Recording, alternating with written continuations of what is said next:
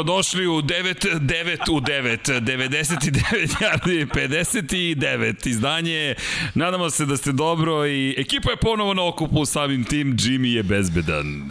Držim Gospodin... se za stoga. Dobro se žiga, tu je miksa. da ga drži, da drži sto i u svakom slučaju i činjenica je da smo najzad zajedno i dobro nam došli. Nadam se da ste dobro. Prvo predstavljamo naravno ekipu. Gospodin, predstavite se osobace. Predstavi... Patrick Willis. ne znam koji univerzitet. ja, ja sam Mihajlo Stefanović, Miksa. Da. to bismo mogli, da, mogli da uradimo. Ali najzad je tu sa nama, Miksa je stigao, Vanja je standardno tu, mada čudan ti je dizajn logotipa, moram da priznam, pod kapicom. Mislim da ste promašili emisiju, ali u redu je. Ko voli vaterpolo, pogledajte emisiju Paja Živkovića pod kapicom i naravno gospodin Jimmy, ostaću na stolici Sunday. U jednom sam. delu. Bez. Tu sam, tu sam. Ko nije pogledao izdanje 58, pogotovo, brate, pažnju, ne znam Saj koji početak. sekund, ali kako glava Koji sekund? proliće Prvi. pored stola. No, raspoloženje na nivou ekipa je ponovo na okupu i polako li sigurno ćemo da krenemo, ali pre toga, naravno, poruke ljubavi. Prošle nedelje je bio, znaš Miksa da smo uveli dan ljubaznosti? Ne sumnjam. Šta misliš koga je uveo? ne sumnjam. U tvom odsustvu da. pala je nežnost ovde u studiju, pao je i Jimmy, ali okej, sve je to u redu. U svakom slučaju neću da te trolujem više. Nadam se da ste dobro, mazite se i pazite se, vodite računa jedni u drugima i naravno pratite 99 yardi i e, mogli bismo zajedno na to udrite like, udrite Subscribe. like, udrite subscribe i šerujte ovaj video ukoliko ste željni dodatnog društva u podcastu i u live chatu i ljudi kojima želite da poželite lepu novu godinu, da podelite radost praćenja NFL-a. Tu je ekipa, kao što smo rekli, 917 na 3030 pošaljete 1178 na 3030 pošaljete ili Human 917, Human 1178 na 455 ukoliko ste u Švajcarskoj. Nemam predstavu za ostale zemlje, mogli bismo i to da saznamo pa da vas pozovemo da šaljete poruke. Prosto eto da pomognu. Neko je počeo je decembar, bliži se nova godina, bliži se novi playoff, o čemu ćemo pričati. Ali pre toga, kao što smo rekli, udrite like, udrite subscribe i nemamo neku univerzalniju poruku od one koje smo dali prošlog puta. Nema brkova. Čekaj. Da. Nema brade, nema, br- mada, neki imaju bradu. E, čekaj, Vanja, brada se vratila, zimski malo. san miksa. Pa to nije brat. to su počeli. Ali dobro, to je ono Herbert brat. O, Teenage brother. Ti, Kako bi rekao, kako bi rekao Kyrie Irving, young blood. Young Bloods, tu su Young Bloods. Ljudi, polako li sigurno će mi da krenemo, zvonce kod mikse večeras, ako dobro vidim, tako da znate ko označava kraj segmenta. Dom Pablo je oteta kontrola nad segmentima, ne znam zašto, ali verujte, pogled Dom Pablo je dovoljan da zvonce samo zazvoni. Dakle, bez miksine asistencije. Izdanje broj 59, pre nego što krenemo, naravno, pročitat ćemo imena svih onih koji su naši pokrovitelji. Inače, Jel smem, ne smem ništa da pričam još opet? Ne, mogu da kažem, na putu smo da rešimo neke stvari za 99 yardi za majice i ostale stvari. Mogu toliko da kažem, Don Pablo. Ok, na putu smo. Na autoput. No, zapakao. Ali da, tu smo, blizu smo, tako da će to, ja se nadam, pre kraja sezone biti rešeno. Eto, rekao sam pre kraja sezone, nisam godine. Bio sam precizni, bolji sam ovoga puta, ali da, i to smo završili i u stvari tu smo. Ja mislim, Miksa je pobedio, moram da U čemu? priznam. Uh, pa mi, pazi, ti si bio kri, ključan u, kod, kod uh, ovog jednog momenta prošle nedelje. Aha, to misliš. Da. Pa dobro, ja više ne verujem da sam ja pobedio, nego da Ne, nisi sam pobedio, vas... vas... si pobedio 99 yardi tim, ali ti si bio Ne, ne, vođa. da, pa to Ti malo sam- povukao. Znaš kako kaže, otvorili su vam se novi horizonti. Ej, jesu, do, dobri, dobri. Ispričat ćemo celu priču kad budemo sve završili, ali do Ono, tada... Njutno je pala jabuka, a nam orah. o, zapamtimo ovo. A orah je vočka, vočka čudnovata, Tako je. tako da, ko zna šta tamo se sve sprema. U svakom slučaju, nama se sprema, koje je ovo kolo? 14. kolo? 13. 13. Ne, preskočio sam se nedelju, viš. A nije, što Baksus? Pa nije, nego eto, kao ljudi kažu, pa kao 13. Znaš da je Angel Nieto, šampion sveta u motociklizmu, nosio broj 12 plus 1, zato što je imao 13 osvojenih titula i potpisivao se sa 12 plus 1. To je next level. paranoja. Sujeverije. Da, sujeverije. da, da, da.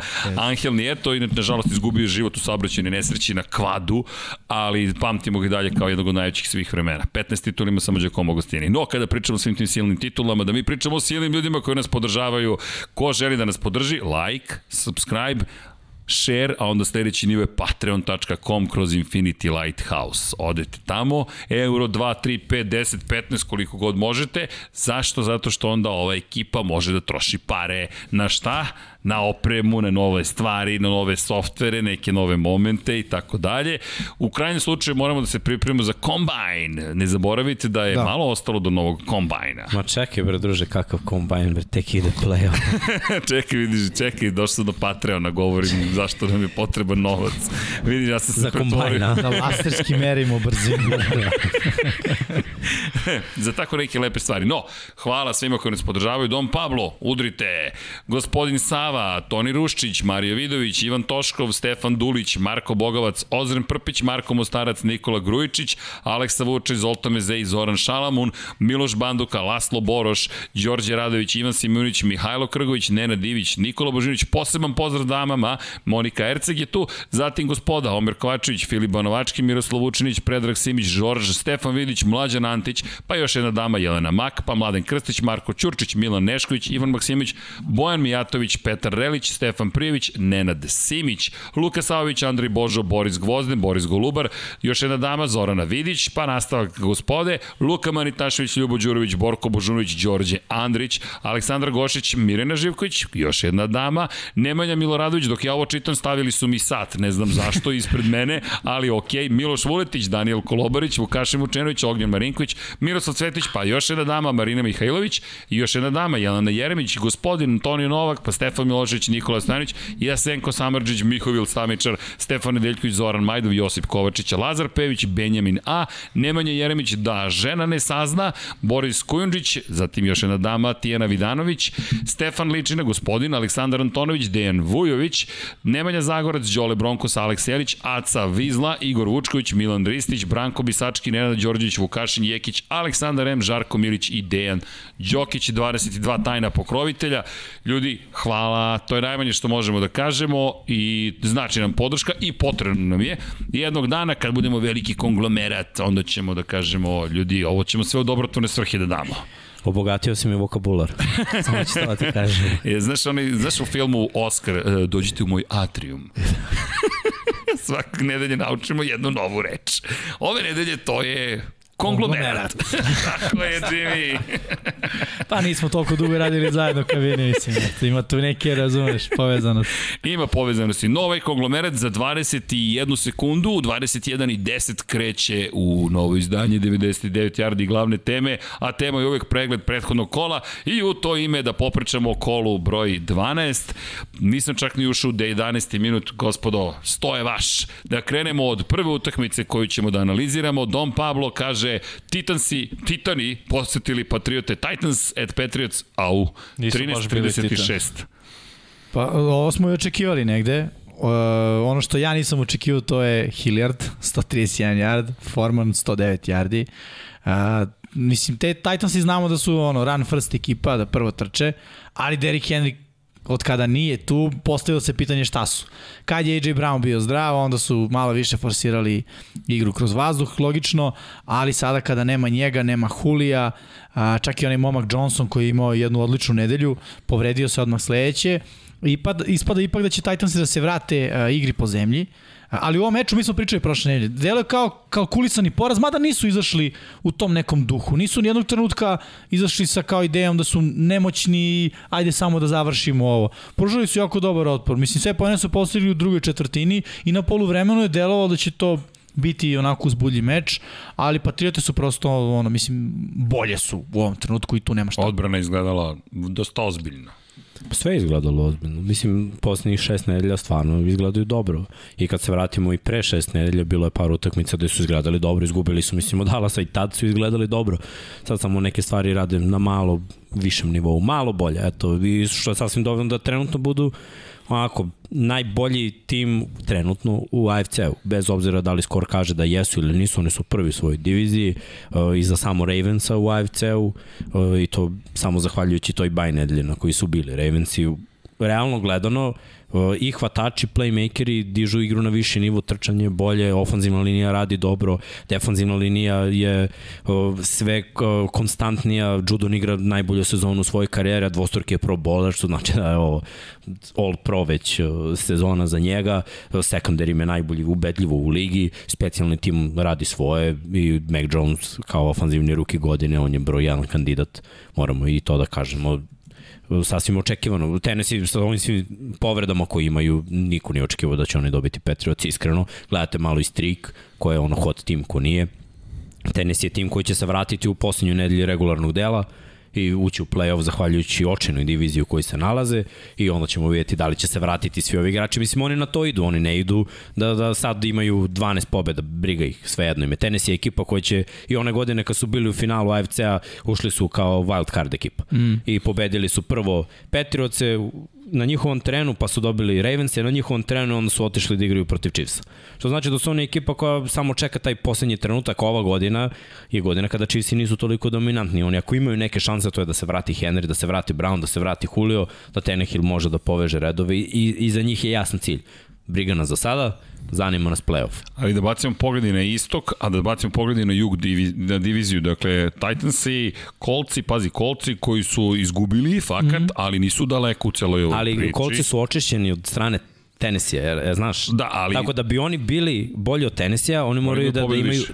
tako je, od ovog trenutka to je tri pobede, u posljednjih šest kola, a bili su playoff tim, imaju težak raspored. Teška priča. Dakle, Titans i dalje priča. vidiš kao broj 1. Naravno. Pogledaj unutar divizije, šta imaju Titansi? 3-1. Imaju jedan poraz, znaš od koga, od svih ovih timova? Znamo. Tako je, tako je, tako je. Razumeš, znači ono što je njima ostalo su ponovo, jag, znaš, laki timovi. Oni moraju da dobiju bar nešto toga, što znači da kolci moraju da očiste sezonu. Oni tek idu na baj. Jer razumeš, mnogo je teško. Za kolci je nemoguća misija da budu prvi. Ali vidi, ko, ko sme da pro, ko sme bilo šta da kaže, vidi, sve izgleda tako neizvesno. Ja ne sam da. da se usudi više da kažem da neko nešto neće, pazi, oni su mogli tampu da dobiju. Ono Srki, je... ja sam i rekao da će oni da dobiju tampu i šta se desilo, sam. i šta se desilo, nisu dobile tampu, zašto su kolci, je vidiš ovo 6-6, da. 50% uspešnost. To su kolci. 50% ekipe. Do, mm. nedostajala mi je tvoja da. oštrina. E, posjećemo kolcima. posjećemo okolcima, ali, ali istok, istok takođe AFC-a da vidimo kako izgleda trenutno situacija. E, dobro ti stoji dres, moram da ti kažem. A Patrik, da. A, da, pa naravno. Ali pazi, Patriote, Billsi i kakva promena u diviziji od Billsa koje smo očekali da budu jedan ili dva tim lige cele, ne samo konferencije.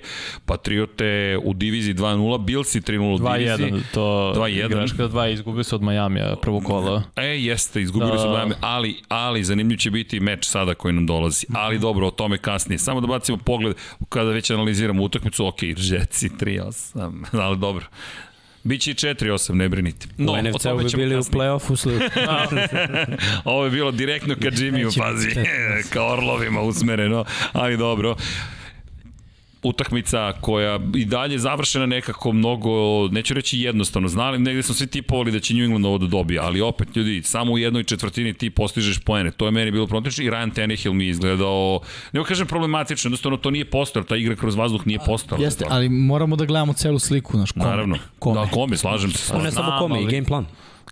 U Što bi napadao secondary Petirca pas? Ne smeš. Jest. I onda si ih napao i pretočao si 250 yardi. Rani bekovi su realno... krivi na kraju bili, oni su imali dva fumbla kad su mogli da naprave jest, nešto jest, i šta se desilo odbran Patriote, oduzelo loptu. Dva fumbli beše Tannehill imao... Tannehill imao prosečenu. Da, da tako to su tri izgubljene lopte u, protiv ekipe koja je favorit, protiv ekipe ko što je Miksa rekao, gde radi sekundari, radi Judon u odbrani, uh, radi sve da kažemo sve radi, tako u odbrani. U napadu se radi ono kao švajcarski sat, u smislu radi odlično povezani su redovi na pravi način i ne možeš da nikako da dobiješ takav meč sa tri izgubljene lopte i, i pogotovo kad si još i underdog. I da su tu bili i Julio, i Henry, i AJ Brown, opet je pitanje se tri izgubljene lopte da li bi dobili. Pa da, ali opet, mislim, Tenehill kao quarterback stvarno neprihvatljivo, kako god da je odbrana ti baciš 93 yard Ba, ja ne mogu da se, da se ne, složim ne jer, za, znaš, da toliko si... Si igrao neka futbol menadžer? Nisam. E, pa vidi sad to pričaš tako. Ne, pa daj. Imaš čoveče salary cap, ne možeš platiš Henrya beskonačno i da imaš i tamo... Platio si beskonačno isto. Ok, platio si Hilla. Dao ti da... 93 yard. Ok, ali dao ti ovoj tekmi 93 yard. O, i prethodno mi je davao ništa više. Istina, ali bi ti bilo čudno da sa Derrickom Henry da Tennessee bude pass first ekipa. Meni bi bilo prečudno. Pa da, nema Henry. To me je point. Po ali filozofija se ne menja. Ali se filozofija ne da, menja. Da, da. Ne možeš kao, e, porede si Henry. Piši novi playbook. Jimmy, stranica broj 1. Ne, znači, očekuj više od Tannehill. Dobio si silne pare, re, relativno gledano. ali znaš zašto si ga platio? Mislim, da bude game manager. Da bude game, bukvalno to, e, pravo, da bude game, a šta je game manager? Pa da, da pomožemo ti da sklopiš. da, da. znači, da uruči handoff, da napravi play action, izađe iz džepa i kompletira nešto. Kada izađe iz džepa. Tako, i ako se desi da je neko ostao potpuno sam, jer su sve oči ono, Julio, AJ Brown i Henry, evo ga neki šesti hvatač Jest. za 50 yardi. Samo ću napravim kratku paralelu, nećemo da ulazimo u dubinu, ali e, recimo oni Cleveland, je li slična priča, run first ekipa, Just. zveri u backfieldu, ono, moraš moraš da trčiš prvo, a, ali za razliku od Clevelanda, ja ću pre da stavim pare da će Tenehill na zaostatku od 6 poena i 2 minuta do kraja ili minut i po da nešto uradi. Za Bakera znam da sigurno neće. Više nisi sigurno i za Tenehill da, da ja, će išta da uradi, iskreno. Ok, ja bih pre stavio pare na njega nego na Bakera, svakako. A i da vidim taj napad Tennessee, ono minut i po do kraja uz jedan timeout, ja bih ostao to da gledam. Brownsa stvarno ne bih, jer je beskorisno. Mislim, nemoguće. Ali neću da ulazim u priču Brownsa, doćemo kasnije da, da. i do tog meča i do njihove analize. Ali hoću da kažem da mislim da, ok, da li je preplaćen Tenehill, vidi, to je sad, to je ona priča koju smo isto imali iz, iza Bakera Mayfield. Kada pogledaš tržište i šta sada ima, znaš, ti moraš na osnovu toga da, da utvrđuješ cenu. Imaš neki maksimum, imaš nekog najplaćenijeg, imaš nekog koji je ono, uh, the GOAT, Tom Brady, vidiš koliko on zarađuje i onda na osnovu toga spuštaš lestvicu ispod i plaćaš ostale igrače. Da li si ga preplatio ili nisi, mislim to je ono sa finansijske strane odluka s kojom će Titansi morati da žive, ali Naravno. kada pogledamo ono game plan i, i, i šta su oni prvo, ima smisla da imaš quarterbacka od koga ne očekuješ puno, ali od kod koga očekuješ upravo što je Miksa rekao, ono uručenje, play action 7 na vreme i to kad, kad uradiš play action kompletiraj to. A on to obično radi, kad ima Julio AJ Brown. Jedino što je meni pozitivno dado jeste igra ofenzivne linije Tennessee, zašto otvarali rupe zapravo za yes. trkače. I to je nešto što će da se prenosi i u daljim kolima i nadam se da će se vratiti Henry bar za playoff. Da, to Luan je zdrav, Luan mm -hmm. je zdrav i cela ofenzivna linija dela odlično. Druga je priča. Ne, druga je priča kad je Henry tu, kad su i AJ Brown tu, jer ovako tenis izgleda patetično. Pa, ja bukvalno nemam drugi izraz. Pa pazi, oni su izgubili, baš patetično. Izvini, oni su izgubili od Jetsa, isto kad nije igrao ni Brown, ni, nisu igrali Julio i Brown. Tako je. Isto su izgubili. Šta ti to govori? Mislim, očigledno Tenehill samo njima veruje, samo njima zna da doda. Ima i toga, moraš da, da znaš igrače onako u srž, kakvu loptu voli ovaj, kakvu loptu voli onaj. Znaš, da dođe bio, da dođem ja sad istrčim savršenu rutu, ja ne znam da on zna moju brzinu gde ja volim loptu, ono, napred, nazad, gore, ni, dole. Ima i toga, znaš, treba te hemija, a veruj mi, tenis je na treningu, ono, dva hvatača, taj, igraju drugačije. Jeste. Buć. A, ti kažem. Da, da, da. Sledeći. Next please. Vikinzi otišli Dobro. u San Francisco i... Mnogo bolja tek. Mnogo bolja tek. Ovo je jedna od najboljih utakmica u prethodnom kolu. Da, da. Bilo je dobro. Ja i nisam radio, ali sam ne gledao. Križ. Bilo je baš uzbudljivo. 26-34, treća četvrtina 12-20 i onda da. četvrta četvrtina Pa dobro. Odbrane. Napeto. Na, Ali bilo je dobro, nije jest. to loše, nije kritika, pa vidi, samo konstatacija. Već u tom trenutku 49ers imaju ovaj rezultat, tako, da, da. plus 8. I šta radiš na plus 8? Trčiš, logično. I Elijah Trošiš. Mitchell 133 jarde, pritom za koga trči, trči za jedno od najboljih ofanzivnih linija kada pričamo o igri po zemlji. I naravno da ćeš moći i da trošiš vreme i da ti to game plan. Ono, zašto bi rizikovao sa a realno Garopolom koji evo i ovde baci interception, koji ume to da uradi, da, da, da proda loptu kad, kad ne treba, Uh, ali bio dobar, moram da priznam. I meni onako sad kada gledam 49 ja gledam ih jednim e, drugim očima, u smislu deluje mi kao kompaktnija jedinica, deluje mi upravo ono, kao i sad kada, znaš, možemo poučiti opet paralelu sa Clevelandom, sa Tennessee. Znaš, nisu oni ekipa koja, gde će Jimmy G da kaže daj meni loptu, sad ću ja to da rešim, nego tu mora bude trčanje, to mora bude Dibo Samuel u svim mogućim variacijama, kretanje pre snepa i na taj kreativan način da, da, da praviš svoju igru. S druge strane, Minnesota, dobar meč iza njih, stvarno. Povredio se Cook u jednom trenutku. Ma Cook ih je prodao. Jako, pa, mislim, on se povredio i pustio loptu unutar 20 yardi. Da. Bukvalno je ono kao je. To je to od mene. Da, Evo kući. Evo, nemam lopta. Si ono, ne, znam, ne znam šta da kažem. Bo iskreno, ja da sam trener, više bi voleo 100% zdrav Metison nego 35% Dalvin Cook. Ne gledam mu potencijal nego realnu sliku, šta on može da pruži. to smo i pričali prošle Da. nedelje, zašto Metison i od kad Tako je. je imao onaj ogroman meč, sve manje i manje prilika dobije. Pa to za, mi baš... znaš, zato, zato što se očekuje da će Dalvin Cook da prebrodi nešto. Mislim, i oni su malo u, u toliko želje da uđu u playoff da, da ne vide širu sliku. Ono, možda možete da uđete u playoff i sa Metisonom, ali, znaš, ako se Dalvin Cook stvarno povredi za sezonu, šta će tu play-offu smet, znaš, Dalvin Cook treba 100% za, za playoff. Jer oni već imaju igrača meseca, mislim, JJ je igrač meseca. Jeli, stanje u diviziji, to je ono što je takođe važno iz, iz, iz perspektive. Pazi, Green Bay očekivano možemo reći... Pričaš za sever NFC-a, Ne, za sever NFC-a, da, za Vikinge.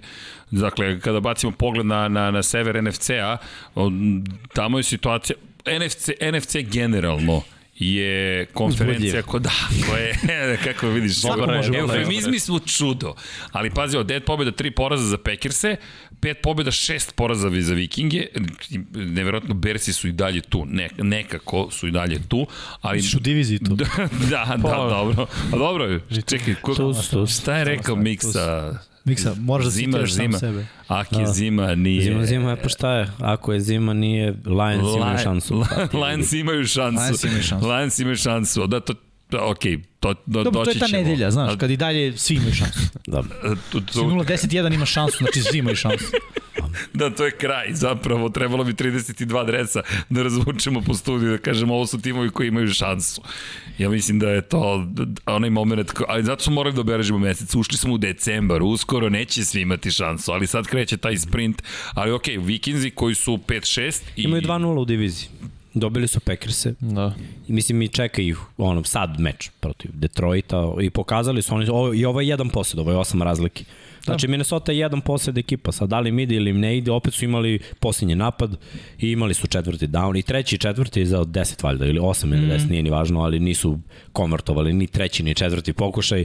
Da jesu, da su prišli, moglo je da se desi. Znači kod njih uvek mo, može biti, a i ne mora biti, ne znam, i dalje mislim da, da je to ekipa koja može da se ufura nekako u playoff na to sedmo mesto, jer to sedmo mesto je na izvolte, pa ja mislim da osam timova će, će Da, ići na, na to sedmo mesto za wild card, vidjet ćemo završnicu sezone. Minnesota ima malo lakši posao jer unutar njihove divizije oni su favoriti i protiv Chicaga i protiv uh, Jest. Detroita. I oni imaju četiri utakmice u svojoj diviziji. Kao što si Tako je. rekao, i protiv Da. Chicago i Detroita jesu favoriti.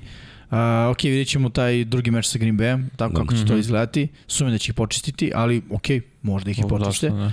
Uh, u svakom slučaju, mislim da je ono, jedan od problema koji onako počinje da se ističe, meni bukvalno delo da Kirk Cousins sa svojim hvatačima nema kontakt van treninga. Jer Nema? kontakt van treninga, da se oni samo na treningu, kao da oni su, to je to, ne veruju mu. Ne veruju mu jednostavno i, i, to je to, on u fazonu, može Kirk, može neko drugi. Zašto? Vidio sam par puta situaciju kad on baci loptu, stvarno je promašio. Ono, gađa ispred igrača koji je stao, gađa iza igrača koji nastaje, trči, znaš, nema, nema neka hemija, to nešto ne, ne, ne, neopipljivo što ima Rodgers i, i Adams ti kad gledaš Rodgers i Adamsa, tebi stvarno delo da su se oni pred tu akciju sve dogovorili šta, kako, svaki korak, kad će baca ovaj loptu, kad će ovaj da hvata, gde će šta da bude, jer to je ta neka konekcija i hemija koju imaju. A pazi, ali onaj touchdown Tilena, baš dobra konekcija. Vidi, mislim da mu čak Tilen i veruje, jer je najduže sa njim igrao. Znaš, Tilen je on, koliko ima touchdownova? Tilen je broj, ono, broj Da, 2 u ligi. dvocif, znači dvocif? Da, da, da, ma, oni Cooper Cup su Da, da, da. tu u samom vrhu ligi. Cooper Cup mislim da je broj 1 i dalje, ali dobro Tilen je dao sad Nisam, nisam pogledao dva, lepo ja posle ovog kola, da, možda ga i Možda da prešišao. vidimo Don Pablo statistiku. Mislim tog ima meča. Da. Touchdown, A ja čak dva. mislim da ima dva, da ima Da, prva oba, dva. da su oba išli ka njemu. Da su oba bila Da, njegova. da, ja mislim da je dva, Jeste, jeste, jeste. dva touchdowna. Jeste. Da, Tilen dva touchdowna, Justin, Justin Jefferson nije imao, ali bio u šansi da ima jedan touchdown. ja. I- I... Mhm. to ih je onako malo, da kažem, uh, uh, koštalo. I reakcije Kirka Kazansa su ustavljene.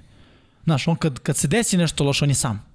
Nisam vidio da mu neko priđe, Aha. znaš, da bude ono kao, aj, okej, okay, bit će to, bit će to. Baš da obratim pažnju na to sa- sledeći Adam put. Thielen 10 hvatanja za touchdown, Mike Evans 10 hvatanja za touchdown, Cooper Cup 10 hvatanja za touchdown. Znači svi su broj 1 nakon ove nedelje. Da, znam da je Cooper bio broj 1 pre ove nedelje Jeste, u jeste. svemu, ali on nije dao touchdown. Da pogledaj samo ka San Francisco. Shanahan napokon se vratio na onaj sistem kontrolisati liniju scrimmage. i što radi odličan, pogotovo što stira ofanzivna linija koja je brutalna. Trent Williams dominira, prosto bukvalno svakom posledu čovjek dominira i defanzivna linija se vraća na ono što izgleda kao Super Bowl. Nije taj nivo, ali iz nedelju u nedelju sve više igraju kao to i ta onda ok, kontrolišeš liniju skrimidža, mi ćemo trčati, nema više ništa flash da pokušamo sa Garopolom, znamo da je limitiran i to je to, trči i tako ćemo pobediti. Ja bih to rekao damage control. Da. da. Pa dobro, i, i svi trče, to je isto važno, uključuje sve playmakere. Mm. Upravo. Mislim, Dibu se sad povredio, ja ne znam da li, da li će igrati ovu utakmicu. Ono, Rekli su nedelja ili to dve. To je prepona, tako da, da on, oni ga koriste baš na mnogo načina running back, on stane kao running back, kao receiver trči skrinove, pa hvata i on i Ajuk imaju vel, velike zadatke, znači nije samo trčanje, imaju blokiranje. Tako je, i opet vratio se Kittle, vratio se Jušček i imaju dvojicu bekova, ne samo Mitchell, mislim tu i Wilson. Oni su sada kompletni u napadu i vidimo od kad su kompletni, oni nižu pobede sad. Vidjet ćemo koliko će to da potraje. Sve u svemu, ovaj bio pravi matchup, direktni matchup koji je spremni za playoff. San Francisco je sad u playoffu i, i na njima je da ispuste, na Minnesota je da, da, da se vrati.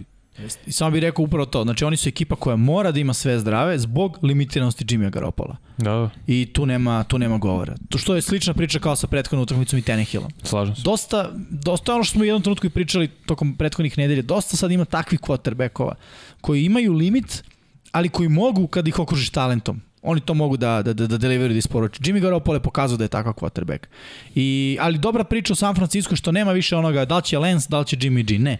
Idemo sa Jimmy G do kraja, jer nakon ove sezone najverovatnije svako ide svojim putem, osim ako ne dođu do finala konferencije, osvoje Super Bowl. Mada mi deluje da se to desi, će obiti Nick Foles priča. Ono. Dobit ćeš... Ne, rekli su da će tradovati Jimmy G. Da, da. Pa da, to, do, dobit ćeš statu, mislim neće dobiti statu, realno, to samo u Fili može da se digne statu. Čovjeku kome kažeš hvala, ali ovaj, dobit će da kažem fiktivnu statu. ovaj, ako se naravno desi taj takav uspeh, na, na to mislim nećemo dići nikakvu statu ukoliko ne uđe u play-off. Čekaj, ako osvoje Super Bowl, Statua, statua, statua, okay. Ne verujem da će dići statue. Čekaj, kad smo već pošli putem Nika Folsa, zamisli osvoje 49ers i titul. Dobro. Posle Super Bowl. Šta se dešava sa Jimmy G? Trade ide dalje. Ide dalje 100%. Ide, da, da, ide dalje, to ide, ide dalje. Nema mu spas. Znaš šta će biti? Biće ono kao, evo, znaka zahvalnosti trade će biti tamo gde ti budeš rekao da hoćeš. Da, ali njemu je, nema trade, on je slobodan agent, ali... Aha. Okay. Jel je slobodan? Ja mislim da ima još jednu ja mislim da je slobodan. To je opcija, trade. opcija sezona. Opcija sezona, da, da, znam da ima još jednu. Da, da. Da. Tako da ono, Ja ga šaljem dalje. Ole. A idemo gde? U Indianapolis. Idemo tamo gde meč su nedelje. Baxi igrali protiv kola. Ovo je meč nedelje. Dakle, Najavili smo ga i bio. Koliko god. Da, od ovog trebalo da krenemo. Meč nedelje u glavu odmah. Lead block, što kažu u GMFB. Bong! Zašto?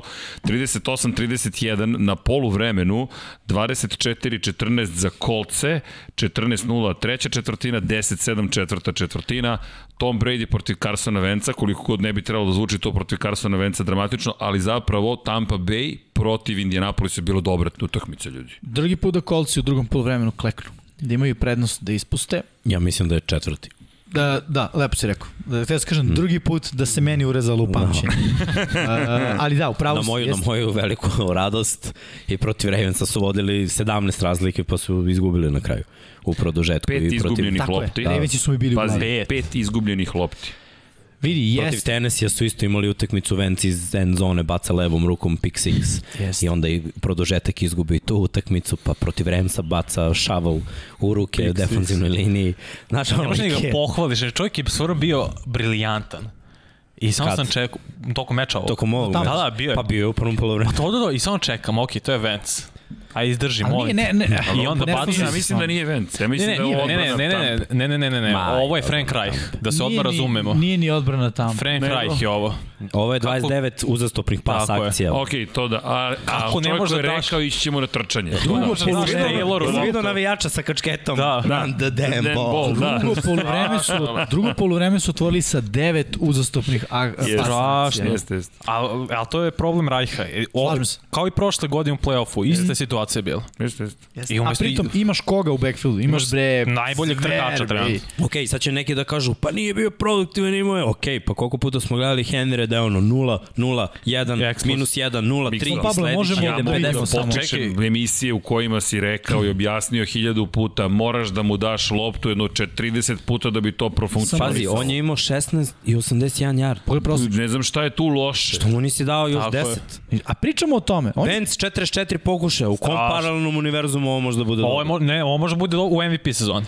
Jedino tad razume. nikad. Ma ne, I ne, ta- ne. Nije kalibar. Nije, Ljudi, nije. nije kalibar. E. Tom Brady, 34, 10 manje pokušaja od njega. A, a čak bi razumeo to. Igra, defensivna linija Bucks je poslednjih tri godine najbolja protiv trčanja. A ofanzivna linija, a ofanzivna Da, a linija i taj tendovi kolca. Znači, Da. Da. Ali opet ih je A Taylor. nisi mu dao šansu, u tome je problem.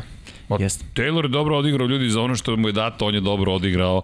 No, prosto imaš i Leonarda Fourneta s druge strane koji je trčao za 100 tačno E. yardi. Hvatao je loptu dovoljno puta u nekim Vidi. važnim momentima. To je sad ona tampa koju smo i prošle godine krenuli da vidimo u drugom delu sezona. Ovo je sada tampa koja je rešila da igra trčanje. I ono što si ti rekao, izvini samo da, da ubacim tvoje reči, Gronkovski je tu, Mora. imaš Gronka ili AB. Browna, Tako, tako kad se je. Brown bude vratio, Gronk će... Da, da, znam, nego kažem, kad se Brown bude vratio, Gronk će da padne na 3 do 4 hvatanja po utakmici, jedan touchdown, neka ona situacija koja je ispred end zone, Brady on se Pa već je kapiraju. ono sig, sigurosna mreža. klasična. Apsolutno, apsolutno. Uh, Antonio Brown će da, da tu dominira. E sad, uh, problem, da kažem, za Tampu je gde su Evans i Godwin. I to je problem, za, za što se meni tiče cele sezone. Mislim da je Brady, da kažem, njih skapirao, da su oni veliki potencijal, ali da imaju neku vrstu, ja bih rekao, mentalnog limita. Ne znam kako bi to drugačije. Blokade. Blokade. Oni su odlični i, i, i, i ovaj, kako se zove, mada ajde, ok, Mike Evans ima 10 uhoćenih touchdowna i to Da, jeste. ali nema jarde, znaš, a Da. Tako ima jarde, a, Okay, a nema Jeste, touchdowna. ali one sezone kad je bio James tu, kad je bacio 30 touchdowna i 30 intercepcija, oni su imali odličnu statistiku. Jesu, ali na- Ne znam zašto, zato što su bili nebitna ekipa. Jurili su play-off do samog kraja i bilo Pa je da li ćemo, mislim da su oni rasterećeni kad igraju kao underdogovi, a Brady ne igra kao underdog nikad. Pa I da je onda, znaš, Brady više veruje AB-u, više veruje Gronku i čak sam vidio i Scotty Milleru, kad god mu je bacio Jeste. loptu, Scotty Miller ga proda. Čekaj, šta je onda-. Pa znaš kako, s jedne strane razumem tvoje gledište, ali s druge strane, Uh, pazi, tad, tad je bila sezona kad su oni stvarno morali da nose napad, sad ne moraju, nije bio Forneta tu, sad jeste. Drugo, Tom voli slota, a ovo su s polja hvatači. I ja, mislim, osim Randy Mossa, mislim, oni dalje bunari za Evansa solidno i prošle godine i ove 10 touchdownova ti govori, ali voli slota. Zašto su to kratko? On uzme, ako je pritisak, dve sekunde, Tom, slot. Visok je, može preko ofenzivne linije, samo je spusti dole, tu je Brown, Brown je šta, 1,78 9 Wes Welker 1,76 7 Edelman isto, ono, 5, Da. 10, 5, 1. On voli to. Tu je on, DDD, neka rutica, ono, brzinska, ide lopta, Gronk s druge strane, Simovi. To, to je njegova ruta. Sim ili ono iz Sima u, u out, to isto gađa Gronka. To, to, to je nešto što on ima čitavoj karijere. I I, i, I tako je. I to voli. To čovek voli, on je u džepu, ne može da izađe iz džepa. On ako vidi da se bliži pritisak za dve sekunde, gleda samo sredinu. Redko kada on voli ponekada baci fade, ali ređe su te situacije. Zato ovi padaju.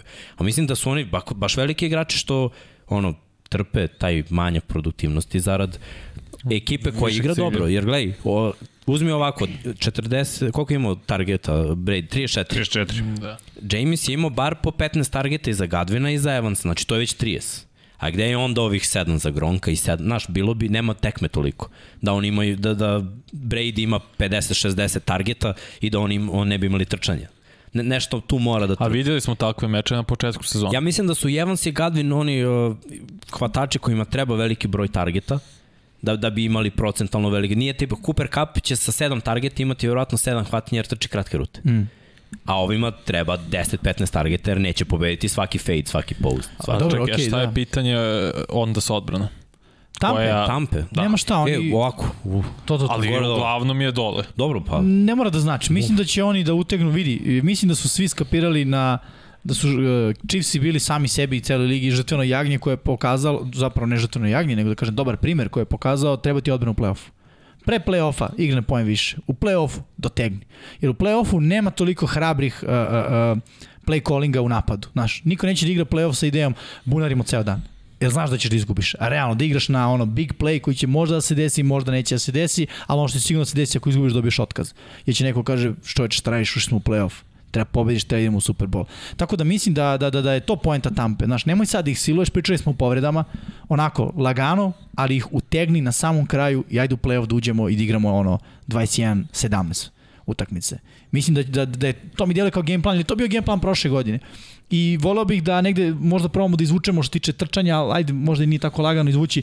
Ova, prošla godina i ova, kad je krenuli su, kad su krenuli Fournette i Jones prošle godine da budu produkti. Ja mislim da je to ovaj neki period sezone. Pa nakon ja ja bajvika, prošle godine su, nisu izgubili nakon bajvika. E, Očekujem da ove godine bude slična priča. To je to. Da sad kreće period Ronalda Jonesa i Leonarda Fournette. Jako mnogi ljudi misle Fournette dominira, to je to, nema ništa. Pogledaj Jonesa, statistiku Jonesu. Jones 7 nošenja, 37 yardi, preko 5 yardi prosečno nošenje. Jeste. Ljudi, kad treba, Tako je, ovo je ono što Ameri kažu hot hand. Fournette je krenuo i imao je odličan uh, momentum. Što, što da ga gasiš? Što da ih rotira? Šta je poenta? Poenta je pobediš. Njemu danas ide, krenulo je, kad se umori, izađe, uđe, Jones i to je to. Biće utakmica kad će se odbrane fokusirati na Forneta, Jones će da preuzme vodeću ulogu i to je to. To je razlog zašto su zadržali, da kažem, obojcu. Pa da. Uh, a obojca su, mislim, uh, legitimni starteri, mislim, za Forneta znamo, ali Jones može bude starter u mnogim ekipama u NFL-u. I zato za ovaj tim, znaš, da, da bi Fournette imao četiri touchdowna, moraju i Gadvin i Evans, svi moraju ono da kažu ok, ovo je njegov dan. Ajde da blokiramo za njega. Ajde da ono, nije mi bitno da li ima hvatanje ili taž, ajde da blokiramo svi danas, Fournette ima pet touchdownova, to je to, Fournette je zaslužio da ima. Jer ono, i zbog Fourneta je box pun, u nekim drugim utakmicama kada Evans ili kada Gadvin imaju svoj dan ili Gronk ili AB. Tamo je opasan tim u, u napadu. Ali u tim opasnim timovima ne možeš da imaš veliku, jako produktivnost. A, a vi... Devonte je, na primjer, druga priča, on je jedan. Yes. Ima trčanje da. jedan lik i to je to. I ima još jedna stvar samo za Leonarda Fournette, kvalitet o kojem se možda ni ne preče tako često, fumblovi. Ove godine ih nema. Znaš, ove godine je dosta... Nije on bio poznat kao... Nije ne, ne, ne, nije nego ranije, nego hoću da kažem, inače, nema ih. Dakle, za celu da, da. sezonu nema, to je isto važno. Pazi, Ronald Jones je bio starter, zna zašto više nije. Zbog fumblova. Da. Fumblova je na početku sezone. Kažem, Jeste. nulica, ovde je nula. Nema ih mnogo među vodećima generalno. Čab ih ima, dobro, Antonio Gibson ih ima dosta, pet čak, ali generalno moraš da imaš i nekoga ko će da zadrži tu loptu u rukama. I Leonard Fournette, pazi, 621 jarda za sada. Ne delo je to ništa sad nešto nevjerojatno. Ove nedelje imao 100, ali to je to, polako ljudi, kad moraš da imaš jardažu? Šta vredi Jonathanu Tayloru 1205 yardi kad, kada pogledaš, šta smo rekli, 6-6 su trenutno u diviziji. To se očekuje od Forneta. Da, ili igraš za statistiku, ili igraš za Lombardija. Da. I možeš da biraš, znaš. Ja uvek kažem, uzmeš Petrioce osim te sezone kad je bio Randy Moss.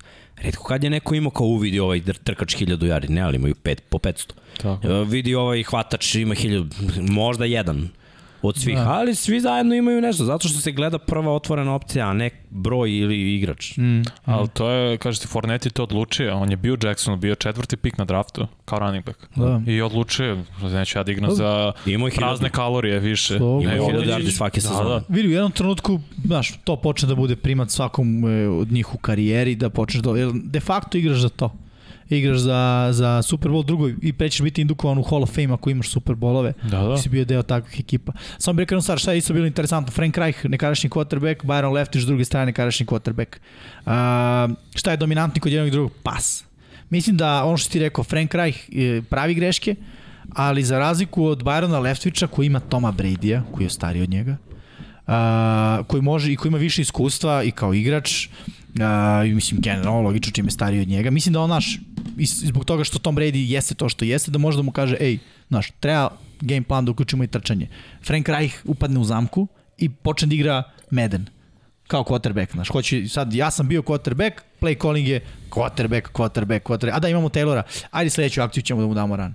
Što nije dobro. I to može kolce najviše da košta. Ding. Idemo dalje. Čas je odavno počeo. Ramsey i Packersi, duel NFC-a, ozbiljan duel. Pa. 28-36 na kraju utakmice za Packers. Da, ono što sam pričao za Ramsey, sve se pojavilo na meč. Baš sam ponosan na sebe za to. Za Stafforda. Baš sam ponosan. Skromno, da. skromno, dan, po, skromno, skromno otvaranje. Za Stafforda da je vrlo dobar quarterback, nije elitan, nikad neće biti elitan. Za odbranu da je opala od kad je otišao i defensivni koordinator Staley i nekoliko igrača u secondary odbrana sad 20 neka. I to sve pokazalo na ovom meču gde je Rodgers povređen nadigrava Stafforda za 2-3 radio? nivoa. Ima Slomljen prst. Slomljen prst, stopal, na stopalo. I istrči ta. Uvređen. I istrči tačno. Nije to potrebno. Uh, defanzivna linija se nije pojavila. Protiv uh, polu ofanzivne linije Green Bay. E, Nešto drugo je. Baš sam gledao utakmicu, uh, ovo iz mog ugla naravno, uh, onako analitički dosta. Uh, gde su Packersi pobedili uh, Rams? Igram kraćih pasova. Uh, kad je trebalo, prvo zašto, Rodgers je, mislim, iskusniji od Stafforda i neko delo je konforniji u džepu, aj tako da kažem. I kada stiže Blitz, on se odmah oslobađa lopte, kao Tom Brady. Njih dvojica imaju to. Mnogi drugi quarterbackovi su dobri, ali nemaju to. Njih dvojica imaju to. Stiže Blitz, bam, kratak pas. Moraš da vidiš blic, izvini što te prega, ne prekidam, nego samo ulić. Da, Mora, da. Moraš da vidiš blic. Tako je. On vidi blic pre nego što blic krene. Bam. Znači, delay blic ovoga. i baci tamo loptu. Jeste. Jeste. I svaki put je bacao otvorenom hvataču. Da, On nikad nije bacao lopte, ono kao stižu dvojica ovih hvata, 50-50, bam, bam, da. ubijaju ga. Nema toga. Redko kad, redko kad. Stafford je tu poklekao. Ramsi su gubili meč ili je bilo big play, big proba i stvari. Big Tako. play, dugačak, dugačak pas, dugačak pas. I šta se desilo u drugom polovremenu? Cooper Cup je proradio, tako? Prvo Jeste. hvatanje imao dosta kasno u meču. Zašto? Da. Jer su počeli da se vraćaju onome što im je davalo rezultate od kako je Sean McVay tu. Igra kraćih dodavanja. To osvaja Super Bowl. Realno, to menja trčanje. Kad tvoj kotorik uzme loptu, 1-2, baci pas, nikoga neće udariti. Raste samopouzdanje, defanzivna linija gubi samopouzdanje ili u fazonu čoveče, daj šta radiš, ono, da jednom te pipnemo nešto. šta ste malo prepričali za Brady? Kako igra? Tako je. To je to. E, A, tu to su su izgubili. veterani. Tako Da. je. I Stafford je veteran, ali mislim da je tu zadrška, znaš, A nema Sean McVay koji je u fazonu, jest. hoću, hoću daleko, znaš, sad je Beckham tu. 10 targeta, 5 hvatanja. Ali znaš šta, pazi, i to playbook mu je užas. Jeste. Užas. Ja, znači, ja gledam ono- utakmicu pre slant and go, on je, brate, osam slantova trčao. Da, da, vidi. To je, znaš, ono, proširi malo, pa nije dečko debil. Ali bukvalno tako, znači to je slant, slant, slant i ovaj ga gađa na tom slantu, mislim, to mu je omiljena ruta. I, I tako ga je i namestio. Znači, zato Tako verovatno neće igrati novu utakmicu, jer ono, bukvalno i safety i corner vide slant. Čekaj, je li moguće Dođe. da, da Odell ne može zapravo da igra, da, ne da nauči više. Može, Vanja, može, ali oni hoće da mu uproste, hoće da naprave, ne, znaš, ako tempiraš slant, dana. da, Znam. ako tempiraš slant and go, dovoljno su tri slenta da sledeći bude slagu. Dovoljno je. Znaš, A, ne mora toliko često da, da bude sve kratko. To je jedan. Broj dva, oni nemaju trčanje. Baš nemaju trčanje. Ne mogu da rade sa, što su radili s Fucom, one skrinove za kapa, jer Beckham nije dobar bloker kao Woods. Nije. Tačno. I samo bih rekao jednu stvar. Nemaju dobro trčanje, za to je kriv McVay. Jer je Sonny Michel, kao što si ti rekao, Bolji. bolje rešenje za njih. Henderson je dobar, ali Henderson nije Oklava. workload. Tako je, nije, nije on ono workhorse u stvari. On je neko ko mora da ima svog Batmana da bi on bio Robin.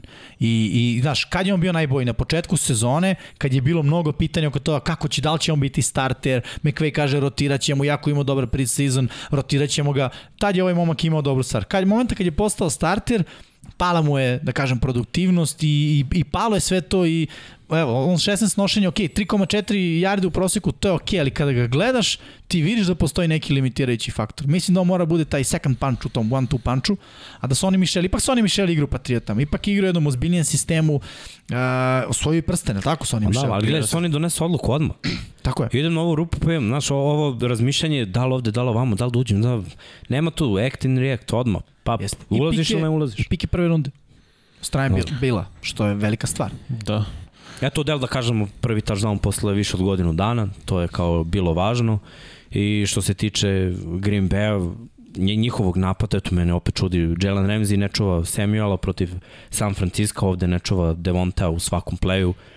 Ne znam, meni je to kretenski, iskreno ne, ne mogu drugu reč, jer najbolji DB, najbolji hvatač i, i to je to, to se potire i ajde da vidimo dalje. O, Devonta Adams je sad imao dobar meč, Dibo Samuel je ubio Remse. Zašto? Zato što Dibo stane u slot, a Jalen ode da čuva anonimu, Anonimusa outside. De, dečka koja je ono, distraction, što trči, de, duga devetka, ono, trči fake. Da, ne, nije mi to jasno, to smo i pričali u sredu uh, pre podcasta, zašto Jalen Ramsey nije nadam se kao što je bio u play-offu.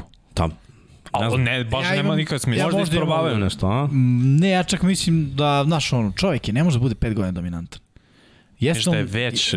Ne, Ne, pa, ali Baš pazi, svaki već, put kad igrao protiv Adams igra dobro. E, ali nije baš svaki put. Kad Adams ima kraće rute, Ramsey Jest, voli al- duže rute. Ali to dozvol, mislim, ok, u pravu si, Znaš, dobio ga je, slantovi dobio ga je na tri, dobio ga je na curlu, Jest. dobio je na jednom comebacku i, i dobio je, da li je bilo sad nešto inside, ali sve je bilo kratko. Onda ok, možda računam, to i nije strašno, možda ovaj živi sa tim da ne bude double move ili ovo ono i da, da, Da, da preda tako, touchdown. tako je.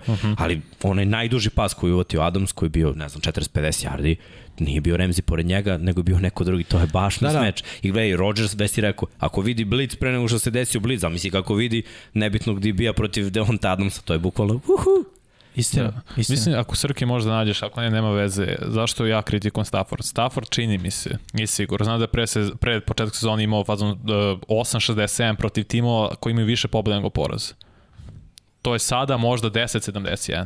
To je baš neprihvatljivo. I zašto ga Dobro, ali, znaš, Ne, igra jeste Detroitu. Detroit, ne, jeste, Detroitu. ali i sad gubi protiv pobjedničke tip. Izgubili su od Arizone, od Green Bay, od Tennessee-a, od San Francisco. Ali vidi, ruku na srce, osim San Francisco, sve ekipe su u jednom trenutku bile prve u svojoj konferenciji. Zar ne, Znam, ali Arizona... Tak, takve ekipe si doveden ti da pobediš, sa golf ne može da pobedi. Ne, jeste, ali A ti opet... isto ne možeš da pobediš. Jeste, ali opet ono, znaš, jeste bio tu odradio off-season, sve to stoji, ali, znaš, a, nije baš lako da sve klikne u prvoj sezoni. Mislim, ok, možda ja previše favorizam Stafforda, a, zato što stvarno mislim da je odličan quarterback i da jeste to što je falilo Ramsima. E, možda nisam, kažem, objektivan što se te priče tiče, ali generalno mislim da je on dobar fit za njih. Ne, ne, to je drugo. Ja isto mislim da je I bolji da će fit biti nego golf. uspešna sezona za njih. Da, i znaš kako, kad izdvojimo onu Šta je sezonu uspešna golfa, sezona? Tipa Super do, da dođu do finala konferencije. Ajde to da kad kažem. uzmemo onu sezonu golfa, znaš, mi zaboravimo da Grli bio najbolji bek ubedljivo u, Pa u ligi, da nije igrao par utakmica, je tako? Da. I onda kao, wow, Goff igra, igra u Vuci, igra u Cooper Cup, i isto znaš, ono, svi igrali, bilo, bilo vrh. Sad ova igra bez running backa i bez E, Vuca. pa ali to, zato je doveden Stafford da nadomesti to što Goff nema Sumnjam, taj ej, talent. U, u McVay sistemu sumnjam da, da bilo ko može. Stvarno mu je sistem, sistem mu je ovako okrenut. E, Cooper Cup, Tako je. možda. Ali evo ti, šta je I- nestalo? Iza, znaš, ono, ne znam, ali neko će da trči. E, on bukvalno tako to gleda. Šta je bila, šta je bila karakteristika napada uh, Ramsa do ove sezone? Play action. Sad ga ima mnogo manje. Razlog, ono što su mi rekli, slabije igra trčanjem, ali opet on je kriv za to. Što mora da se radi na tom. Imaš, ko što smo već rekli, Sonija Mišela, moraš malo da ideš u, u tom smeru. Moraš da se vratiš tome, jer očigledno da ako je tvoja ekipa funkcionisala dobro i došla do Superbola u tom sistemu i sa play action, to znači da ti recimo od 11 startera imaš, ajde da kažem, izmenilo se par ljudi, ali imaš barem 6, znači preko 50% ljudi kojima je taj sistem odgovarao i davo rezultate. Zašto ga sad odjedno menjaš? Došao je Menjaš ga Stafford. zbog Stafforda. Nije Istina, samo zbog- ali, nije samo ali zbog moraš toga. da Prvo- ideš postepeno, ako ga i menjaš zbog toga. Prvo ga menjaš jer nemaš dva tight enda. I nemaš full Nemaš više. Ti nemaš formaciju s full backom i tight end. Sad je samo Ja razumeš? Tako Da. je. I ako igraš sa tri hvatača i jednim tight endom, ne možeš da budeš play action ekipa, jer niko neće zagrize tr... To jest, znaš zašto ne može da zagrize trčanje? Jer ako ti staneš sa šest igrača na liniji skrimiža, bukvalno defanzivna linija, tako linebackeri se spuste, igraju sa sedmoricom u boksu i kažu, ok, može ovo, ceo dan nije problem. Da, da, zato je- oni su Ali to je na trener. poče- ne, pa znam, to, na, oni su u februaru tradeali za Stafforda jer su, i onda je po tome pravljen posle Da, ali- McVay akcije. Izvini, ali neš, nije, nije i Stafford imao nešto mnogo prilika da, da pokaže, pazi, oni, oni su dobili tampu, na primjer, to nije bilo... Zato, ja, zato sam ja rekao, to je njima bio Super Bowl. Vidi, ali znaš kakav, evo ti raspored. On je igrao protiv po, pa protiv Indianapolisa i to u momentu kad Indianapolis nije čak ni izgledao kao Indianapolis u poslednjih nekoliko nedelja. nije tačno. Izgleda identično kao što je Indianapolis. sad. Vodili su tu utakmicu, bili su Okej. ono, bili su tu i onda su prodali dve lopte i izgubili na kraju. Bukvalno Ja ista ekipa. slažem. Bukvalno Okej. ista ekipa. Indianapolis je playoff ekipa od prošle godine. Sve isto. Samo quarterback ekipa. Znaš šta je razlika? Uh, Taylor nije igrao toliko dominantnom početku godine. Ma ne, nisu mu davali toliko lopta. Upravo to, zbog toga, ne, to je Dobro, razlika, pa zbog onda nije isti Indianapolis. Dobro, Ne, ne, ajde, ali gledaj, da, to je samo jeste za, za jeste za ovu malo. utakmicu. Mislim da je, o, pa dob, ne, ali mislim, opet ne, znaš, kvalitetniji je Indianapolis nego što je bio na početku. Protiv koga? Kojih ekipa? Šta su dobili oni od ovih šest? Da neću Doći ćemo do njih. ali- Dobro, ali- doći ćemo do njih, bili na ali njih. čekaj. Veruj mi da je Indianapolis isti. 6-6 ekipa od starta Pa sezona. možda na taj način, ali kad pogledaš Indianapolis tad nije igrao tako dobro. Ni, ni, ni meni Ja dalje se nije, Mogli su da dobiju Rams. Ja se slažem da jesu bolja, bolja ekipa sada, ali da, ne bih rekao da su, no, nisu Nisu, drastično ne, bolje. ne, ali opet, do, o, kako god pogledaš, dobio da. Indianapolis. Dakle, Da, da, da, ajmo, da. nije neka drama sad na rasporedu. Tampa Bay, Arizona, tu su izgubili. I to od Arizone koja u tom momentu bila nepobediva. Seattle su dobili, ali Seattle je već počeo svoj Da tone. slobodni Da, da. pad, tako je. Pa New York Giantsi, Loše. Dobili su, Detroit je bila sledeća ekipa, ne možda ih ne dobiješ, pa Houston i onda dolazi Tennessee, prvi od ova tri poraza za redom, pa dolazi San Francisco, pa dolazi Green Bay. Tri To su play-off da. ekipe. Da, ali, Cisco nije smeo da se izgubi i rekao bih da je izgubljen zbog ono, izgubljenosti u odbrani. Jer njih ekipe pobeđuju koje ne igraju toliko na big play-eve. Nego koji igraju ta kraće dodavanje, jer o, o, ja sam, baš sam kažem ti obratio pažnju, DB-evi su dosta povučeni nazad i čekaju da igraju na reakciju, ono, kad ti kreneš u breakdown dole, da on napadne tvoju rutu, znaš. A desi se problem kada? Kada receiveri rade cross rute. Jer čim on krene da crossuje, ti pratiš i ti si, ako je man-to-man coverage, odmah si u zaostatku. Ne možeš da stigneš ono, redko koji, ako i onaj koji može da stigne, ki to Jalen Ramsey od 10 ruta stići će na 5 u najboljem slučaju. Da. Jer je tako dizajnan, to je ideja tog napada i tog koncepta, da ti sa brzim ulaskom u sredinu pobediš tog DB-a koji uvijek ima taj leverage na spolje, odnosno ono, fokusira se da zatvori pre spoljnu stranu nego, a, nego unutrašnju stranu. Ček, I tu su izgubili mečeve. 49ersi, to je Ja, to, tako I to igraju. do, da, igraju i op, mnogo više fizikalnije igraju na liniji skrimiča. A Rams su finesse ekipa. Ne, ne, ne, ne podnose to, ne igraju tako Ljudi, jako. A šta ste teo Srki pazi ovo. sa tim? uh, Pa hoću ti kažem, nije on imao mnogo ni šansi da poboljša svoj rezultat protiv jeste, pobedničkih ekipa. ali izgubio znaš. tri playoff ekipe. Jeste. Za redom. I sve tri bez vuca. Jednu. Nije tri, prva nije bila bez vuca. Tennessee. Tennessee, ne. Tennessee da, imao je vuca. Dobro. Imao je Wood, bacio je, pred, bacio je tri meča za redom pick six. Ne je skoro 100 yardi imao Ok, tada, ali... Jesi ali vidio kakav pick six je bacio protiv San Francisco? Vidio sam, to je neprihvatljivo.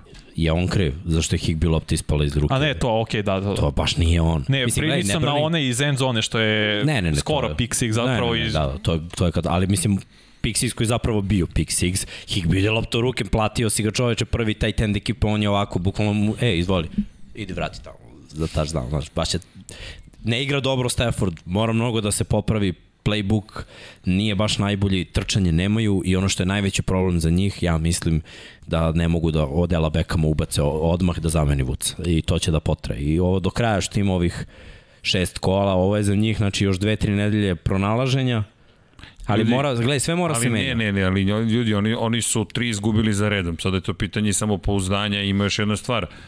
Oni i samo jednog protivnika imaju na koga mogu da se oslone da će ga dobiti. Zove se Jacksonville i to je ova nedelja sada, a posle toga Arizona, i to kod kuće Arizoni, idu, dakle, gostuju u Arizoni, zatim dočekuju Seattle, okay. koliko god Seattle, Ma, mora se ok, probati. to, da bi morali, ali znaš kako? Da, divizija, da. Tako je, nikad ne znaš, pogotovo u decembru, idu u Minnesota, pa idu u Baltimore i dolazi im San Francisco. Idealno. To je od idealan raspored, slažem se s vanjom. To je raspored koji će, koji je ono, ej, pobedi da bi ušao u play-off. Da. Nisi pobedio.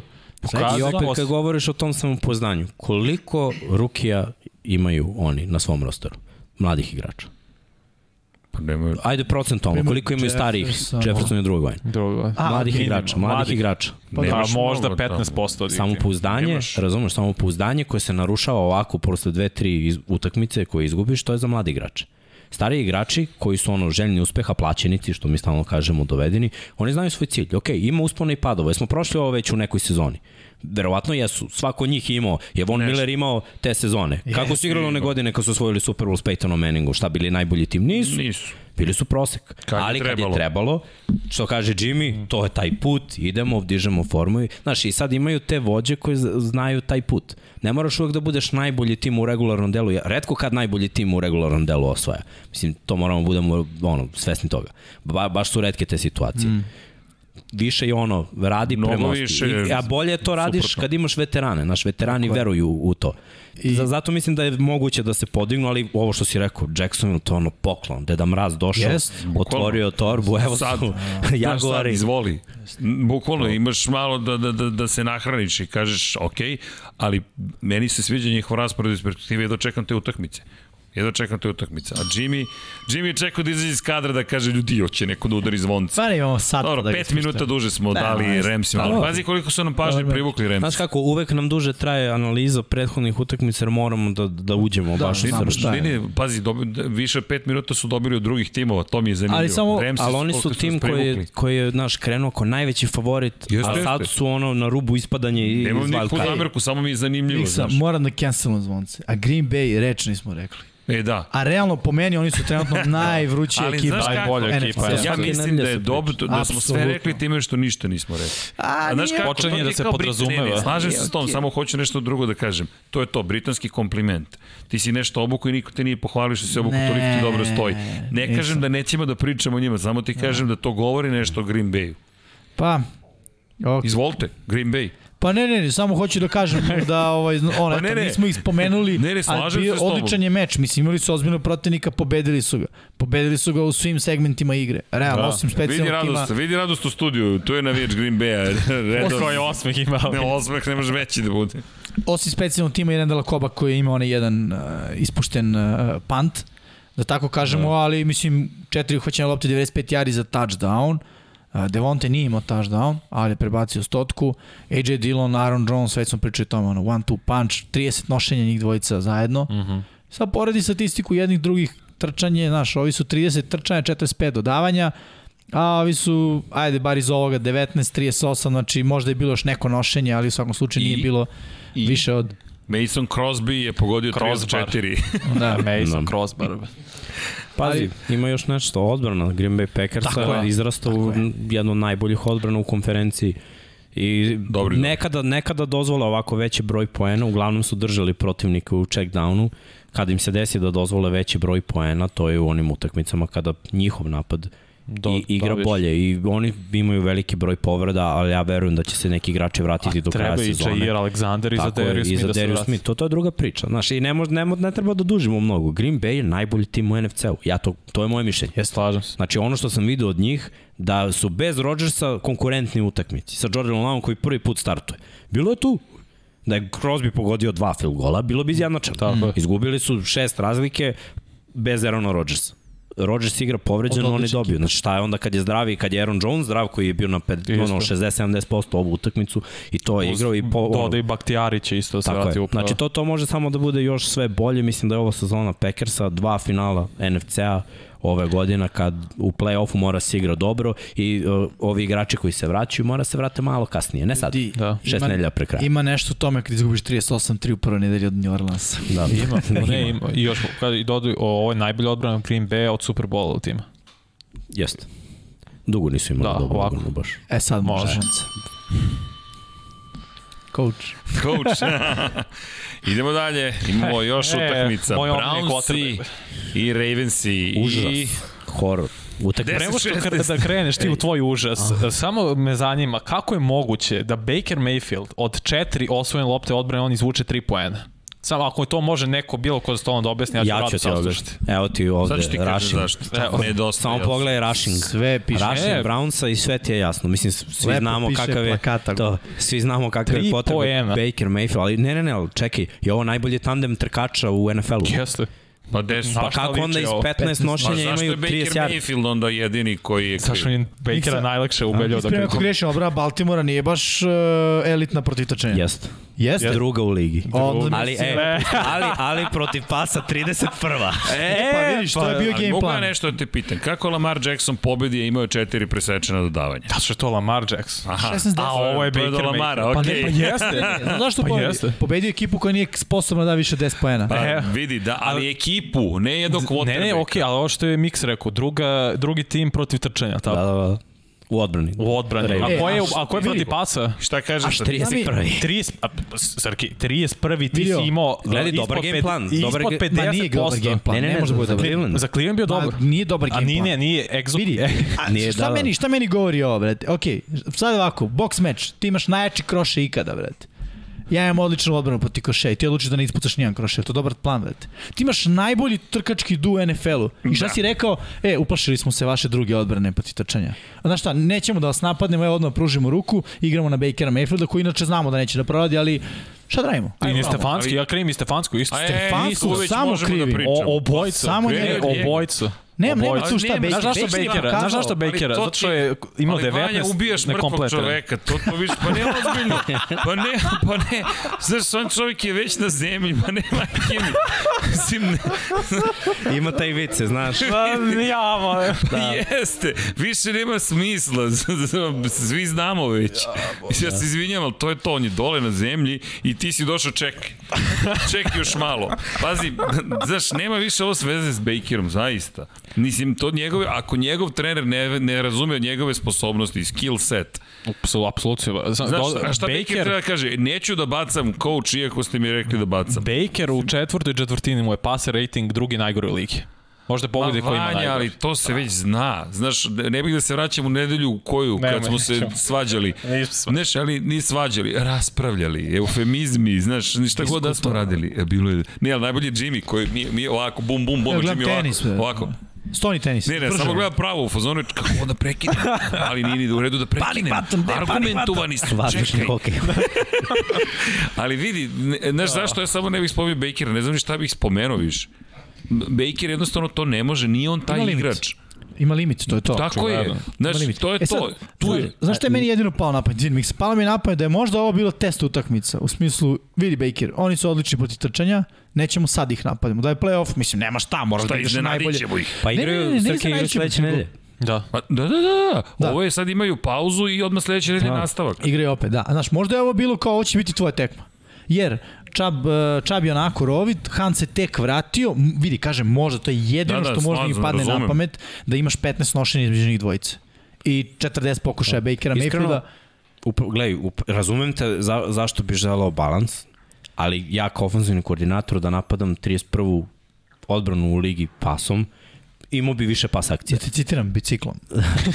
pa da. E sad, znaš, uh, za 20 plus i 40 plus yardi ove sezone Ravensi su najviše dozvolili od svih timova, više od tipa Detroit Lions koji imaju nula pobjeda. Znači, bukvalno s njima treba bunariti, ali šta je mana Clevelandu bila? Nema odela Beckhama juniora. Nema hvatača, Srki. Ima Jarvisa Landrija koji je slot, imaju dvojicu tight enda. Najbolji hvatač im je Njoku, tight end, imaju Hoopera i nema nikog s polja. A to im je trebalo. Znači, on je morao da izdvoji ovde, on je izdvojio, znaš, Harrison Bryant je isto tight end, on ima 50 da, yardi. Da. Znači, njima treba onaj... Do... Dead Donovan People Jones. Da, Peoples Jones ili, znaš, ba, baš je trebalo da, da postoji jedan hvatač Higgins, neko, ali, znaš, oni su i povređeni, jedan i drugi. Bilo je onako malo. I onda ja razmišljam, ok, igraš za tri nedelje dve utakmice. Neka misle Ravensi da je ovo sve što mi možemo i ono, naći ćemo na našem terenu, način da implementiramo trčanje, jer čak i Ravensi su bili dobri protiv trčanja u prethodne dve sezone. Sećaš one utakmice pred dve kad su ih Brownsi pregazili kad je Chubb imao 200. Da, da, da. Ok, bilo je malo bolja, uh, malo bolje su zvali akcije. Može iz toga da se izvuče neka pouka. Iskreno, Brownsi su u onom lošem trendingu, poslednje tri utak od Bengalsa, oni nisu prebacili 15 postignutih poena. Da. Dobili su Detroit 13-10, ovde su dali 10 uh, Ravensima, znaš, ono, gledam, imaju krizu identiteta u napadu, ozbiljnu, ne ide, onako, baš ne ide. Baker je izudaran. Znaš, nekad mi je žao toliko da ga kritikujem. Brate, on stisne zube, stvarno igra. Rame, levo, skočni zglob, naš rebra, on zlik igra, na, jedva hode, ja ga vidim, on jedva hode. jar. I treba da ide na jar, da. Znaš. Ali ovo je ono, ugovor sezona. Nije, sledeće. Ne, ne, ne, znam, ali za njih je, znaš, da. ono, velika opcija, da li, znaš, već se povlače pitanja, znaš šta im on dokazuje ovim? Ok, možda sam samo game manager, možda nisam najbolji quarterback, ali sam tu. Sam čvrst, da. Tu sam, znaš. To je ono što nam treba u ovoj diviziji, da budem tu. Pitanje. Da li je to dovoljno? E, mislim da nije. Jel bi Kinom bio trenutno bolji zato što je povređen Baker? A ne, ne, preteruješ s Kinom. Ne, ne, ne, je loš Kin, Ako je Baker limitiran, ovaj je ograničen. Da. Mislim, Dobar. jedna te ista stvar, ali, znaš, ovaj koji ima neki da limit, a ovaj je terasa, brate. Zato što on može da odigra jednu dve utakmice posle sezone. Misliš ovako, ako je Baker ono, ravna ograda, ovo ima one šiljke. Šiljke, ovo ima da šiljke. Da I lava.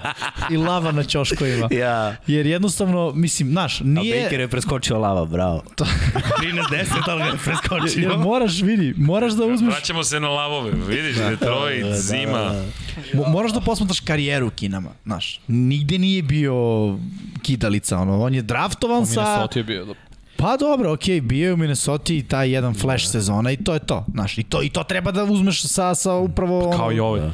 Najbolja Ali šta ove, ovo ima jednu utakmicu. U karijeri i Diggs izgrmeo Dalvin Cook, sve mu je išlo na ruku. Jest. Je, on bacio onaj Minnesota Miracle? Jeste. Jest. Pa safety promoši skine cornerback. Da, to ti je Nick Foles, to ti je Nick Foles priča. Da. To je to. Potrefilo se, bam, Philly special, statua, game over, penzija odmah. Realno.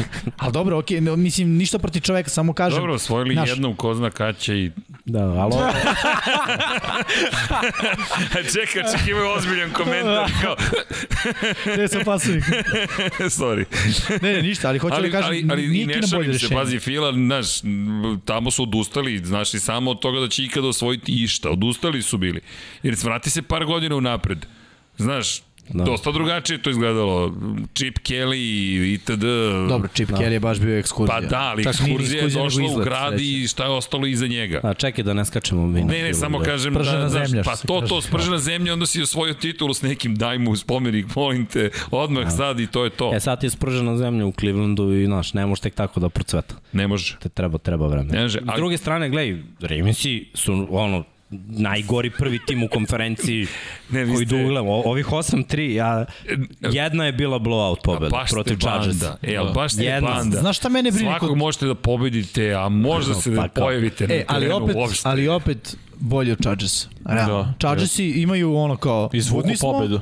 I onda odjednom koma spava. Da, nismo došli ljudi, ono kao... A to je do Lamara. Lamar iz nađe način nekako Jeste. svaki Mar se meč. zabavlja i playmaker. želi da, Da, pobedi. Zato što je playmaker. Ali ovo mu je bio grozan meč. Ali je izvuko pobedu. Ovo pa onim pasom. Četiri intersepšena, tri su loši ridovi. Oni bunar je dobar rid, ali loš pas. Jer je Jeste. podbacio, ali bio odličan rid, da ga je prebacio. Da. To je ono 50-50 lopta za taj tender koji ima 2 me, nije. 2-0-1 protiv DB-a od 1,80 to je dobra, dobar rid. Ali ovo drugo je sve loš rid, znači sve je loše pročito. Četiri intersepšena, znači Jeste dosta. ja mislim da je bilo 12 godina, Andy Dalton je dobio poslednju utakmicu da je bacio četiri intersepšena, da li pre 11 godina i, i Šta mene samo brine Kad što... je to Dalton bio u igri. Jeste, jeste. 2010? Da, da, kako nije. Šta mene brine kod Andy Ravensa? veteran, bre. Ne znam da bi to Meni deluje kod. Ravensa da su ekipe naše način da ih limitiraju na manji broj poena. I to je uradio Cleveland, Da. to je uradio... Ko je što uradio Miksa pre par Detroit. nedelja? Ne, ili Detroit nije. De, ne, Miami? Detroit Miami, je Miami, Miami, Miami ih uništio. Tako i mislim da je sad to već, znaš, u NFL-u tako funkcioniše. Aha, vidi, uradili su ovo i uradili su ovo i šta su uradili istu stvar. Copycat League. Cover 1, cover 0. Tako, istu stvar. Moraš da živiš, ono, platio si te DB-eve koliko god, moraš da radiš s njima da se spremiš za tu utakmicu. I to može bude problem za Ravens, jer smo videli da one sezoni kad su i Titansi pobedili u play-offu, da može da se zaustavi Lamar, da može da ga kontejnuješ. Ti ne možeš da ga zaustaviš da on nema ono, 80 jari trčanjem, 60, nebitno. A znaš kako sve to krene? Od zaustavljanja trčanja, a ove godine je najlakše zaustaviti trčanje. Tačno se vidi, ne, nemaju beka koji je na nivou Gasa Edwardsa i J.K. Dobbinsa. Znači to ono što je krenulo prošle godine da bude dobro i bili su u play-offu, su zaustavili to, to je kraj. Ove godine svi su našli način manje više da zaustave backfield osim Lamara. Lamar je najbolji trkač ekipe. Da. Znači Lamar će opet ima 1000 yardi ako se ne povredi do kraja sezone trčanjem. Pogledaj statistiku. Pa i ovde, da. Ali, ali to su one situacije. Gledaj, svaki put kad je treći ili četvrti za malo yardi, nije Latavius Murray, nije Devonte Freeman, nego je uh, Ricard fullback tight end u motionu, on kupi prvu pretnju koja dolazi iz polja, neko od linijaša puluje i Lamar čeka i tu negde pronađe rupu i, i prozuji i, i to je to. Znači imaš i running backa kao lead blokera, igraš sa 11 igrača trčanja. Mislim. Dom Pablo, možemo samo da imamo sever uh, N, uh, AFC-a. Uh, to je divizija gde su obe, obe ekipe i ono, Brownsi su sad na dnu. Da. Da. Aha, zato što Steelersi nisu onda na, na, pet, na 50%. Pa jesu. Jesu, da, imaju Jesu, da. nerešeno. Da, da, da. Imaju utakmicu manje Steelers. Da. Browns da. tek idu na baj. Mislim sad ove. Sad su na da. I delo će ovo biti Ravens i Bengalsi. Pa, Mislim, ono, ne samo po skoru, nego po tome kako igraju jedni i drugi. Steelersi već deluje da ostaju bez gasa. Jer Steelersi su, ono, Roethlisberger i kako ide sezona, mislim, s obzirom njegove godine, na izubijanost e, i povrede koje je imao kroz svoju karijeru, ne znam kako će to sve da deluje. Mislim, Brownsi su i dalje živi, nije da nisu, ali taj limitirajući faktor može da ih... Meni su trenutno oni gori i od Ravensa i od Bengalsa. Ali ne mora znači da kaže za dve nedelje da možda ne iznenadi pobjede Ravensa. U ja bih diviziji- i očekivao. U diviziji će sve da Ravensi dve utakmice u diviziji. Znači sve je ostalo ove nedelje Steelersi, pa opet Brownsi, još jedni Steelersi su ostali i još jedni Bengalsi. Tek treba da se igra ovaj, unutar divizije i konferencije. Tek treba da se u stvari zasluži to, to playoff mesto za Baltimore. Ali dobro, vidjet ću. Bing. I to bi bilo to. Je tako? Da, da. To bi bilo to. Imamo druge utakmice. Ali, medvedi i lavovi, 16-14. Kakva šumska borba. Da, pa dobro, to je sve bilo prošlog četvrtka, Jest, to Dan smo pričali. zahvalnosti. Jest, to smo pokrili. dan ljubaznosti. Da, tako je, miksa. Zašto tako Billsi je. nisu primenili dan ljubaznosti protiv Saints? Zato što je to bio dan pre.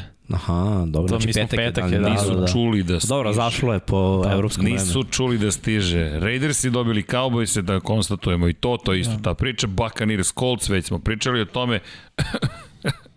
Jetsi dobili Texanse. Ređence? Šta sam rekao? Šta sam vam rekao? Sad ću ti kažem zašto. Da. Rekao sam u emisiji da će Jetsi to da učine. Dom Pablo mi tamo ne želi da mi to zabeleži. Zabeleži Povratak. Zeka Wilsona. Yes. To je dobra stvar što se vratio i pobedio. Jeste, jeste. Mislim, nije imao- Meni je bila imao- zabavna utakmica. Nije se znalo baš šta Pa, će, da kako će se završi. Ej, vidi, ponekad i te loše ekipe mogu ti prože zabavu. Sad sad, gled, sediš, gledaš, još ako navijaš za neko, kažeš, uhu, okej. I dobili smo. Jes, treća da. pobjeda ove I nije sezone. pobjeda gde su tipa Jetsi vodili, a Texansi se nisu Tako koja, je, nego ne, su ne, ne, ne, Texansi vodili. Texansi su Da, vodili. Znači trebalo je Jeste. stići Trebalo i je prestići. igrati i dalje futbol, da, Da, a da. ne odustati samo i sviđa mi se. 3-8 je Te trenutno. pobede su najslađe. Ha, tako je. Uspešni smo od Texansa. A znaš koje, koji porazi su najteži? Ovo je sledeće. Ovi, ovi sledeći. Zašto je u kadru? Ne znam. ne, ne, zbog Miksa on je to izjavio. Da, bukvalno. Da, ali, Eaglesi ali ajde, ovaj, moram, Otišli u New York. Uf, moram, moram da 7-13. kažemo, Eaglesi su imali playoff da budu u wild cardu. Igrali su protiv ekipe koja nije pokazala mnogo. Imali su 3-0 ono, deficit na poluvremenu i tri pokušaja za gol unutar 5 yardi. Nije prvi put da, da Eaglesi ne mogu da nađu rešenje unutar 5 yardi protivnika ove sezone. Mislim, u posljednjih par nedelja je bilo bolje. Stvarno, posljednjih, ne znam, 6-7 kola u odnosu na onaj prvi deo sezone. Ali ne baš ono najjasnija slika. I opet do, dolazimo do, do, do neke priče da mora malo i trener, trener je mlad, quarterback je mlad, playmakeri su mladi, svi će praviti greške, to je normalno, ali u nekim situacijama neko tu mora da kaže, e, ajde malo konzervativnije. Znači, ajde ako imamo treći pokušaj, znači pre nego što se pozove akcija gde je roll out i, dizajnirano bacanje u end zonu, ako odbrana ne da to, ajde lopta u treći red tribina i 3-3 na poluvremenu. Ono, to je okej. Okay. 3-3 protiv Giantsa, to je okej. Okay. S tim može da se živi i idemo u drugo poluvreme da budemo Eaglesi, a ne po svaku cenu da budemo Eaglesi u svakom playu ta ekipa koja može da igra na 30 poena ono, utakmice. Neke utakmice neće biti na 30 poena, neke će biti ovakve. A, Hrc mora bolje odluke donosi, to je to. Ja sam gledao utakmicu i ono, uživo dok gledam, ja vidim Devon to otvorenog, on ga ne vidi, čeka i onda ono, duže drži loptu, beži iz džepa, juri, Forsira. forsira. Jel može bolje? To je Pa pitanje. vidi, Može. ja sam, da, ja sam od jednog našeg trenera koji je starirao kad sam pričao s njim o Hrcu kad je bio draftovan, Uh, on mi je rekao, Jalen ima, ono, svi u Americi pričaju o tome da on ima ograničavajući faktor. Da ima problem da dobro pročita odbranu i da na vreme baci loptu. Da. Ovo utakmica je apsolutni dokaz toga. A to ti ono, na koleđu si imao elitne hvatače protiv ne elitnih DB-eva. I oni su bili otvoreni. To je Oklahoma, to I je Baker Alabama. Mayfield. Pa da. I oni su bili otvoreni.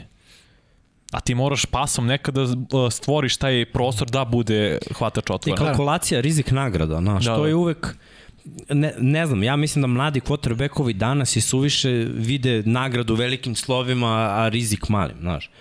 Pas u double coverage u ćošak, touchdown. Ne, brate, interception. Ako, znaš, ako su svi tu nadžiđani, znaš, je bi Ne vidio ti Rodgers i Brady tu da bace. Ne, nije tu. Tribina, field goal. Osim ako nije 3-3. četvrta četvrtina Da. i 3 sekunde. Da, ali, ali, znaš, oni, je ali poluvreme, oni to mogu. A oni neki njih mogu to. Ne mogu svi to da urade. Neko može to baci. Roger, Pas, ovaj, Stafford. ovaj pas na kraju poluvremena je Patrick meni sve rekao u ovoj utakmici. Grozan pas. Gro... Ja da sam trener 10 minuta na, na poluvremenu bi probao njemu da pričam zašto ne taj pas. Da. Bukvalno, znaš ono, Sh- Shannon Sharp jednom imao odličnu izjavu baš za Jelena Hrca. Rekao je, u NFL-u ti kao quarterback tvoj posao je da otvoriš E, pa hvatač. to, upravo što Na sam. koleđu su se oni otvarali, ti bacao loptu. Ovde ga ti otvaraš svojim dodavanjem. Da, da. I mora tome se radi. i opet, čak i u sve te greške, pas na kraju utakmice. Ono, prvi za gol, prvi za gol ili touchdown. A golor 2.0, brate. Rigor. Tako je. Pik prve runde. Comment. kroz ruke. Kroz, ne, naš, Pred ne Jefferson. mogu, ne mogu čak ni da kažem ono, Hrcu dao je ono, na kraju je dao.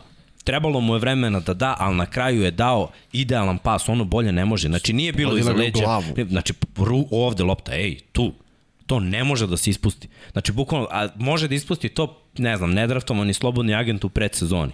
U ovako važnoj utakmici unutar divizije pik prve runde koji je izabran ispred mnogo boljih Justin igrača. Jeffersona, tačka, ne mora Dobro, više. tako je. Ali ima ih još, ima ih još, da ne nabrajamo. Ne, Da. ne može. Ajmo da vidimo šta je bilo još. Uh, Panthersi, Dolphinsi, došli Dolphinsi i potopili Da. Pantere. E, i Dolphinsi, ono, Je, četiri Da, pobjede za redom. bolje. Da. četiri pobede za redom, sad ne smemo da kažemo da nisu, mislim, oni su meni na boljem putu nego Brownsi koji imaju 6-6 s ovih 5-7. Pa da, još idu na Giants sad. E, u svojoj diviziji im je lakše. Jest. Oni u svojoj diviziji imaju lakše utakmice, imaju ono, da kažeš, da. ono, džetse. I šta možemo kažem da Cam nije odgovor za Pantherse. Cam je imao pass rating 5.4. Te pričali smo da spajkuješ loptu, svaki pass play imaš 36.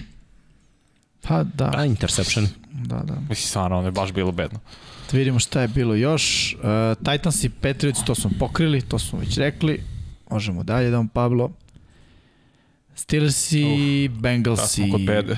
bolno. I ovo se nije desilo Dugo. d- 12 godina, da, ovo je 12 godina, ono je možda 10 za, za, Da. za Indija. Da Bengalsi očiste Steelers unutar divizije.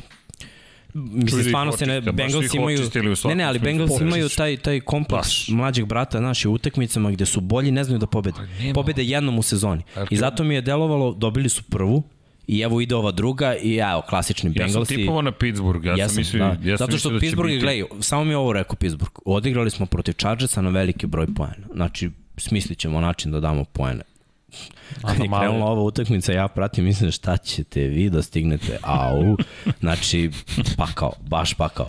U, A Bengalsi- su ih Bengals. Bengalsi pršte na svim nivoima.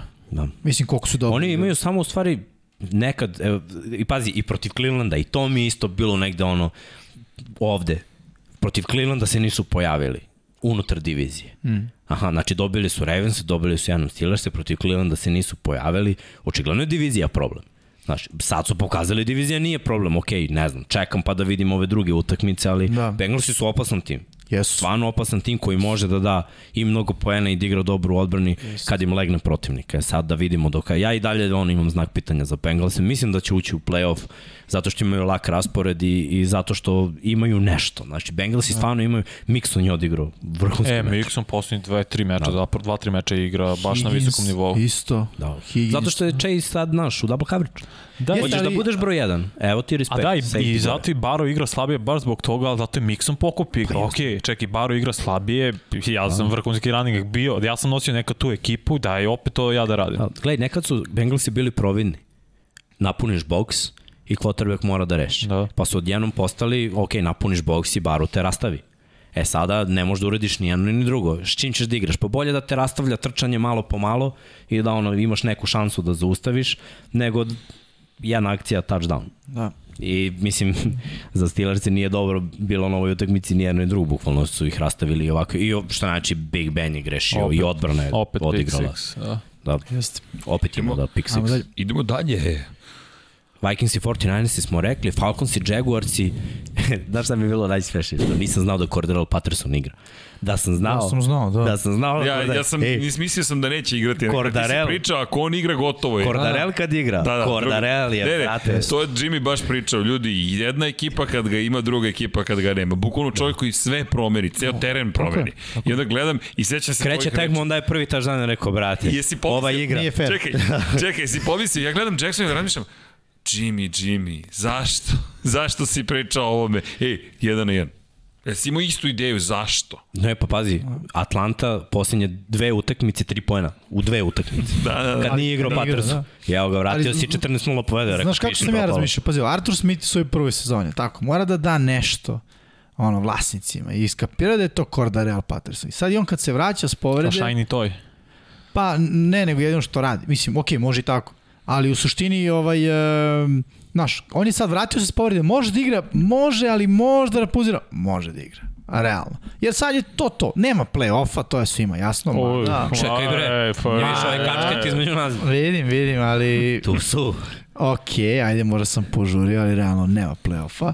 U svakom slučaju, ajde kažemo ovako, bore se i znaš, to je priča da će vlasnik na kraju da kaže navijači, e, dobar je ovaj trener, imamo mi nešto s njim. A zapravo je, mislim, jeste i on je stavio Cordarella u dobar sistem, nema Da, šta. da. Ne, ne, ne znam da li bi ga neko drugi stavio ili ne, mislim, mnogi su probali, nisu uspeli, Baš to. uspeli su pa, Patriote, je li tako? Ali ne ovo. To ne. Ne u ovoj meri, ne, ne, dobro, zato što su ipak imali neki drugi, da kažem, imena. Ali u svakom slučaju, ono, kada on igra, stvarno su druga ekipa i konkurentni su mnogo. Proti Jacksa meni delovalo da ono će ga forsirati, jer to je to, to je ta nedelja. Da. Ajmo dalje. Idemo dalje. Browns i Ravens i rekli, E, Chargers i Broncos i... Chargers i Ja ne, ja iskreno sam ja sam poluvremeno gledam, majke moje. Ne, bukvalno ja sam rekao ne mogu da gledam ovo. Chargers imaju tendencije O- da se ne pojave. Ovo, pa ovo, nije, ovo je klasika ove sezone. Na, odigrao Steelers i fenomenalno i sve i ono podignuti očekivanje samo se odesi. I bukvalno sam rekao neću gledam ono polovreme. I ugasio sam Chargers. Ga, ne mogu. Po, ne, počelo je da me toliko nervira da nisam mogu gledati druge utakmice zato što su oni igrali grozno. Rekao sam ja ne mogu njih da gledam više jer mi remete gledanje ostalih utakmica. Jer on jeste- bila tragedija. I Jeste nisam- izvalili šablon zapada e, AFC-a? Ne. Pa, ne znam na što misliš. Roller coaster. Da. Ok, Ja bih rekao, šablon. ono, Denver krenuo šablon? bez poraza. Zavadi pa vladaj. Da, da, e, pa, pa kao nešto. Chiefs i krenuli katastrofa, sad su u nekom nizu. Chargersi kao op, Raidersi. Mm. Krenuli sezonu, pa dole, pa malo gore, pa malo. Znači oni... O, A, ovo je... Ovo je definicija roller Pogledaj, coastera. pogledaj ovo. Ali volio bi da imamo ono kao nizove pobjede i poraza u toku sezone, jer bi se smejali u ovo. Da. Ne možeš, ne možeš da kažeš, ni- evo sad možda možeš za Chiefs da su u nekom nizu malo jačem, Da. Ma, sada da. ali osim njih, čitava sezona je ovo 5-4-5%. Jest, jest. I ono, Chargersi nastavaju to toplo, hladno i mislim da je trener u, ajde neću Ne kažem znam. problem odmah. Ne znam. Prva je godina, polako, Da. ali je on, da kažem, razlog. Neću još da kažem problem. Rano je. I pitanje je, i ako dođe do play-offa, to će biti one and done, ja mislim. A, ja, ja sam rekao po početku sezone 10-7 vidim. Da li će biti playoff ili ne, to je vrlo diskutabilno. Mislim da bude to ono, ok, bravo. Playoff, treba. super. I treba, ne, ja, Ofanzivni ruke godine, poveo Da. ekipu u play-off, pa ajmo sad gradimo Koraci, ok, odatle. sve pozitivno, ali bolje od 10-7 stvarno baš ne vidim. Da. Ajmo dalje. Možda će 11 trebati za play-off. Vrlo moguće. Seahawks protiv Washingtona, jao. Teška. Ja, E, eto. ali Washington je u ozbiljnom nizu. Washington je Jest. play-off, by the way. Da, da. Trenutno su sedmi u, u NFC-u. Washington koji je vezao od Tampe je sve krenulo, mada treba da kažemo Jimmy, da... ne možemo da sakrijemo ovaj. Ne, ma šta. Ma šta, potica, se-. E, ali kad se. Jamar Chase, Jamar Chase, Chase Young povredio, odbrana igra kao top 5 odbrana, što je. Ne, ne znam, meni je neobjašnjivo kako. Da, sad su to Ali pet odbrana igraju statistički. stvarno na veoma visokom nivou. Ali igrali su i na toj utakmici, mislim, on Jeste, se da, povredio da. u toku utakmice. Mislim da je mali raspored. Mara duše dobili su tampu. Da. Poslednji to kad Nije, sam nije, povredio. dobili su... Može to nekada bude ono, ujediniš se za njega, znaš, kao, osetiš da je sad tesno i sad malo zbiješ redove. I ono, druga stvar, pazi, Washington nije imao voćstvo do utakmice protiv Tampe, veće od šest poena. Nije toga bilo. I onda se odjednom desilo da Washington trči, Gibson radi posao, da nije samo scary Terry, Heineke, ja mislim, ono, skapirao, ok, e, ne moram da gledam iza leđa, Fitzpatrick se ne vraća. Te nedelje su oni rekli, to je to, Fitzmagic gotov za sezonu, sine, imaš, It's your team. To je, to je, ovo je tvoja godina. Ajde, dokaži da, da vrediš. I dečko krenuo da igra. Stvarno igra. Igra, igra. Znači, prvo, trčanje funkcioniše, online radi svoj posao, o, imaju hvatačke opcije koje se pojave kad je potrebno, Skeriter je tu broj 1 i onda odbrani je i opet lakše. I? I nekako sve je krenulo da bude bolje, da. napravili su niz, a kad napraviš niz, još od njih čeka u diviziji sada sve. Jeste, jeste. E, e, Istok NFC-a sad u poslednjih ovih 5-6 utakmica se igraju i po četiri utakmice. Da, da. međusobno, tako da ovaj, e, bit će ono za njih što kažeš divizija, pogotovo što su oni i Fila tu blizu, bit će to klanje između njih za, ja mislim, to 5, mesto 6, broj 5, 7. 7. Pa da, pa i. Giant, i Giantsi su ono... I Giantsi su, Evo, tačno. Grozno, ali tako je. 9, 9 ja mislim vodi u play-off u NFC. Da, Da, da, na kraju da. će biti ono klanje, ali na kraju ja mislim da je 9 neka realna priča. Čak i 49 sa 6-5 i njih čeka u diviziji, a u diviziji ono, Pogledaj ovo. ozbiljno. Kaže, Washington je sjajan, sjajan.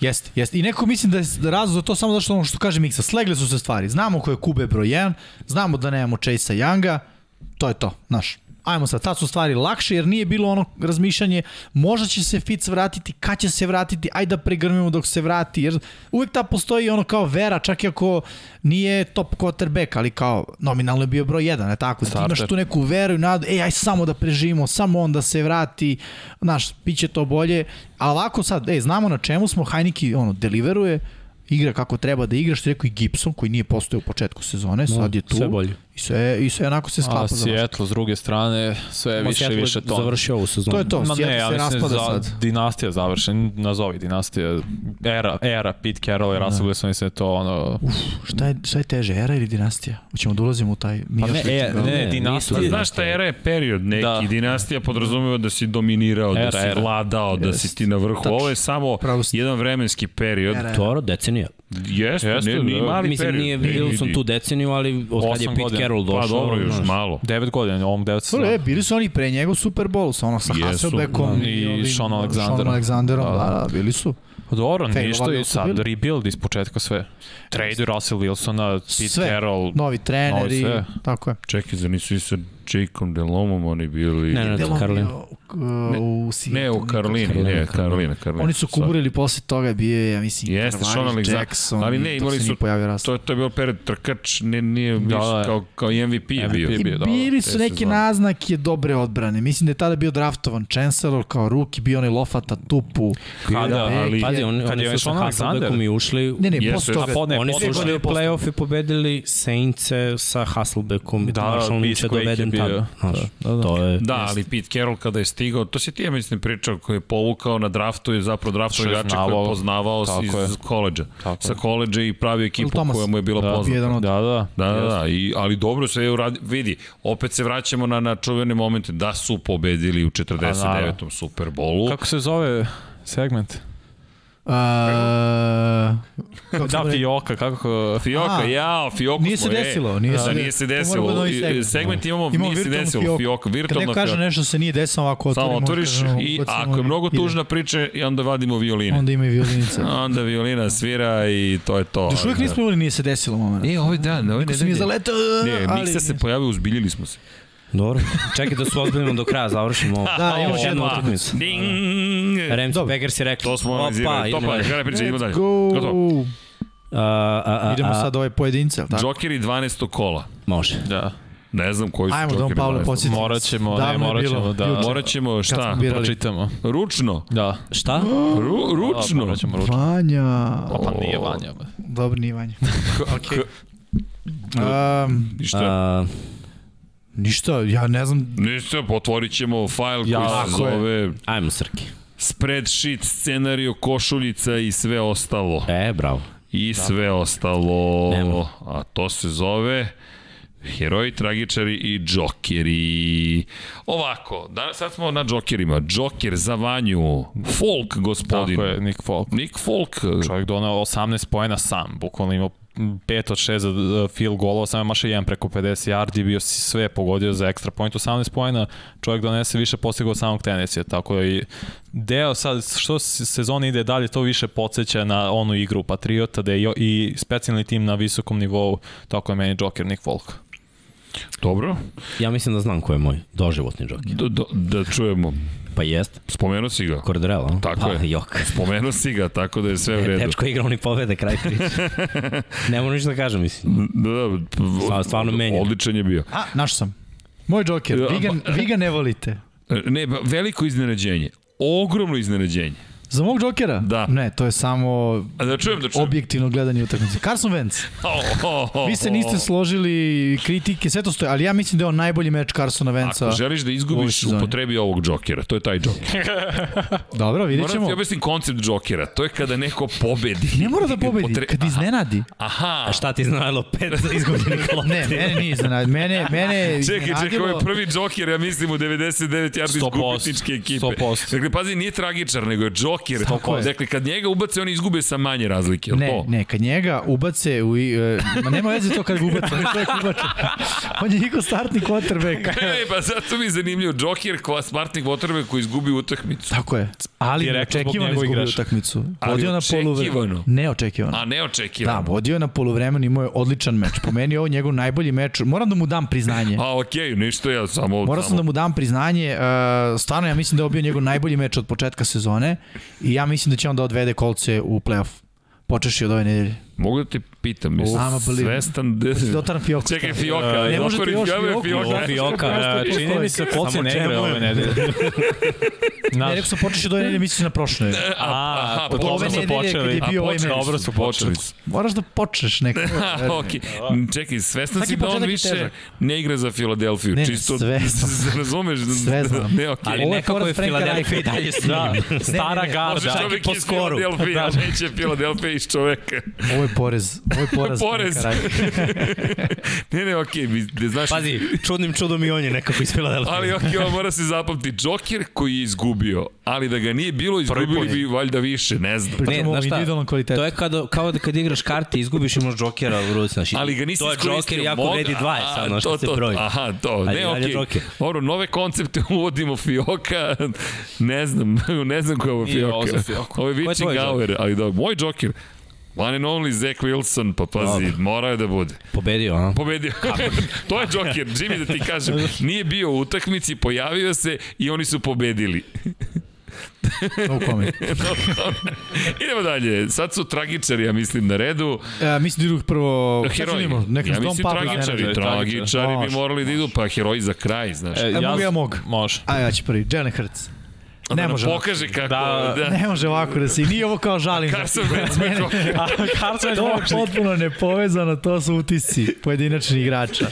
A, Osto su smisla, ne povezano se u igri, to su ti promašaji. Tako je, mora da sazri, pričao sam već o tome, ridovi koji su koji koji postoje, ali ih on ne napravi, ne uradi taj korak, neodlučnost, zadrži, zna da zadrži loptu koji sekund duže, i onda beži iz džepa, traži ili trči šta god.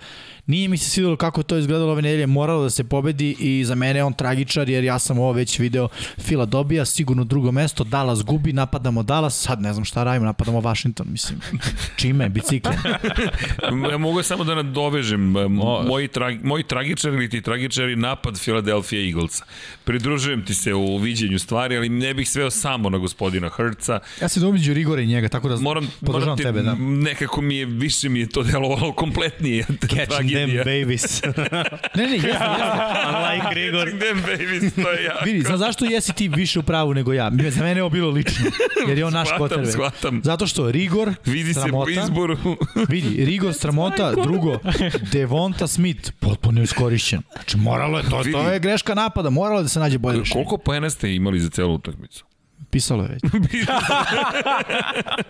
Pa uskoro će biti nas za stolom više nego poena Filadelfije, ali zaista zato mi je bio problem napad, jer baš nije onako smelo da izgleda. Ja ne znaš. znam ko je moj tragičar. Pomozi mi. D-line, a, ne, ne, izvini, kod tebe, kod tebe je napad Cleveland Brownsa. Je, moram da kažem. Mislim da je objašnjenje dosta... Ajde, nije samo ova nedelja, ali on, bilo je se. kandidata, e, bilo je kandidata. Znači, stavio Bilo, sam bilo. onako jedno šest. I onda sam razmišljao ko je, ko je ovaj, boja, ono, ovi su isprednjačili. 13 protiv Detroita, 10 ovde, znači nešto baš ne ide. I ono, to je tragično. Vanja, Vanja, Meni defensivna linija Ramsa tragičar. Ja sam to pokrenuo, pričam o tome. Uh, Donald nula sekova. Ovaj, Miller nula sekova. Uh, koje je sa druge strane Floyd, čini mi se, Da, da, nula Floyd. sekova. Ukup, sva trojica ukupno su imali tri quarterback udaraca. Cela defensivna linija zapravo imala. Gaines je imao sek dok je Rodgers bežao i jedva ga uhvatio. On je bilo patetično. Da i ti protiv loše ofanzivne linije koja je povređena, Green Bay, Jenkins, Bakhtiari ne igraju najbolje. Ruki centar. ruki centar i ti ne možeš ništa da uradiš manje više. A bio si najbolja defanzivna linija prošle godine. Da, da. I realno je Dono najbolji defanzivni igrač i dalje, ali ništa od toga. dobro. hvala. Idemo na... Idemo na heroje. Heroji su Pam. Dibo Samuel za Miksu, wide receiver San Francisco Ej. 49ers. Mislim, znaš, wide receiver, ali trči ta žalno. I ove godine zustavi ga, ajde. A kada ga neko zustavi, neće da bude rekao heroj. Do tad je heroj, razumeš. Stvarno je neverovatno, dečko. B igra s ozbiljnom fizikalijom igra jako sigurno i igra, znaš šta mi je najlepše, kad neko nije u, u žiži na draftu i ono ne priča se o njemu najviše, a onda u NFL-u treba da se priča o njemu najviše, tipa JJ, tipa Terry McLaurin, tipa Debo Samuel, tipa AJ Brown, Dickim, znaš, ono, to su hvatači koji ono, a, ne znam, ima, okej, okay. Evo, evo šta je to u igri, u, stvarno, u stvarnom životu, a ne u ono, projekcijama, ubica. Vanja, kod tebe opet malo odbrane. Da, odbrana New England Patriots. Odbrana New Englanda je stvarno brutalno. U poslednjih pet meča primaju manje od 8 pojena po meču. Do, dovoljno da reče evo kako igraju, oduzimaju lopte i prosto delo je kao ona odbrana sa početka veka. Da prosto su krenuli da dominiraju tako i da će samo tako nastaviti sve bolje i bolje, jer secondary je brutalan. A? Izvini, kad se rekao početka veka, me gledaj 1900 i neko. sve okej, okay, sve okej, okay, starost. Ne, stvarno je divim se nekad Bill Belichick kako napravi defanzivnu šemu i kako izvuče maksimalno iz svojih igrača, pogotovo odbrane. A, moj heroj, znam ga na pamet. Leonard Fournette. Lombardi Leni. To je novi nadimak. Stvarno ima odličnu utakmicu i drugo, mislim, kao što sam već i pričao kad smo analizirali utakmicu, mislim da ulazimo sada u period kad će Tampa više se ostaje na svoje trkače. Fournette je već pokazao i svoj kvalitet tokom dosadašnje karijere, čak i u Jacksonville kad je bio u Tampi, ono što si ti vanje istakao, ono, tao, top si pik na draftu, dođeš u Tampu i prihvatiš svoju ulogu koja je ono, bit će balans. I bit će balans i pas ran i bit će balans ti i broj 2. I ovaj, odličan meč je stvarno odigrao, po meni bio ključ za, za pobedu Tampe ove nedelje i zbog toga sam morao da ga izdvojim kao heroja. Meni je heroj, ukro sam ti ga. Otvoreno, ja mislim da sam ga tebi možda ukrao. Lamar Jackson. Zašto? Vrlo jednostavno. Ako se vratiš i pogledaš moment kada Lamar, pazi, Miles Garrett je došao i rekao je, Zašto si me? A sad ja ću tebi da, da, da budemo onaj uh, party breaker. Četiri interception. Neka, hera. budi. Aha. Ali je pobedio. Da Pazi, on... znaš kako, ti je sad, sad će, Superman sad će... 3. Pio će... sam, odo sam se poroku, pušio sam, spalio sam super tanker, ali sam se onda probudio u jednom momentu i sve to rešio. Bacimo, brate, Rocky Balboa sad, pošto je iz Filadelfije. Dečko. A da, šta je bilo ono u Rokiju 2, u Rokiju 3, mora, šta je bilo Nije bitno koliko puta padneš, Jimmy. Tako ja, je, nego. Ja znam. vidi, samo mi je heroj zato što uprko svemu, ono što ste pričali, ja sam ga, izabrao sam ga još prošle nedelje, gledamo onu utakmicu, jer pazi, statistika ponekad ne govori dovoljno. Kad ti u određenim momentima zaista odigraš neke neverovatne, njega gone, bukvalno jure ga, ne mogu ni da ga stignu i on dečko nađe. Da, pa napravio greške, bilo je loših situacija, ali ja sam bio u fazonu, ok, ovaj momak je heroj. Jer u, u, uprko svemu, to ono što je Vanja rekao, on će da nađe način da pobedi. Meni to tako da, da. izgledalo. Ej, neću odustati, neću se predati, plesaću dokle god ja mogu i nešto ću da uradim. Meni to bilo herojski, sve ok. Ostaću sloboda. Neću se ve... Nemoj, nemoj, imamo 3 sekunde za pevanje. To je to. Ajde, ajde, Idemo dalje. Opa, pazi ovo, skoro pa samo sat i po. Da. Priča nedelje. Priča nedelje kolač. E, brought, smo na brought to you by Vanja. Brought da. to you by pod kapicom. Pod kapicom. Uh, tektonske promene sada u college football, to je desu se prethodnog vikenda gde prvo Brian Kelly, to je zapravo prvo Lincoln Riley, nekadašnji trener Oklahoma, je napustio Oklahoma da ode na USC. Koliko je u poređenju sa NFL, to ti je kao da McVay napusti Ramsey od u Dallas otprilike, to, to je to. Fioka da, kad bi se desilo, da, šta bi bilo kad bi bilo. I ist... počelo je, prizvali da, smo. Da. Kako bi rekao Vesić da, da ide da igra seksi futbol. Bukvalno to. Zatim Brian Kelly napustio Notre Dame da ode na LSU. Niko nikad nije napustio Notre Dame kao glavni trener. On ima najviše pobeda u istoriji, to je baš big news. Jer sad, da, zašto otišao u LSU? Zbog boljih igrača. Zato što na Notre Dame ima poseban standard akademski koji ne mogu svi igrači da ispune da bi igrali. Respekt. Da, da, ozbiljno. Mislim, Notre Dame, Alabama i tako ti uh, college ekipe, to jest institucije, to su ti stubovi college futbala. I ti ta, te, takve univerzitete ne napuštaš tek tako. Ni Oklahoma isto. Oklahoma nijedan trener nije napustio 47. Zato su to ovo tektonske promene jer se sad menjaju i snage u college futbol. Notre Dame ima novog trenera, defanzivni koordinator, kako će on biti vidjet ćemo. Ne zna se još ko će uzeti Oklahoma, ti si pričao dok smo imali razgovor o tome, možda Urban Meyer, jer je to ozbiljna prilika. Ma ne, verujem, posle godinu dana u NFL. Ne, ne, ne, A, ali Jimmy, moraš da uzmeš u obzir. Ovo se ne ovo. otvaraju se ove pozicije tek ti tako. Ti kad si trener u NFL-u, ti si trener. Ne, ne, ne, ne, ne, sve okej. Okay, I ovdje imaš više. Uh, možda imaš ist- iste pare na koleđu, a, da. ali aktiviraš svoju porodicu. I baš o tome priča Saban. Znaš zašto se vratio na koleđ? Zato što je, zašto je žena mogla da, da učestvuje u tim uh, humanitarnim akcijama, večerama, regrutovanju i sve da. Znaš, i onda porodice ti isto... power. Znaš, uh, jednakost. Ne može ti kao, ja ću sad da budem tre... Drugo, nisi ni, ni toliko uspešan u NFL-u.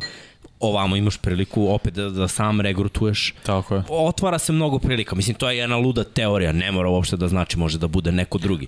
Ali, Ali moramo smisla. da uzmemo sad ono deset nekih scenarija koje može da se dese. Što se tiče regrutacije igrača, sad će totalno da se sve to izmeni, a to utiče na draft, a da. draft naravno utiče na, na NFL. To je sve povezano. Mnogo, Da, da, jeste, jeste. mnogo bolje igrače ćeš dobiti na LSU i sada na USU nego u Oklahoma. Zašto? Zato što Kalifornija generalno više futbalski orijentisana država. I sad će svi ti, već nekoliko igrača koji je bilo komitovano za Oklahoma, rekli ne, ne, mi povlačimo, idemo na USC. Zašto? Zašto je Lincoln Riley njih doveo i sad ih odveo na USC. Sad će, da li će on uspeti da stvori ovo što je on planirao, to je drugo. Jer pojenta jeste da se takve pozicije ne otvaraju tek tako. Kol. Znači sad Oklahoma, to je kao da- to e, ljudi koji su ne naše godine, čak ne ni srđeni stariji, oni gledaju Oklahoma kao nešto što je wow. Kao. Ne, šta reče? Sad se kažem, koje su to naše reče? godine? Čekaj, stariji čak i od srđana. Da li sam rekao čak, rekao sam sta, ne, nisam, ne, nisam rekao čak, rekao sam stariji od srđana. Tu sam, ljudi. Ne, oni gledaju drugačijim očima Oklahoma. Sad si, Ja- ja sad gledam ti 40 drugačijim minuta stariji nego od početka podcasta. Kod nas ti ide drugačije, ba. Ja vidim. Ja, ja bih rekao da, slažem se, potpuno je neobičajno da na sred sezone I to će uticati... odeš, napraviš, to je realno transfer. Mislim, nije Jeste. kao otišao je, iskulirat će, pa od početka sledeće sezone će biti trener. Ne. Nego u sred sezone sedaš A u je- avion da, i da. samo kažeš ono, Ali to je NCAA krije. California Zato što su uveli ranije uh, ovaj period za regrutovanje. To po- počinje odmah pod, uh, na kraju sezone. Oni moraju sad već da krenu. Da. U tome je problem. I sada uh, komisija za biranje četiri ekipe za playoff je rekla otvoreno mi ćemo razmisliti da li Notre Dame da, da ide zato što više Brian Kelly nije trener. O, ali, Pa Dobro, to ima i politiki. ne, ne, ne, ne, nema, ali samo je zato. Bukvalno sam, sam Ne rekli, mislim politike u smislu političkih partija, nego politike kao sad, znaš, kao šta je bolje za gledanost, za ovo, za ono. Jeste. Što je nekad fair, nekad nije fair, kao one godine kada je FSU nije imao poraz i nisu im dali da igraju protiv top koleđa kao što su Alabama, a Upravo. realno bilo je, da kažeš, prostora da odigraju meč, ali nisu Pa i prošle dali. godine je bila priča za, za Notre Dame, ono. Da, da su da. izgubili jednu, više ne bi igrali, ne, Da. bi, ne bi ušli u top Notre 4. Dame koliko god je uh, dominantan i on je jedina ekipa koja ima svoj TV network. Oni ne pripadaju ni jednoj konferenciji samostalni su. Znači oni imaju dovoljno para sami sebe, njima ne trebaju konferencije da bi izgrali para, ali to ih do nekle limitira jer ti sad ne igraš u ovog poslednje da je championship week. Ne igraš za titul neke konferencije. Ovo što si odradio, radio si. Ti sad treba da čekaš druge da se poklopi nešto da bi ušao u playoff koje je samo četiri ekipe. Ako je vjerojatno svako neće šući jer su ti rekli otvoreno je, nije, nemaš više istog glavnog trenera, ćao. Da, jeste. Mislim, slažem se, jeste dobra tema. Uh, u smislu, kao što je Miksa rekao, znaš šta može neko da kaže, "A šta nas to zanima, mi hoćemo znamo o NFL-u. Uh, menjaju, se, menjaju se stvari, jer draft, draft je velika stvar. Da. Znaš šta, odjednom će ti koleđi, USC dugo nije bio koleđ sa koga to. si mogao da vidiš nego od, Od od Pete Reggie Carrolla. Busha, Od Pete Carrolla. Tako je, Od Pete Peter Carrolla. Carrolla. Tako je, to je ono za Reggie Bush, Matt Leinart, uh, Ray Maluga, da. Clay Matthews, Brian, Brian Cushing, Cushing. to su sve iste sezone. Je ljudi Taylor. Mays. Taylor Da. Mays, ali, znaš, Ne, ne, ne, on je bio Jeste, Ej, jeste, college zver. zver College zver. A onda je Pete Carroll rekao, pa i bio je jedan receiver, ali ne mogu da se setim ko, nije sada ni bitno. U svakom slučaju, ej, nabrojali smo toliko ljudi Da, da. i samo jedan, Landon Nelson- White, Čekaj. je bio zamena Reggie Busha te godine, isto otišao da bude. Nelson Aguilar je sa USC. A mislim da nije On igrao, kasnije, u- mislim on je da je kasnije. Da, kasnije, da, da, nego Kasnije, kažem, to je posljednji Nego pričam, koji meni sve ove imena koje sam rekao su iste godine izašli Era na Pete draft. Carrolla tad na Tako je, i sa istog univerziteta su svi otišli. I nakon toga kreće ono, down, pad USC-a, ti sada realno, ne znam, eto, sigurno da ima nekih igrača, ali, znaš, treba ti malo vremena da se zapitaš ko su top prospekti USC-a za poslednjih 10 godina koji se Sam Darnold. Juju Smith, Juju Smith. Schuster, mislim, ok, ima ih, ali, ej, ja sam Mnogo malo nabrojao osam igrača. Ali to, ali to je do, što kažem, i do regrutovanja. Jeste, Ti jeste, treneri upravo to Zato što rade. nije, znaš, nije ona kao bez spisaka je ovaj i ovaj, ne, je. nego baš moraš da uđeš. Ajde moraš ovako. da ih privoliš Da. tim razno raznim večerama, moraš da ih privoliš tim or, organ, sve se to organizuje, znaš, i, Da, da. i nije učestvuje trener, trener, znaš, ti ono što ti ja uvek volimo, ok, nas zanima ona analiza igre, bla, bla, no, mora to. da radiš mnogo veći Da, posao da, od da. toga. Jeste. Kao i LSU, poslednjih nekoliko godina, koliko samo talenata, ono, Joe Barrow, Chase, Jefferson, uh, Edward Ziller, Da. ofanzivna linija, Da, da. uh, Delpit, odbrana, je tako? Jeste. Uh, Sad- Simons, je tako? Je Simons bio? Nije Clemson. Sad Lenny. izlazi ovaj Lenny. cornerback. Uh, Da, Lenny jeste. Nije Lenny Salesio. Ko je Lenny? Fournette. Fournette, Da, da, da, okej, ali 2016. ajde kažem, ovo sad pričam bukvalno za ono... Posljednjih. Da. Tako, Evo ovo što rekao dve, Ed tri godine. Orgeron, da. je. Tako je. A pre toga si imao po jedan, dva talent koji izađe odatle. Ne kao manje, ali Bila je je era Les Milesa onako, kad su uzeli... era ono, Odell Jarvis. Jeste, ali Odell Da, da, Jarvis... oni ali imaju već nije bilo pobede. 7-8 godina. Dobro, da, ali Dobro, Del znao Jarvis si da i su Matthew dobri, je bio, da. znao Da. da su dobri igrači, samo ono, Ali sa, malo njih sa Brian Kellyem, on to je druga priča. On će sad dovesti ponovo, jer mno, uh, Alabama, LSU, svi se nalaze u istom tu uh, delu države, taj generalna konferencija SEC. Ona je popularna, najpopularnija u futbolu. To je najgledanije pravo konferencije tu svi najbolji igrači idu high school, prospekt zašto? E vidiš ove igrače u nedelj, nedeljama, aha, Alabama, LSU, Tako je. ako hoćeš da igraš u NFL, igraš nedeljom, ti dođeš kod nas.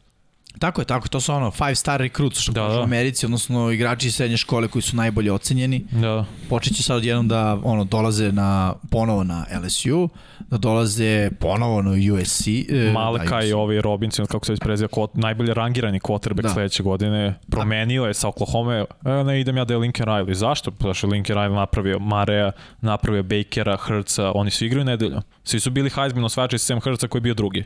Da, ali u svakom slučaju hoću kažem sad ono otvara se otvara se novi put za te koledže da idu ovi treneri, Da. a koledže koje oni napuštaju, ono biće pitanje sad, znaš, ko će tu ne postoji oni sad nešto kao neće to biti pad neki drastičan što tiče rekrutmenta, ali biće pad. Biće pad, jer se zalazi ko će da nasledi sad Oklahoma, jer to Da. ozbiljno posle, to ne može bilo ko da vodi. Zato smo pričali Urban Meyer. On je već vodio jedan takav program, ko, program koji je Ohio State. Pa znam, ali to je, dobro, okej, što kažeš, Saban je to isto uradio, on bio jednu godinu u Majamiju, glavni trener i nakon toga se vratio odmah na, na, na college. I to tu godinu u Majamiju uradio fantastičan posao. mnogo bolje nego što je ovaj radio u Jacksonu. Da. Apsolutno, apsolutno. Mislim, ono, bili su playoff, mislim, slušaj. Ne, nisu, nisu. ali za malo. Da, da, da, da. To je Mogli bio su. ovaj John, nije John, Taylor, Taylor, Ricky da, De- Taylor je bio. ali ime, nije John Taylor. Riki, ne? Ne bre, defanzivni... Defanzivni A, da. Zach 99. Taylor. Ne, ne, ne, to, je- Zach Martin linebacker. A, Da. Zar nije bio i Zach Taylor Justin. Nije, ja mislim da ja sam ubeđen da je Zach Taylor. Nije, nije, 100%, 100%, nije. Ćelav čovjek. Čelav Hall of Famer. Tako Pa znam da je Hall of Fame. Čovjek koji je pričao, gledao sam taj, taj dokumentarac kad pričao kako mu sebi promenio baš je. karijeru. Da, da. Jer on je bio klasičan end u 4-3 postavci, Da, da, da, da, da. vodi 3-4 i stavlja ga na outside linebackera.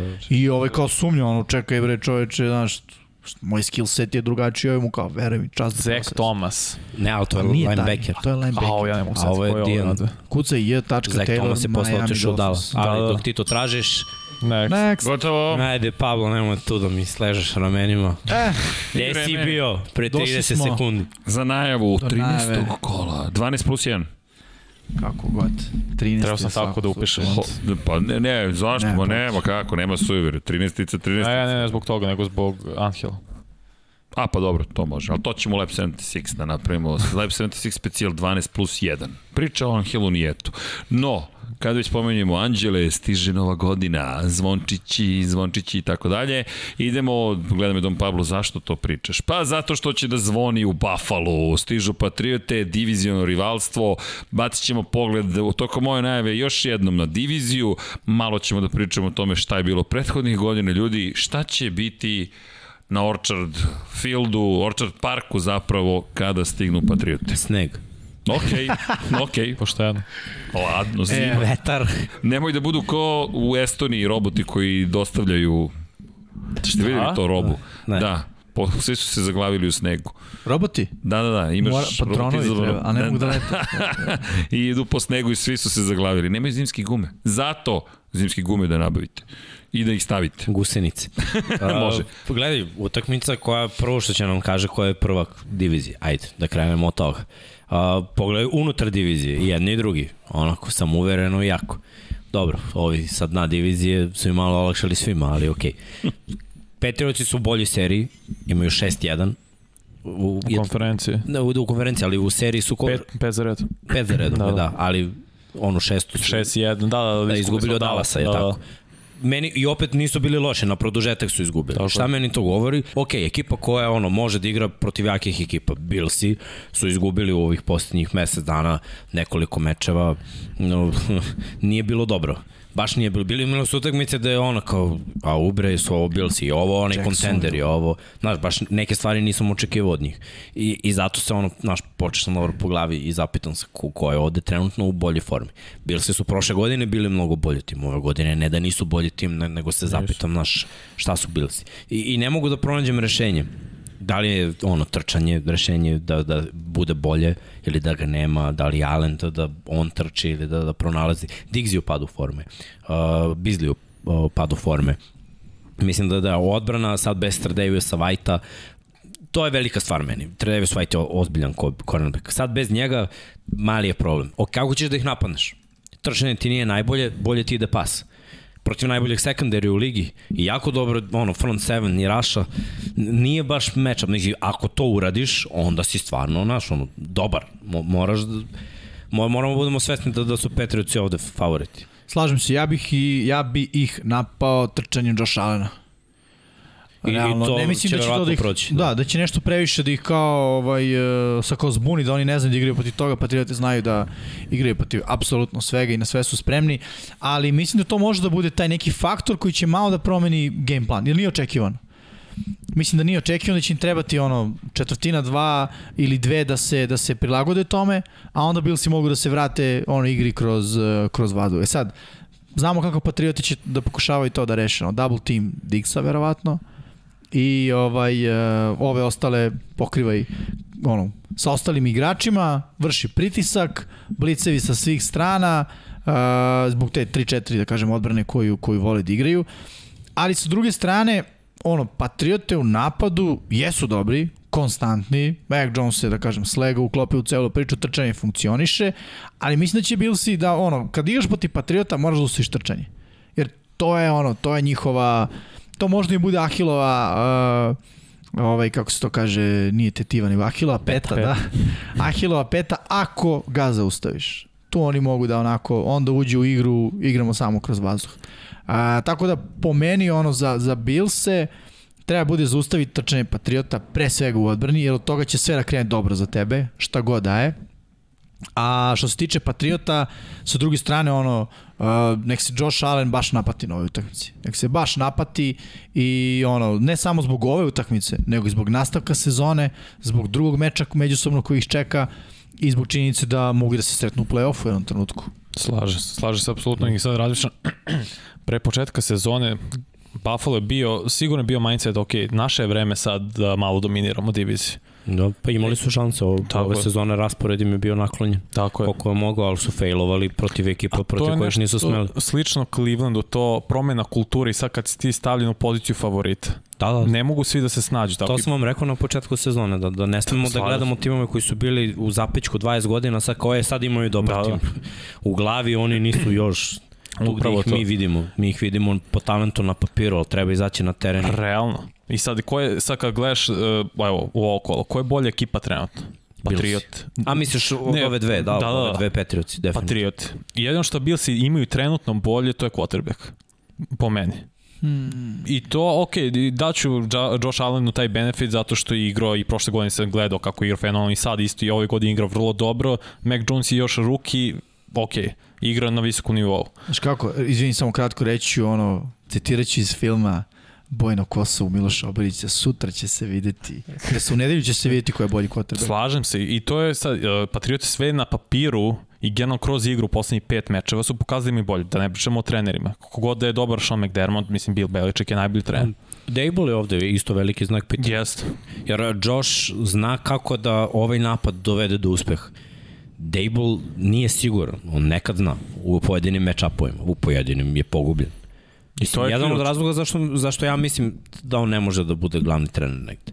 Jer mnogi će da ga preispitaju na osnovu nekih utakmica u ove posljednje dve, tri sezone za Bills. Na, on je učestvovao i tekako u napretku Alena. Kao što Josh sada učestvuje u ovom napretku mm -hmm. Meka Jonesa, stvarno se vidi da, da mu je ono bukvalno na kašičicu davao mm. i sad je to već ono skoro savršen I proizvod. kad nije bilo trčanja, sveđe protiv uh, Baksa, vezu 19 paseva za red, Da, pa kompletiranih. Mislim, Sve, je- i, tu, I bili su tu i protiv Baksa na nadmog pobede. Ali to je sve bilo zapravo proces, ok, polako. Sad smo izgubili. Mi ćemo, ući ćemo u ritam i ušli su u ritam i to je sad problem za ostatak AFC-a. To je ono, uzmi korak nazad da vidiš Tako je. dva napred. Tako je. Srđane, Probudili ste me. Šalim se. Ali Patriot, pa nema šta da se dodam, sve ste rekli ljudi, meni, će se, meni se dopada što idemo u, upravo to veliko finale, ono što jeste naslov ideje gde stigli smo u decembar, još dve utakmice ćemo imati između njih, što se tiče ovoga dalje Mac Jones bolji ili jel te Josh Allen, lepo si rekao, više toga što smo videli kod Josh Allena, Mac Jones i još ljudi, još je to sveže, deluje super, sve postavljeno kako treba, pa hajde da vidimo, ako Bills ovde iznenade, ako iznenade, to baš ima ozbiljne onda posledice, reperkusije za celu i playoff sliku, pa i odnos između njih. I ono što si ti lepo rekao, kao što su na početku sezone, da li je ekipa, ovo su utakmice kojima stasavaš u taj tim koji kaže nije samo na papiru, nego to smo mi. Mm. Gledajte ovu utakmicu, to je sve što ću ja da kažem, Monday mislim night. da vredi. Da, da, Da. ali ovo baš vredi sačekati. Ajmo dalje. Ajmo dalje. Chargers Bengals, čekaj Daj, Vanja, daj, stani da najavimo polako. Chargers Bengals, bacite pogled na, na, na, na, na kadar Sve iza taj Vanje. Šta ti se tamo desilo sa dresom? Tom Liuga. Tom Juga. Juga, da. Samo Izvoli. da Tom Ne, Lipuga. ne. To je tvoj, ne, ne, ne, moj. ne, ne, ne, moj, ne. Samo ti fali, nedostaje ti neki potkonjak. E, Da. da. Pogacimo ostala svetla samo u U, to bi bilo O, dobro. čak bi mogao to da Čekaj, još nismo krenuli. Hoćeš Pa, mislim, da se igramo malo, a? Šala, šala. A, klikni Stvarno ne moraš. ovaj. Aj, aj, kako, okay. kako želiš. Dami i gospod, Ja čekaj da da li ću moći. Ajde. To Samo prvi, kažu- samo prvi ostavi. Conjuring Da, da, uživo, znači, ovo? prizivanje zla. E, Nije mi to bila namera, Wow. ali da vidimo da će Vanja uspeti. Da. dobija svoj... A, ne, ne. Znači, dva, znači Spotlight. četiri. Ne, nije još dovoljno, osim ako se ne upali. A, onako. A, dosta je to igrak. Da. E, pošto Opa, neka i vi svetlo. forma Chargersa jeste gore, dole, gore, dole, realno svako kolo, nekako ima tu nadu da je sada to došlo na gore, jer ono nakon onog u Denveru stvarno ne može niže. Samo da pitam, gore kao gore da gore ne može? Ne, ne, ili- gore kao up. A, okej, okej. Dakle, o- ne može gore od onog prošle nedelje, stvarno bilo grozno. Iako sam ja odušljen bi igrom Patrick Surteina, stvarno je dečko fenomenalan. Ali ono, ja ne znam do koga je ono, da li je stvarno do Staley ili do Joe Lombardija, ofenzivnog koordinatora. Nekad ne, kao da e, zadržavaju Herberta, koji ima top u ruci, ali nikako da on baš minimalno baca e, duge lopte. Mislim da je to deo problema, jer Mike Williams živi na tome. I neko se sve više sta- stagniraju da idu sve kraći pase i sve to umesto pusti Herberta baca loptu kad ima ruku. Kad znači može i video si da može pu- pusti razvi igru. Neko kao da ga i dalje zadržavaju, ali ne, ali igra trčanja opet je bila i ključ I prošle. taj Denver je izgubio par utakmica baš Tako zato je. što su puštali ta vertikalna Upravo to dodavanja. je, Mislim, a toga nije je bilo. Bio tako. Sad protiv Bengalsa to baš i nije najbolji game plan, jer stvarno imaju talentovan secondary, moram kažem da Jesse Bates igra brutalnu Ozbiljna sezonu. selekcija. I sad s njim, znaš, nije to ipak secondary ovih timova gde, gde su Chargersi Ali uspevali nije dovoljno dobar secondary kao Denver. Secondary Bengals. Meni. Pa da, na papiru ne, ali u praksi zajedno, znaš, kad sve spojiš, ne znam, Bengals igraju bolje, možda nisu bolji generalno, ali imaju neki on, chip on the shoulder, stvarno igraju Jeste. na visokom nivou. Šta mene zanima na ovoj utakmici? Kakav će ovo da bude meč? Low scoring, high scoring. Video sam i od jednih i od drugih, i jedno i drugo. Video sam da padaju jedni i drugi. Bengalsi protiv Brownsa, Chargersi protiv Ravensa, se ne Da. pojave. To. Video sam utakmice da su zgazili protivnika. Da su davali ono fazom 40 poena. I jedni i drugi. Video sam da mogu da trči jedni i drugi i da mogu da baci jedni i drugi, ali i da budu nemoćni i jedni i drugi. I pazi, skor je tu negde, govori mi da su se Bengalsi malo bolje snašli, zato imaju 7-4, ovi imaju 6-5, ali da kažemo da za Chargers-e playoff Upravo. izgubiš u AFC-u, imaš problem. Imaš ozbiljan problem. Da. Bengalsi imaju još tu jednu gde mogu, ali njih čekaju divizijske utakmice. Ok, očistili su Steelers, ali tek idu protivnici unutar divizije. Im, imaju, ono, da kažeš jedni i drugi raspored Malo ekipe koja nije playoff. Znači ima, ima tu šansi i za jedne i za druge. Ono što Chargersima ne ide na ruku jeste da unutar njihove divizije nisu smeli od Denvera da izgube. Mislim da, da je to onaj poraz koji nije smeo da se desi. Sa, sada, na, kada uzmemo u obzir AFC, sve će to da se gleda. Mm, I da, divizija, i konferencija, taj breakera će biti mnogo. Zamisli ovo, isti broj pobeda i poraza na kraju imaju Chargers i Bengalsi. Koliko je ovaj meč važan. Upravo to. Jeste. I ja bih rekao onako, po meni ključ iz jedne i za druge na ovom meču da trče. Mora se uspo- uspostavi igra trčanjem, jer obe ekipe su pokazale da a, kada nema trčanja, da uglavnom gube ili da se jako, jako namuče. Chargersi one nedelje kad je Ekeler dominirao, to jest ne prošle nego Pa pretprošle. nije ni dominirao trčanjem, jer taj Herbert Nema imao veze, ali- 90 yardi. Ok, ali je bilo korišćenje trkača. Upravo, u bravo. tom smislu. Da, slažem. Ja znaš, trkač neće trči fade, nema on post, on ima kratke opcije, kad uhvati, znaš, loptu ima 1 na 1, ako izbaci prvog Ekeler i taj tip trkača koji to može, to se realno svodi na još lakše nego trčanje. Jer se ne prolazi defanzivna linija, ne prolazi se linebacker, nego odmah napadaš DB-eve. Ili ako izbaciš je to jednog linebackera iz igre na prvi ono, a, potez, onda ideš na, na DB-eve, lakši je život za running back u toj situaciji. Bengals isto, prošle nedelje Joe Mixon imao je odličan meč, i ono, pregaženi Steelersi. Tako da, kogod uspostavi prvi igru po zemlji, mislim prvi, ne kao, mi smo prvi, ćao zdravo, Da, da, nego da. ko uspostavi igru po zemlji, ko se bolje uh, snađe u tom segmentu i s druge strane u odbrani zatvori trčanje protivnika, to će biti ključ. Jer jedni i drugi mogu kroz vazduh da rade svašta. Ali, da bi to kroz vazduh imalo smisla, moraš malo da spustiš linebackere, moraš malo da nateraš odbranu da kaže čekaj, morat će i da trče morat će da koriste trkača i moramo budemo spremni za te, za te ovaj, e, opcije koje se dešavaju bliže liniji skrimidža. I zato mislim da, da to mora jedni drugi da ono dominiraju, da, bi, da, bi, da će to da donese pobedu zapravo, igra po zemlji. Raduje me ruki duel zapravo Asante Samuel, mlađeg i Jamar Chase. Ono, imamo, ne, stvarno imamo duela. Mislim i kad gledaš, to nije duel, ali bit će priča ista draft klasa. Da, Burrow i, i Herbert. koga bi pre Da. To. Pa, Srki? zavisi od, od sistema. Bengalsi dobiju. Da. Da konstatujem, ne, pa nemam šta tu da se doda. Rešio ga. Vidi, ne znam da ti nije lako, ali, On nije, šta? Pucaj, Pablo, ali pucaj. Cincinnati. Idemo. Šutiraj čoveka dok je na Steelers. podu. Pa da, pa to ti kad... Ne, mislim na ovu utakmicu koja Ova, ide. ova, ovo pa jeste, pa pazi, ako Jeste, Steelersi dobiju, ja ne znam šta dalje. Ali to, zar to nije u duhu Nije nemoguće. NFL-a? Ej, znaš da nije Pa nemoguće? nije nemoguće. Mislim da mogu da kontenuju Lamara i trčanje, to mislim. Ne. Pa kako će to biti? Pa, zašto Lamar može bati pet interseptiona? A ne, mislim, može, okej, okay, ali da će Steelersi da bace pet touchdown? Da, da će da iskoriste to? Znaš, Da. Hoće da trče protiv druge odbrane, protiv trčanja, što sam saznao u ovoj, u ovoj emisiji. Da, neću. Ali gledaj, a ne mogu da bacaju. Pa, da, mo, Znaš šta, da li evo, mogu evo, da, bace? Gledaj, prošle godine, evo, prošle godine su meni na papiru, ovako, realno gledano, Ravensi bili stvarno bolji od Steelers. I u prvoj utakmici su vodili i bili bolji. I šta se desilo na kraju? Dobili su Steelersi prvi meč, do, zahvaljujući dodavanjima i tom ispadanju u sekundaru. Aj pazi, igro je Peters. I bili su kompletni Ravensi. Druga utakmica, ok, nije igrao Lamar, ali ajde da kažemo, Steelersi su ih očistili. Ovo je, ono, poslednja utakmica za Steelers, da, da oni ostanu u, u, u nekoj šansi da, da se nađe u playoff. Jer očistili su ih Bengalsi, imaju sada dve utakmice protiv Ravensa, ovo je utakmice koje igraju na Heinz Fieldu, kod kuće. Znači, preće da dobiju ovu utakmicu nego što će na M&T Bank stadionu u Baltimore. Da. To, to moramo da, da, da budemo ono realne. Ovde, ovo je velika mržnja. Ovo je najveće rivalstvo u ovoj diviziji. Znači, Brownsi, ne znam da li ste ispratili od kad je nastala severna divizija AFC-a, Brownsi imaju Krompirić osvojenih divizija. Imali su Bengalsi svoje dane, ono, Andy, Andy Dalton, Dalton, da, ja. tako i jednom je bilo, ja mislim, ono, dok je bio Chad, jednom. Steelersi su broj 1 sa valjda 9, Ravens imaju, ja mislim, 6. I, I uglavnom ovako ide divizija.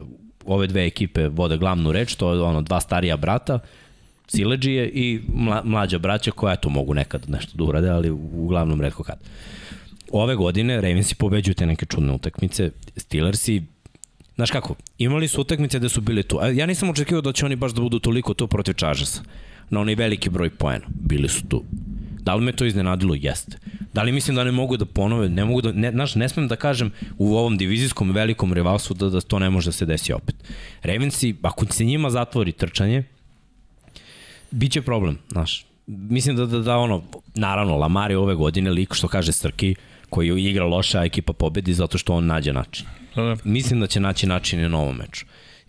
Samo za Steelers može da bude opasno u stvari za Ravens što Steelers imaju ovo ono playoff. Ovo je njima playoff, kreće sad. Njima playoff kreće sad, ajde. Da. Imaju 5-5-1, ono protiv Detroita je bio sram. Znaš, ba, baš je bilo loše, a da ne pričamo ovo protiv Bengalsa. Navijači Steelersa su već u očiju, ja vidim u komentarima što pišete ovde što ste u live chatu, ja vidim da, da ljudi koji navijaju, znam Uzelas navija za Steelers, Uljarević Vuk navija za Steelers i svi su u fazonu ono kao, uh, mora rebuild, bio si u pravu pre dve godine, mora rebuild, mora da ode Ben, ok, sve to stoji, sve mora. Ovo je poslednja prilika za Bena. Da, da, ajde ja ću ovako opet da istaknem te ključeve po meni. Što se tiče Steelersa, ono, kontejnu Lamara, znači uradi Miami Dolphins game plan i drži ih na mali broj poena. Zašto ti to znači? Prvo, ono, obu, obuzdavaš zver kao što je Lamar Jackson što se tiče trčanja i smanjuješ broj poena koji mogu Ravensi da postignu. S druge strane, daješ Big Benu šansu da ne mora da igra na 35 plus poena, jer pitanje je da li može da deliveruje svaki put. Mislim da već ulazi u fazu karijere kada već ne može, kada već su realnije utakmice da oni dobijaju sa 20 poena a, postignutih. A sa druge strane što se, što se Ravensa tiče, uh, ono, poremeti bilo kakav ritam Big Bena i, i, i hvatača koji će sigurno sam probati da uspostaje i nemaju ga tokom cele sezone, ali ne dozvoli da ga uspostaje protiv tog sekundara. I druga si odbrana u ligi protiv trčanja, to smo već konstatovali. Ono, igre na kartu da ćeš da, da, da kontejnuješ Najee Harrisa što se tiče trčanja, ali ono, mora da se i ograniči njegov broj uh, kontakata generalno, mislim, na hvatanja iz backfielda ili bilo šta drugo. Ali ono, po meni to je za jedne ili za druge, ali Ravens ipak vidim kao, kao favorite. Nisu mnogi kadri, Steelersi na papiru imaju odbranu koja može da zaustavi Lamar, odnosno imaju sekundari koji može da igra 1 na 1, imaju dobar rush, koji može da stvori pritisak eh, za Lamara Jacksona i što se tiče trčanja ono, ako igraš 1 na 1 ti de facto imaš 7 ljudi koji će da paze na ran, na trčanje. Ti bi trebalo da si u boljoj poziciji da, da zaustaviš trčanje od ekipa koje igraju da li zonu uh, ili neka pokrivanja sa dva safety duboko, jer imaš više ljudi koji su ono posvećeni da zaustave trčanje. Ali kažem, pitanje je da li će to moći da se da se desi. No, to je na papiru, mislim. Da, Šanse postoje. Sad egzekucija, to je uvek druga priča. jeste. Idemo dalje ili imamo još nešto da A, dodamo nema celoj da? Ti želiš Idemo da... Ne, Letimo, ništa. letimo kroz ovo. Letimo kroz najavu. Šta se događa? I like an eagle. hoćemo da zaglavimo ovde. Nećemo. Nećemo. Jej, Fly like an Fly like an eagle. Polako, polako. Da. Polako, idete u no fly zonu. samo ću ovo da kažem. Oh. Oh. Ok. Ok, a, reci, enforcing no fly zone sa Jetsima. Bolest. Čekaj, ej, čekaj, nije ta čekaj, tekma. čekaj, Nije, čekaj. ej, ej, ej, Nije ta tekma. A, jel Nije to se desilo. Nije ta tekma, nije ta tekma, čekaj, polako, ja, polako, pa-. Ta tekma neće ni biti ovde. Molim? Mislim ovde, na, na, na Pa. Si siguran? ti... Jimmy, Biće. opa, Jimmy, spremi se. Esmo, esmo ortacilni. Pa zato sam teo kažem, ja nisam poklonik toga. Ne, ovi dueli moraju, kako? Moram. Dobro. Ovo je lično, Ej, pa ne. Broncos Chiefs. O, Broncos Pazi, Chiefs. jednom se, coach. jednom se desilo pre mnogo godina da su poglavice divlje konje ukrotile i stavile, razumeš? je bilo. Jesu indijanci jahali konju bez sedla? Je, Yes, yes, yes, e, pa opet idemo dalje. Oh, čekaj, čekaj, čekaj, zna Ja Bronco i kažem, da se vitne ponekad. denied miksa. Dina, o, Teška priča, teška priča. Dobro, gledaj, jedini je koji je stavio Denver. Tako je. ali pazi, moram i ovo da kažem, on baš ne veruje u Chiefse i, sve, i, i bira ih protiv njih svake A ne, nedelje. to je tačno. I svoje poslednje ljudi, četiri nedelje stavite- dobija... E, stavite sada pare da titulu, da Super Bowl osvajaju Chiefsi. Imam već viđeno, ali nisam ga sanjao. Pustite emisije od prošle godine. Tampa? Tampa ispada u prvom kolu. Tampa? Tampa? Ispada u prvom Ali ja nisam to sad rekao. Da, da, Ne, on da- se ogradio, on samo stao, ja ne verujem u. Chiefs. Daj da završi se to prvo kolo play-off, play-offa i da izgubi i da završimo više s pričamo o Tampi. Bilo, bilo. Bilo. Istina, istina. Ali nisam to rekao za Chiefs, samo prosto ne verujem. Nisu me ubedili, to je ono osrednja glumca amatera, glumca, osrednja gluma glumca amatera. Stand up. Stand up. Pa, okej, okay, stand up, šta god. Ali cenim ja neke stand up komičare, ne bih rekao da je to A, osrednja da. gluma. Ali za Chiefs mislim da nije to ova sezona, da mora se menja. A, samo jedno, da li neko od vas ima informaciju sa Teddy Beam, šta je u pitanju? Ne znam se još čini. Znak pitanja. Dobro, da. ok, verovat ću da će da igra. Šta pa ti veruješ i u Loka, šta? Da, Ne, tako da. Prestao Molim? sam, Imamo prestao snimke. sam. Imamo snimke. Internet Everything, pamti. everything's Čovjek, tape. čovjek vremenom postaje pametni. Ej, to je totalno Ti, legit. ti nap... E, vidi kako ti šolje dobro čučnulo kad si u kadru. Ne, a, Ne, spusti, vidi, spusti. smiley ti je bio. Vidi kako si nasmen. Da, da, Smiling Jimmy. Sma... To, Jimmy the Smile. Ne, ne, ja ništa da mene. gledam, A, da slušam, Ništa, upijam. samo ću vrlo kratko, divizija. Nikad ne pocenjuj snagu, Vidio sam to prošle nedelje. nikad ne pocenjuj snagu divizionog meča. Broncosima to ne znači, ovo im znači. Kako im ne znači kao oni ne? pobedu u play-offu? Prvi su u diviziji. Da. To ti ka... Ne, ovo im znači. ne. Da. Ovo im znači, to kažem. Ovo im znači i ja vidim ovde pobedu Broncos. Kako? Kako?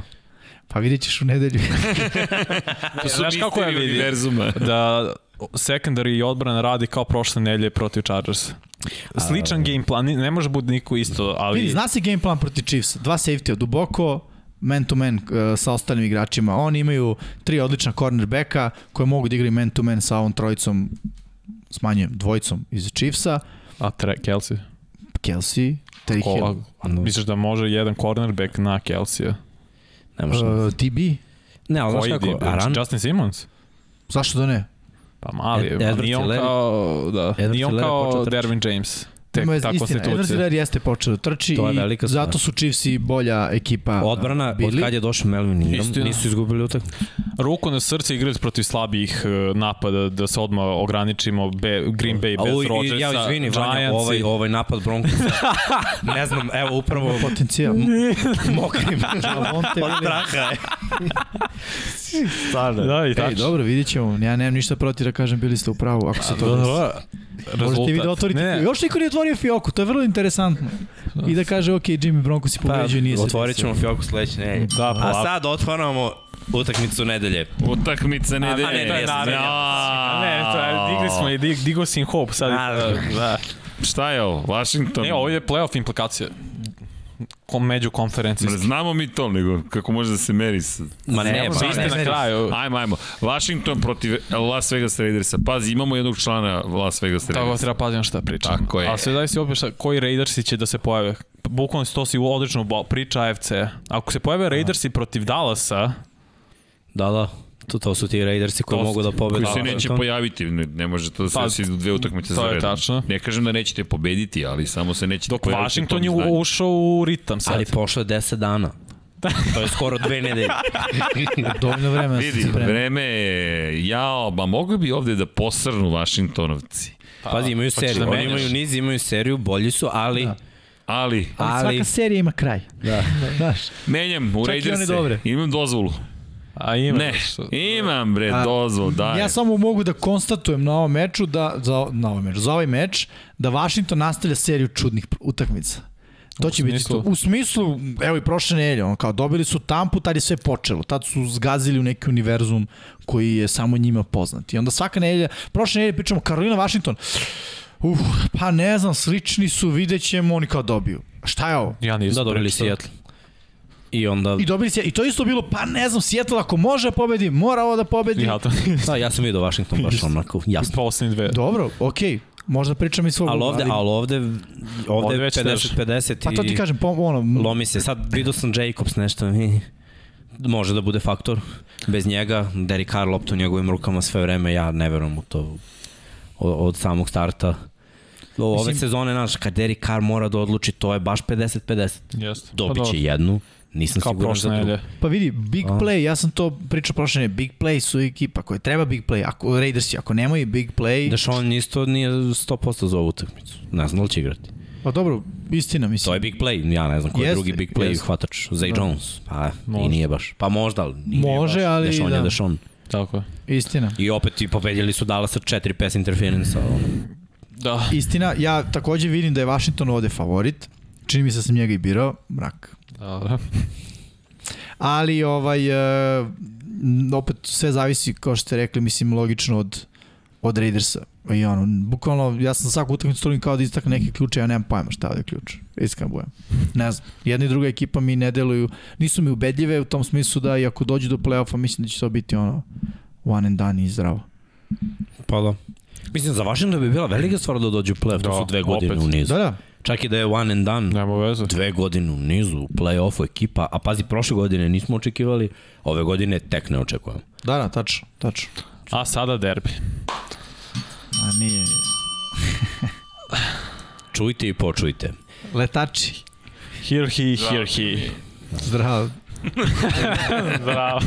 Playoff implikacije. Za jedno jest. Za jednu ekipu. gost. Mili Bože, čuda velikoga. Dolazite u Njujork iz da. Filadelfije, iz tog bratskog grada. Dolazimo po svoje. Bratske ljubavi, po svoje. Šta Ono to što je znači? Svoje, po Pobeda. flaka. Po pobedu. O, ovo je bilo oštro. Dolazimo da otmemo sve. Čekaj, gde, no gde je Flako sve igrao? Samo kod mene. Baltimore. Kažem. Denver. Baltimore, Denver, Fila i Jetsi. Fila i Jetsi. Da. Igraju i na koleđu. Da pokrije Las Vegas, Neće. da, i da dođe kod vas To i tek neće. to je siguran znak propasti. Ne, ja je pitam što smo istakli ovu utakmicu. Nije valjda Zbog nas dvojice, naravno. Ne, ne, ne, mora da istakne. se Kako istakne. da se ne istakne, čekaj. Filadelfija ovo, da pr- prvo vas, vas dvojica imate Ne, meč. šta je Jets ima? To me zanima. Za Filu i razumem. Pa, zamisli pobede. Da. I sledeće nedelje ti dolaziš. Na... Don Pavlo može kada. Nećeš pasti drži. Neće pa. Stavili smo lepo u fioku. Tu sam, tu sam, baby. Stavili smo u Danas fioku neće vanje pasti, ali hoće u nedelju. Ali hoće u nedelju. E, Ne, ne, ne znam, neće, ali okej. Okay. Možda se, da možda se- se kladiš u, u farbanje. Farbanje. A, dajte ljudi. A, Opa, ajmo da vidimo ako si otvorio fioku. Pa, Ne, ne, izvadi farbu, je. U ovoj fioci nalaze stvari koje se nisu desile. Ne, ne, ali šta ako izgubite? To je tako Ništa, nema play-offa, ne treba se ide u play-off, uh, ono, FK sledeća sezona. To je to. Dobro, ali ima- imamo nešto, neki, Mislim da mora neka opklada. nešto, Kad, ne mora kad, ovoga. ne, ne, kad igraju naše međusobno. Sad se osjećam kao kockar, kao mora opklada, mora opklada, ne mora opklada, polako, ja se ne kladim. Dobro, ja sam siguran u pobedu Jetsa. Hoćeš se E, ne, ne, ne, okej, ali ono, ajde, ja ne znam šta da kažem za, za Jets. Niko ne zna šta da kaže, osim da će biti zabavno tebi i meni. Eto, to je to. To da, to da. Ljudi, ovo je samo lično.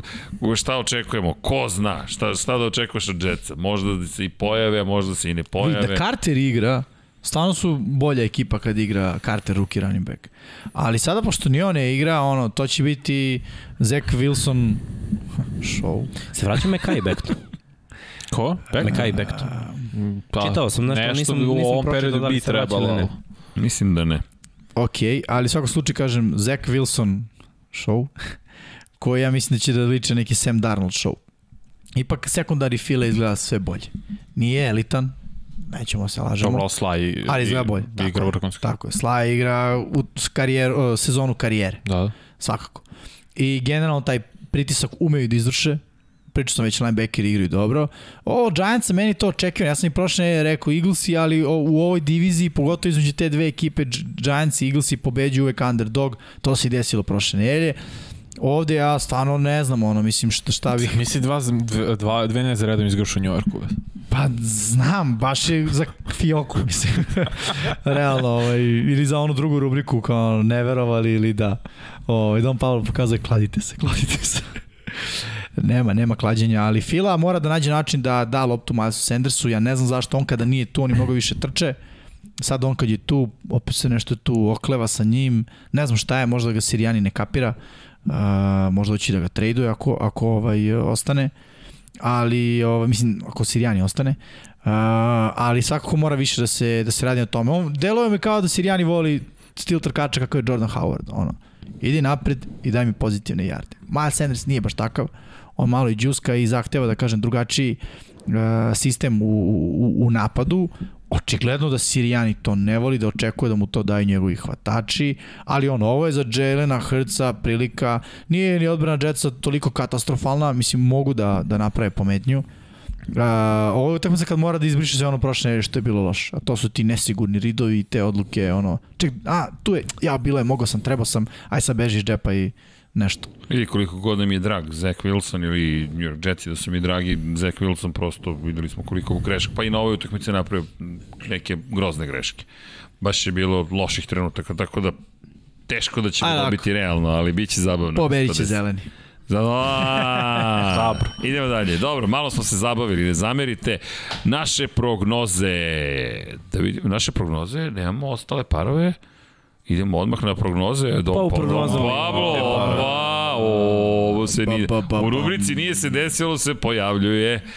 Prvi preskok u istoriji 99 yardi Dom Pablo. Cowboys i Saintsi, očekivano. Da. Pa sad, Manje, pa, od, ja nisam očekivao. A zašto ti je neočekivano? Ne volim Cowboys. A Ah, dobro, dobro, okej, to je- to je lično, da, ali... Da. Ne, ne, ne, ne zbog divizije. One nedelje, kad su izgubili, sam Od- se kladio na njih. A, prošle, protiv Uh, Raidersa, Ne, ne, protiv Raidersa, pre toga su izgubili. Proti, protiv Denvera.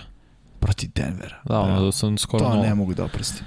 Ne znam, onih, ovaj eksperiment Tyson Hill je bio baš zabavan. Stvarno. Za koga? Za odbranu- gledanje. Za odbranu Dallasa. Za gledanje, ne za gledanje, ali nije to to, neko, i imao je povredu prsta koja Jeste, je da. E, a limitiralo ga. držao je, držao je ekipu koliko je mogu. Pa Jest, dobro, jeste do treće četvrtine, realno. ali on je vrlo dobar, kako to da kaže, futbalski igrač?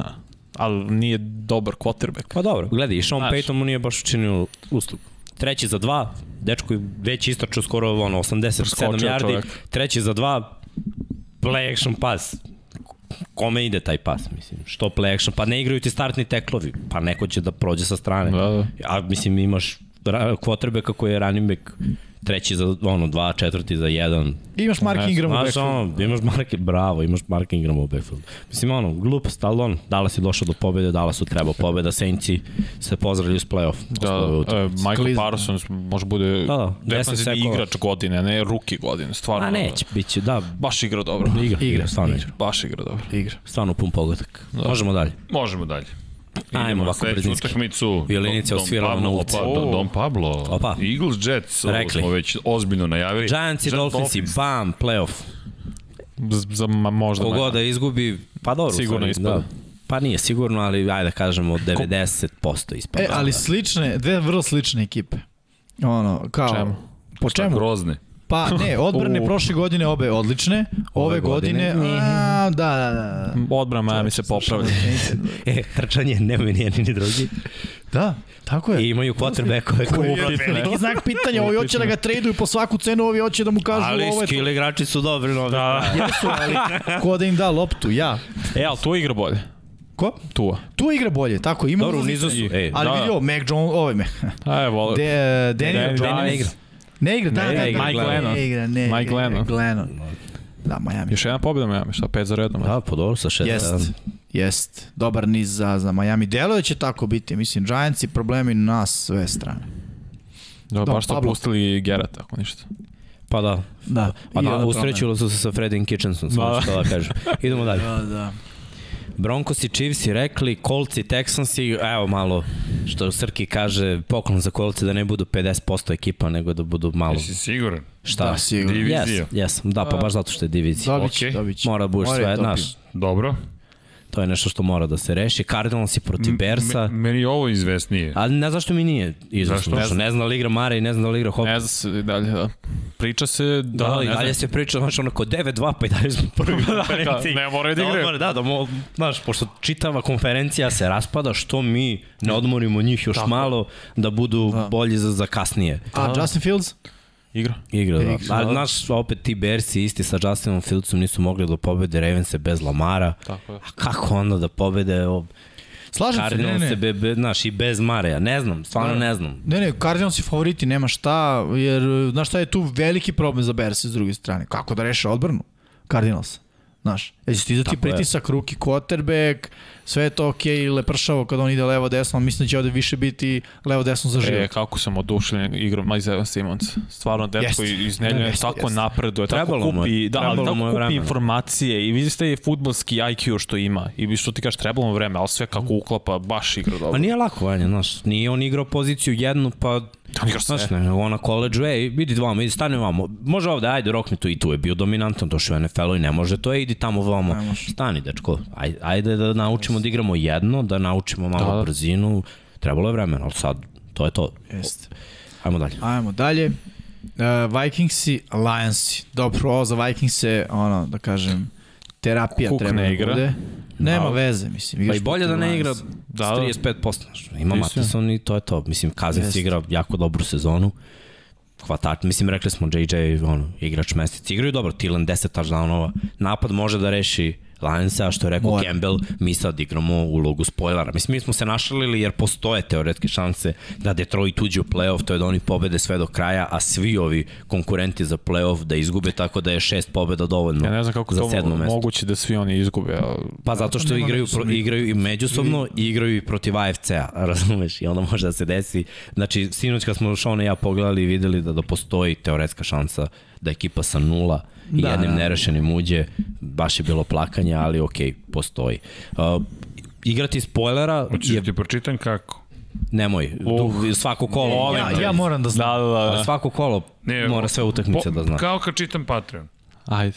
Ajde. Ajde. Ovako, ukoliko nedelji 13 Lions i pobede Vikinge, Cowboys i pobede Saints, Dolphins i pobede Giants, Buccaneers i pobede Falcons, Jets i pobede Eagles, Cardinals i pobede Bears, Raiders i pobede Washington, Seahawks i pobede 49ers, a u nedelji 14 Lions i pobede Broncos i Steelers i pobede Vikinge, Cowboys i pobede Washington, Texans i pobede Seahawks, Jets i pobede Saints, Falcons i pobede Panthers, Chargers i pobede Giants, Bengals i pobede 49ers, Packers i pobede Bears, u nedelji 15 Lions i pobede Cardinals, Eagles i pobede Washington, Cowboys i pobede Giants, Bills i pobede Panthers, Falcons i pobede 49ers, Rams i pobede Seahawks, Buccaneers i pobede Saints, Bears i pobede Vikinge, zatim u nedelji šest- 16 Lions i pobede Falcons, Titans i pobede 49ers, Giants i pobede Eagles, Buccaneers i pobede Panthers, Rams i pobede Vikinge, Seahawks i pobede Bears, Cowboys i pobede Washington, Dolphins i pobede Saints, u nedelji 17 Lions i pobede Seahawks, Bears i pobede uh, pa, Panthers, ne, ne, ne, Giants, Washington pobede Eagles, Saints i pobede Panthers, Texans i pobede 49ers, Packers i pobede Vikinge, u nedelju 18 Lions i pobede Packers, Falcons i pobede Saints, Giants i pobede Washington,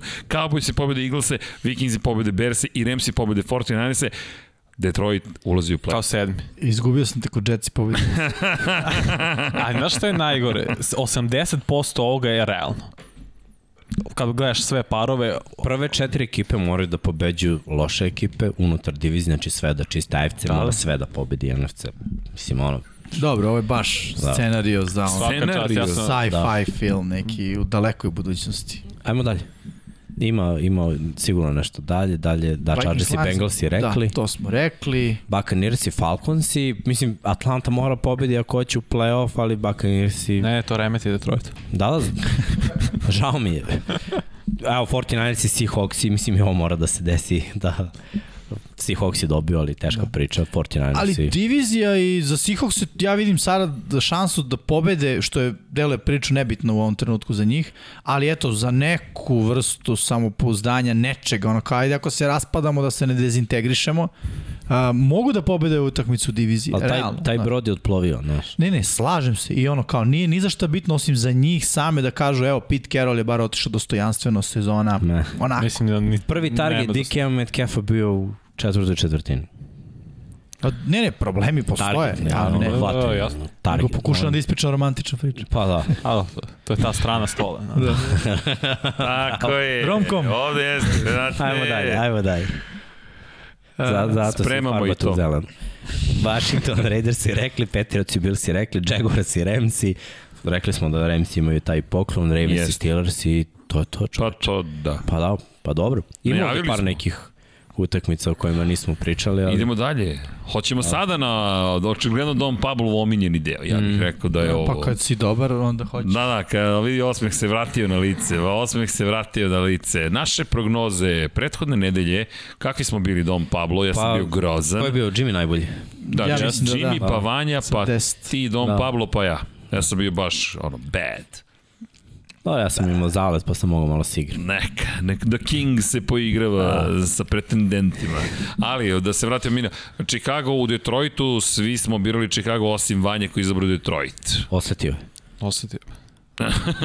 ok, Field goal. ok, pa dobro, ni, da, da su promašili. Pa da. Ali nije opet rubrika, molim A to smo bacili prošle nedelje je, već. Tako tu, je, tako je. rubriku. Da. Zatvaraj fijok, duva promaja. Dallas, to smo rekli, da, da, to, trebalo je Dallas da pobedi, ali trebalo je, čak ni Don Pablo nije verovao, to smo konstatovali, Buffalo u New Orleansu, ja sam se opekao na New Orleans prošle nedelje, to pretpostavljam svake nedelje mora neko da kao, mm. New Orleans će da iznenadi ove nedelje. Ne, ta, ta, Neće se gledati taj film. Otplovio je broj. Odbro, to otplovio. Indianapolis, bira smo ga Miksa i ja, Tampa Dobro, Bay je da. pobedila. Ej, A, sve što je u jedan posed, To je ono, okej, okay, promaš. Prihvatljivo. Da. Što bi rekao, Da. treba on dati pobedu. Da, ne, ne, ne, ne, ne, nego naš on nije fail kao Saints Da, da, da, protiv da. Buffalo. Da, hvala ti, hvala ti. ne prinimali smo ih još.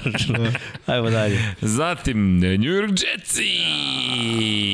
Sve što je jedan New posljed. York Jetsi. Dobro, hvala. Hvala Dom Pablo, hvala Vanja, hvala na nevezu, hvala vam. Ali da, pobedili smo. Nema, nema tu šta da se doda. Treća A. pobeda veličanstvena je bila. Nema šta se doda.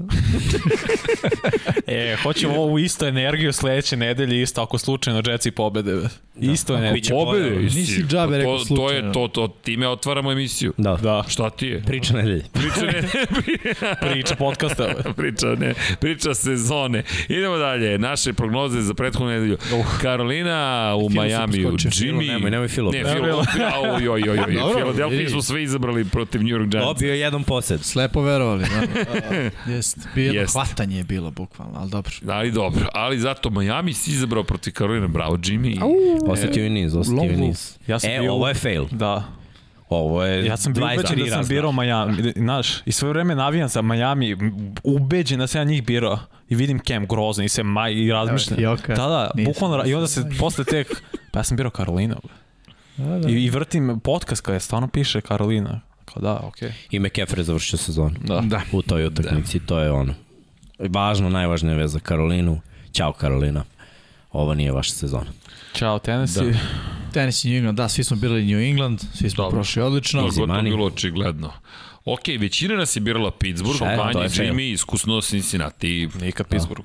Da, pa, Pa, samo da- nisam verovao u Čiši, ali očigledno nova istorija se piše. Da, da, vreme. Da, bolji nisam. Da, vi ti ja smo verovali u Jacksonville.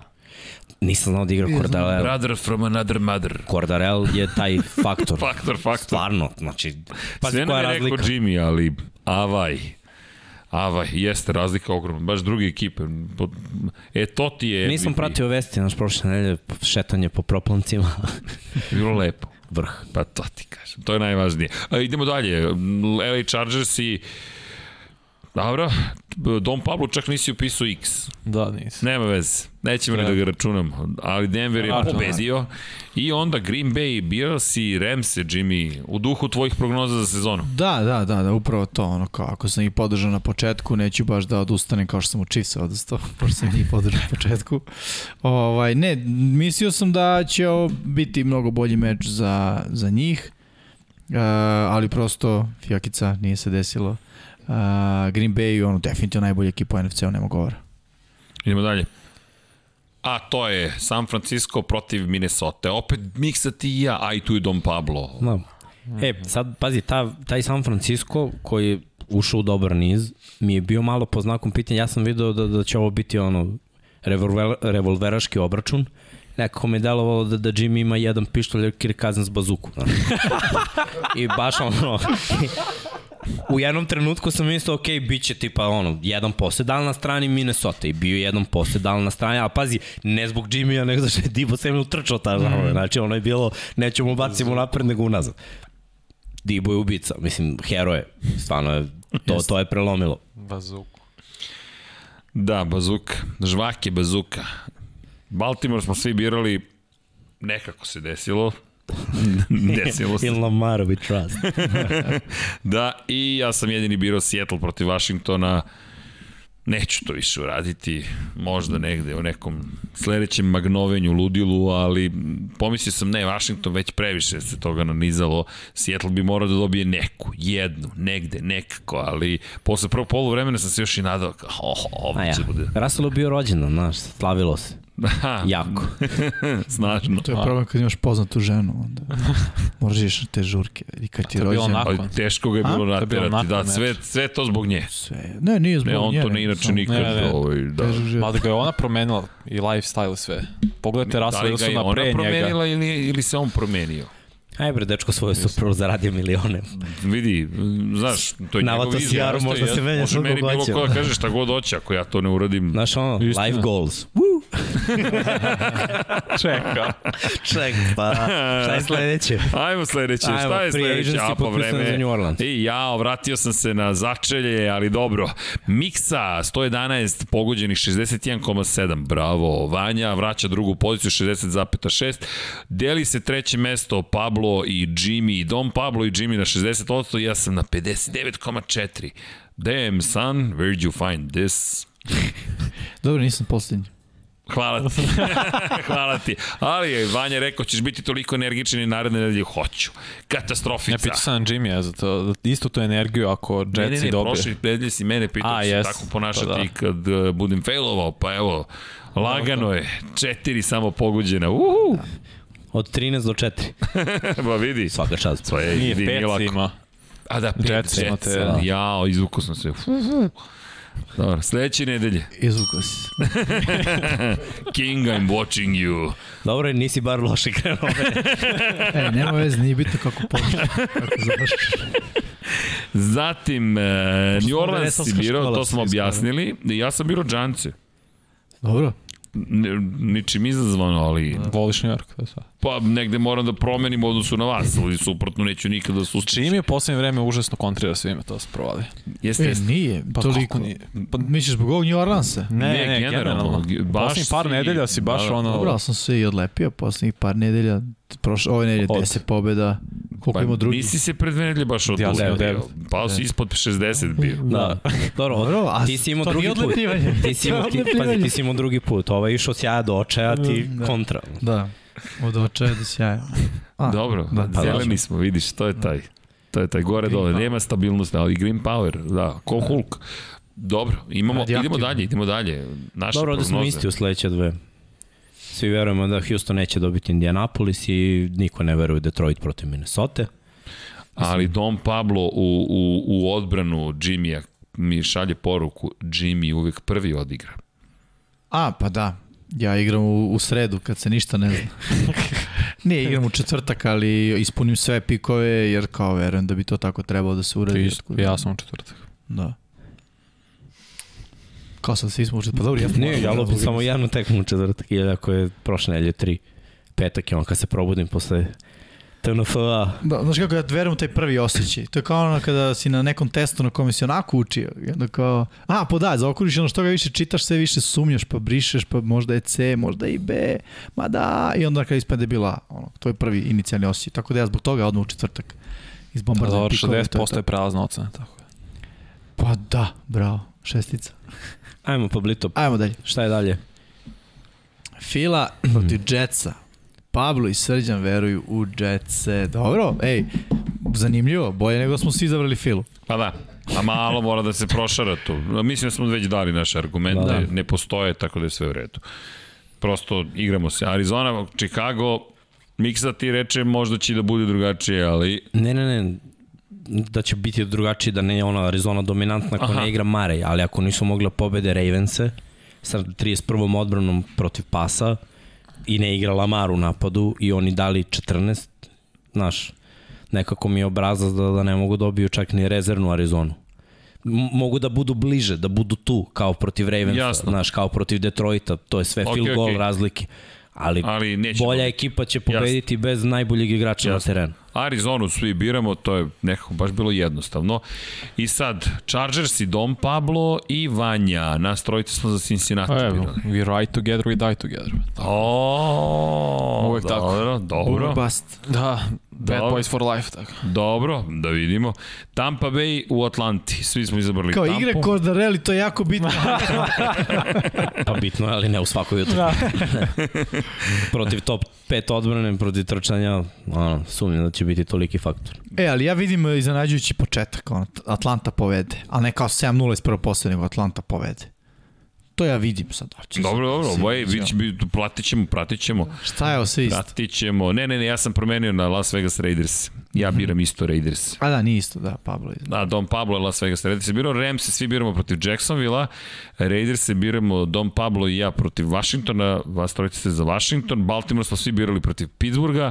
San Francisco svi protiv Sijetla. Dakle, Sijetla sigurno dobio ovu utakmicu.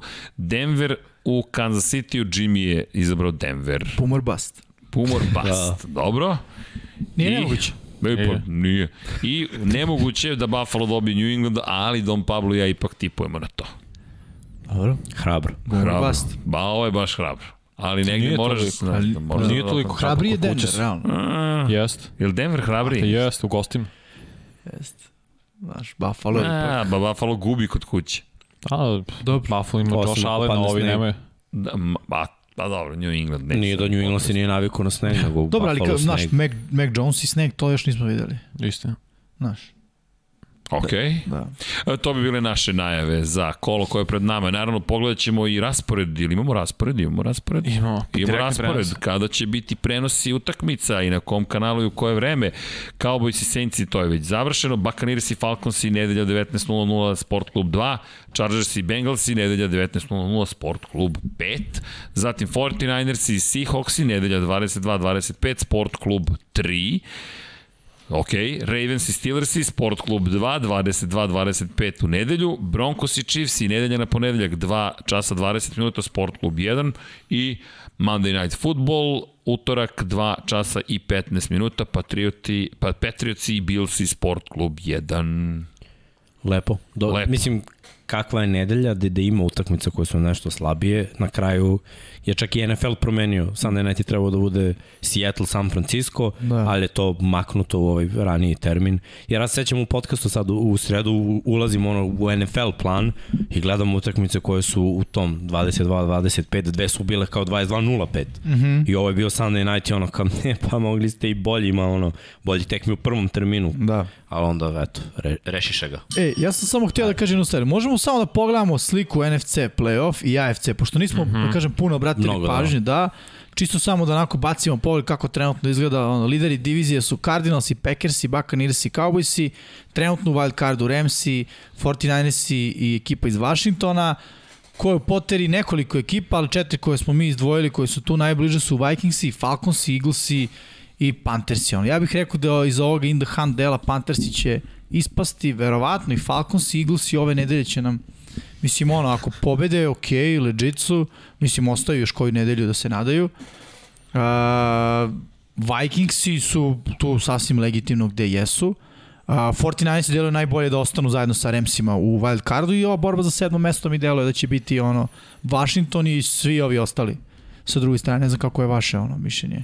Ba ja da- dajem više prednost Minnesota da se izboran krez za to sedam mesto. Za sedmo mesto. Da, okay, da. Ali da ti deluje da su Ramsi i 49 i še, pet, uh, pet i šest. Skoro sigurno, da. Da.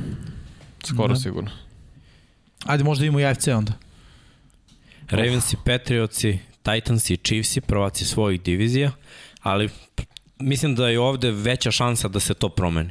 Zato što Bengals imaju 7-4 i mogu da, da sklone Ravense. Tu, tu je nekako onako najtanja linija. Kad pogledamo ove druge divizije NFC-u, ne vidim baš ono toliko izvesnu borbu unutar.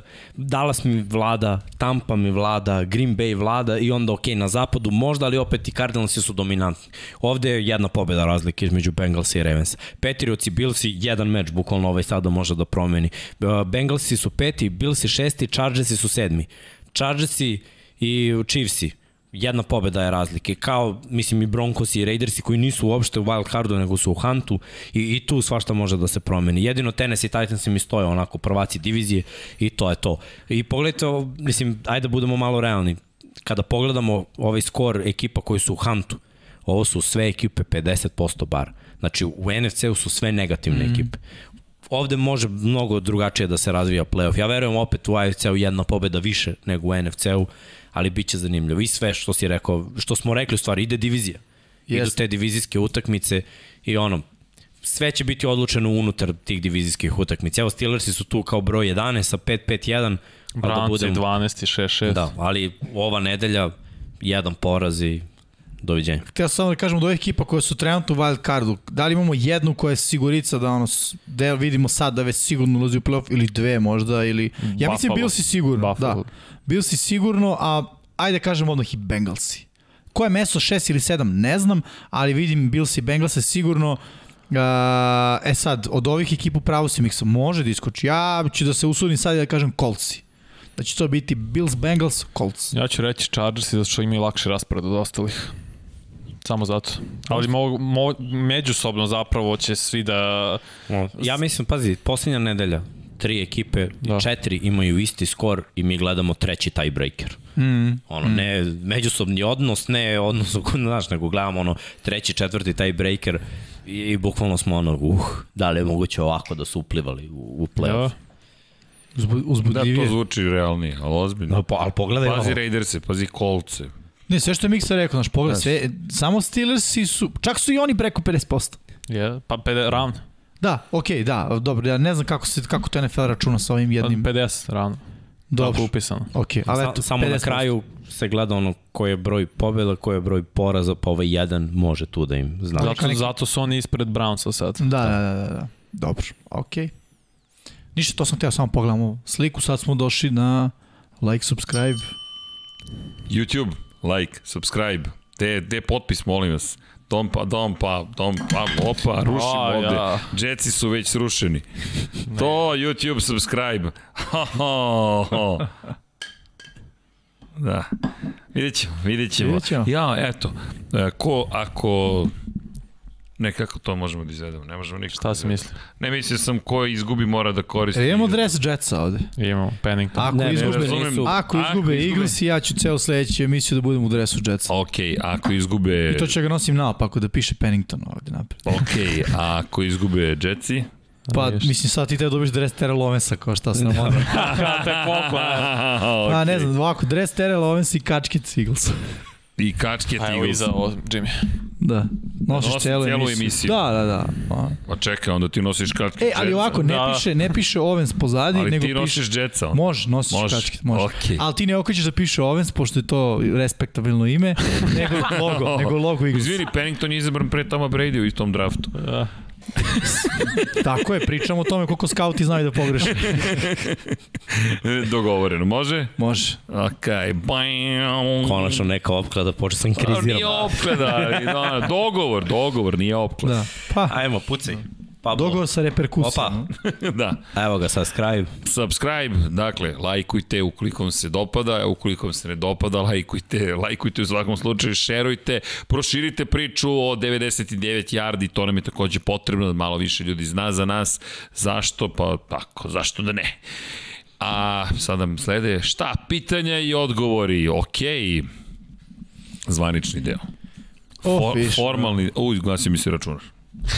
Dobro. Ništa. Dobro, to bi bilo Mazite to. si, pa- Evo, pogledaj, pogledaj. Imamo neki kabel za punjenje. gasi se TV. TV se gasi. Imamo, imamo Ovo su neke kabel, sad će mi poruke. to, da, to su poruke. Skrivene Kosmos. poruke. 15 do 12. Gledam šta je još simbolika. neka. Čekaj, evo, pripremamo struju. Nedelja broj 13. Dom Pablo neće da mi prikaže, pričajte nešto. Ajde ovako, uh, emisija broj 59, kvarno. pomenuli smo to, meni bi to bilo cool da, da radimo, da uvek spomenu nekog igrača koji je nosio broj u skladu sa emisijom koju imamo. Ja, zna neko nekog broj 59 da je bio onako impact? Kikli? Bravo, da li zna nekog, zna, i to koga? Miksa, ja, Pa meni ne, sad mi je kao. ja ne mogu da se, da se setim za 59. E.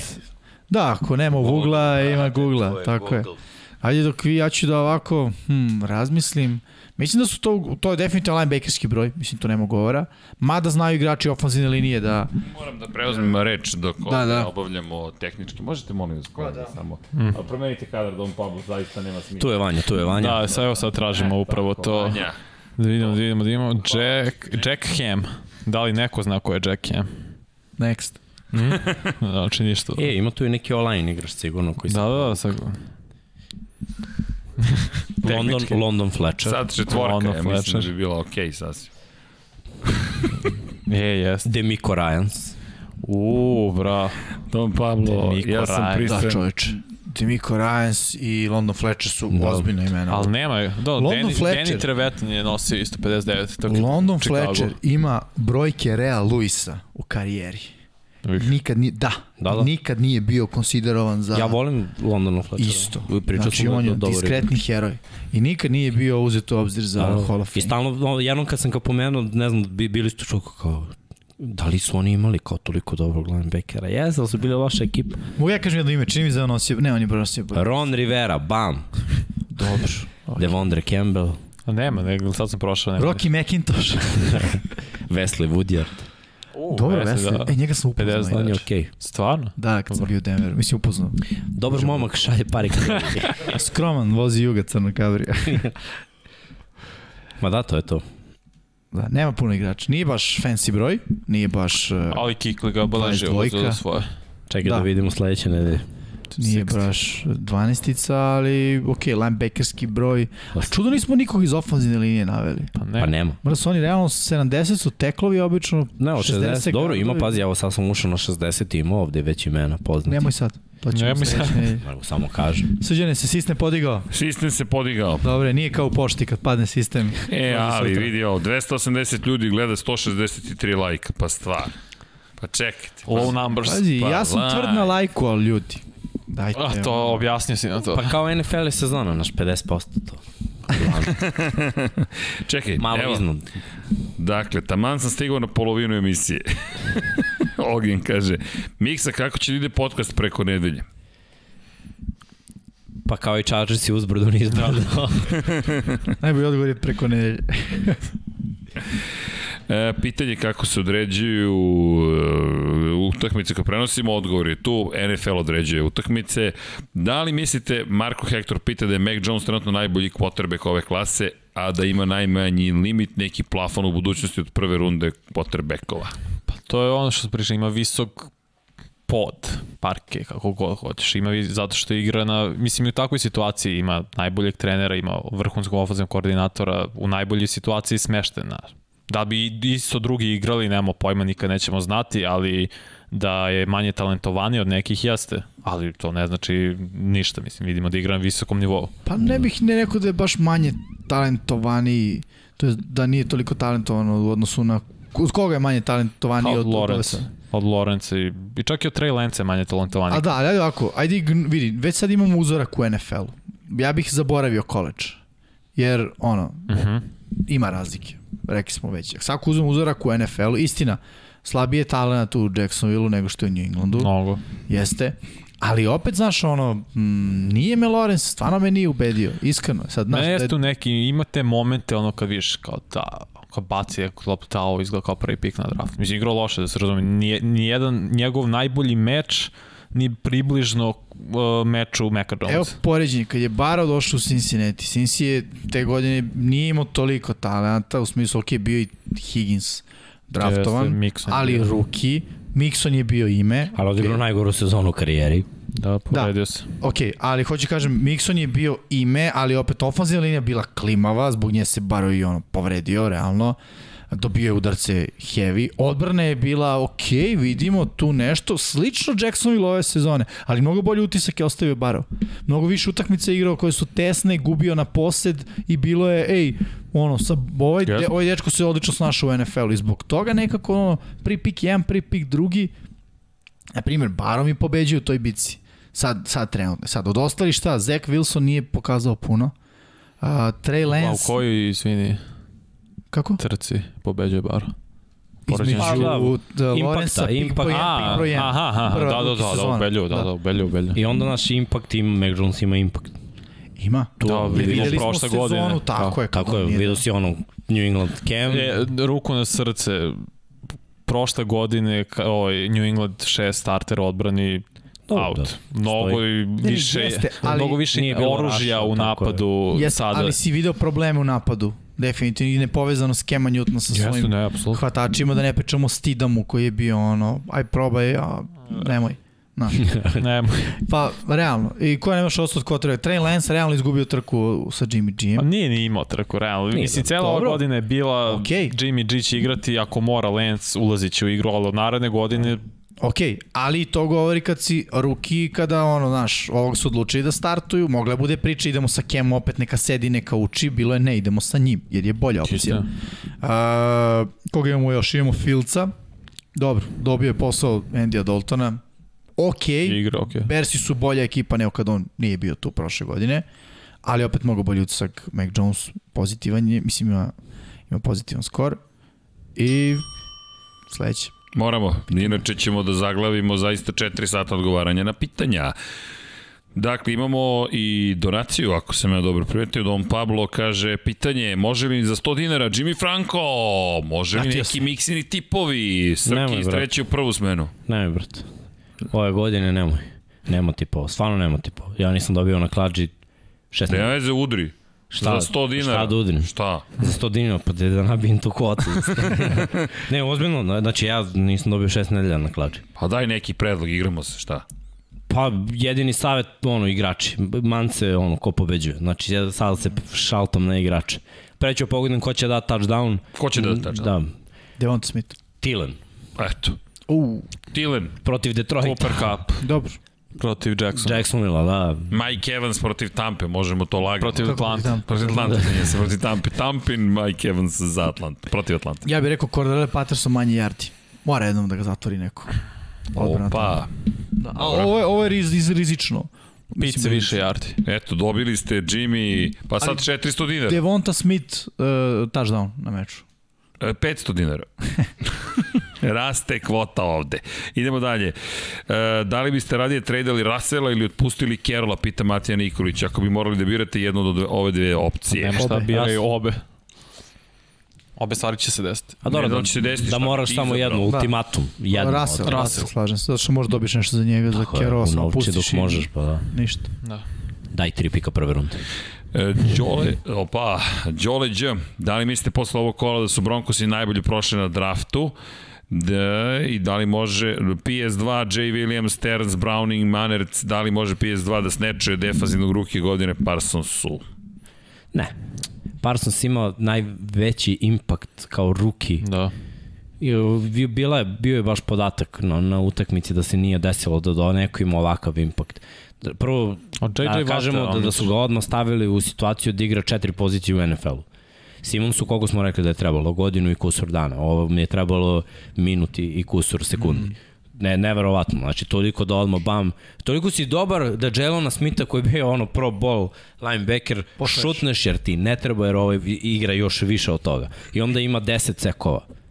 Pa ja mogu da ti nabrojim sada 10 timova gde lead rusher nema 10 Evo, sekova. poređenje od Jadon sezonu karijere 11 sekova, tako? 11 i po da. 11 i po sekova. Sada. Ovaj momak u ruki sezoni ima 10. 10, tako je. Mislim, znaš, ono, delovalo je okej, okay, da Marcus Lawrence se povredio, ne igra 10 utakmica, Dallas nema rush. A, Čekaj, idemo opet. Znači, i to mu teška nije priča. prirodna Mislim, pozicija. Srcem bi morao da ima ono, jo- još 6-7 interseptiona i da još neki vrati za ono, touchdown, da bi ušao u, u priču impakta. Ali vidio, ali da Denver svakako ima priču što se tiče rukija. I Javonte Williams i uh, Sertain, je li tako? Ili ima još da, nekoga? Pa ne znam, ali imaju i Chargers isto. Slater igra na hopu najteže pozicije lefazani A tackle. ko je pos, pored njega? Asante Samuel.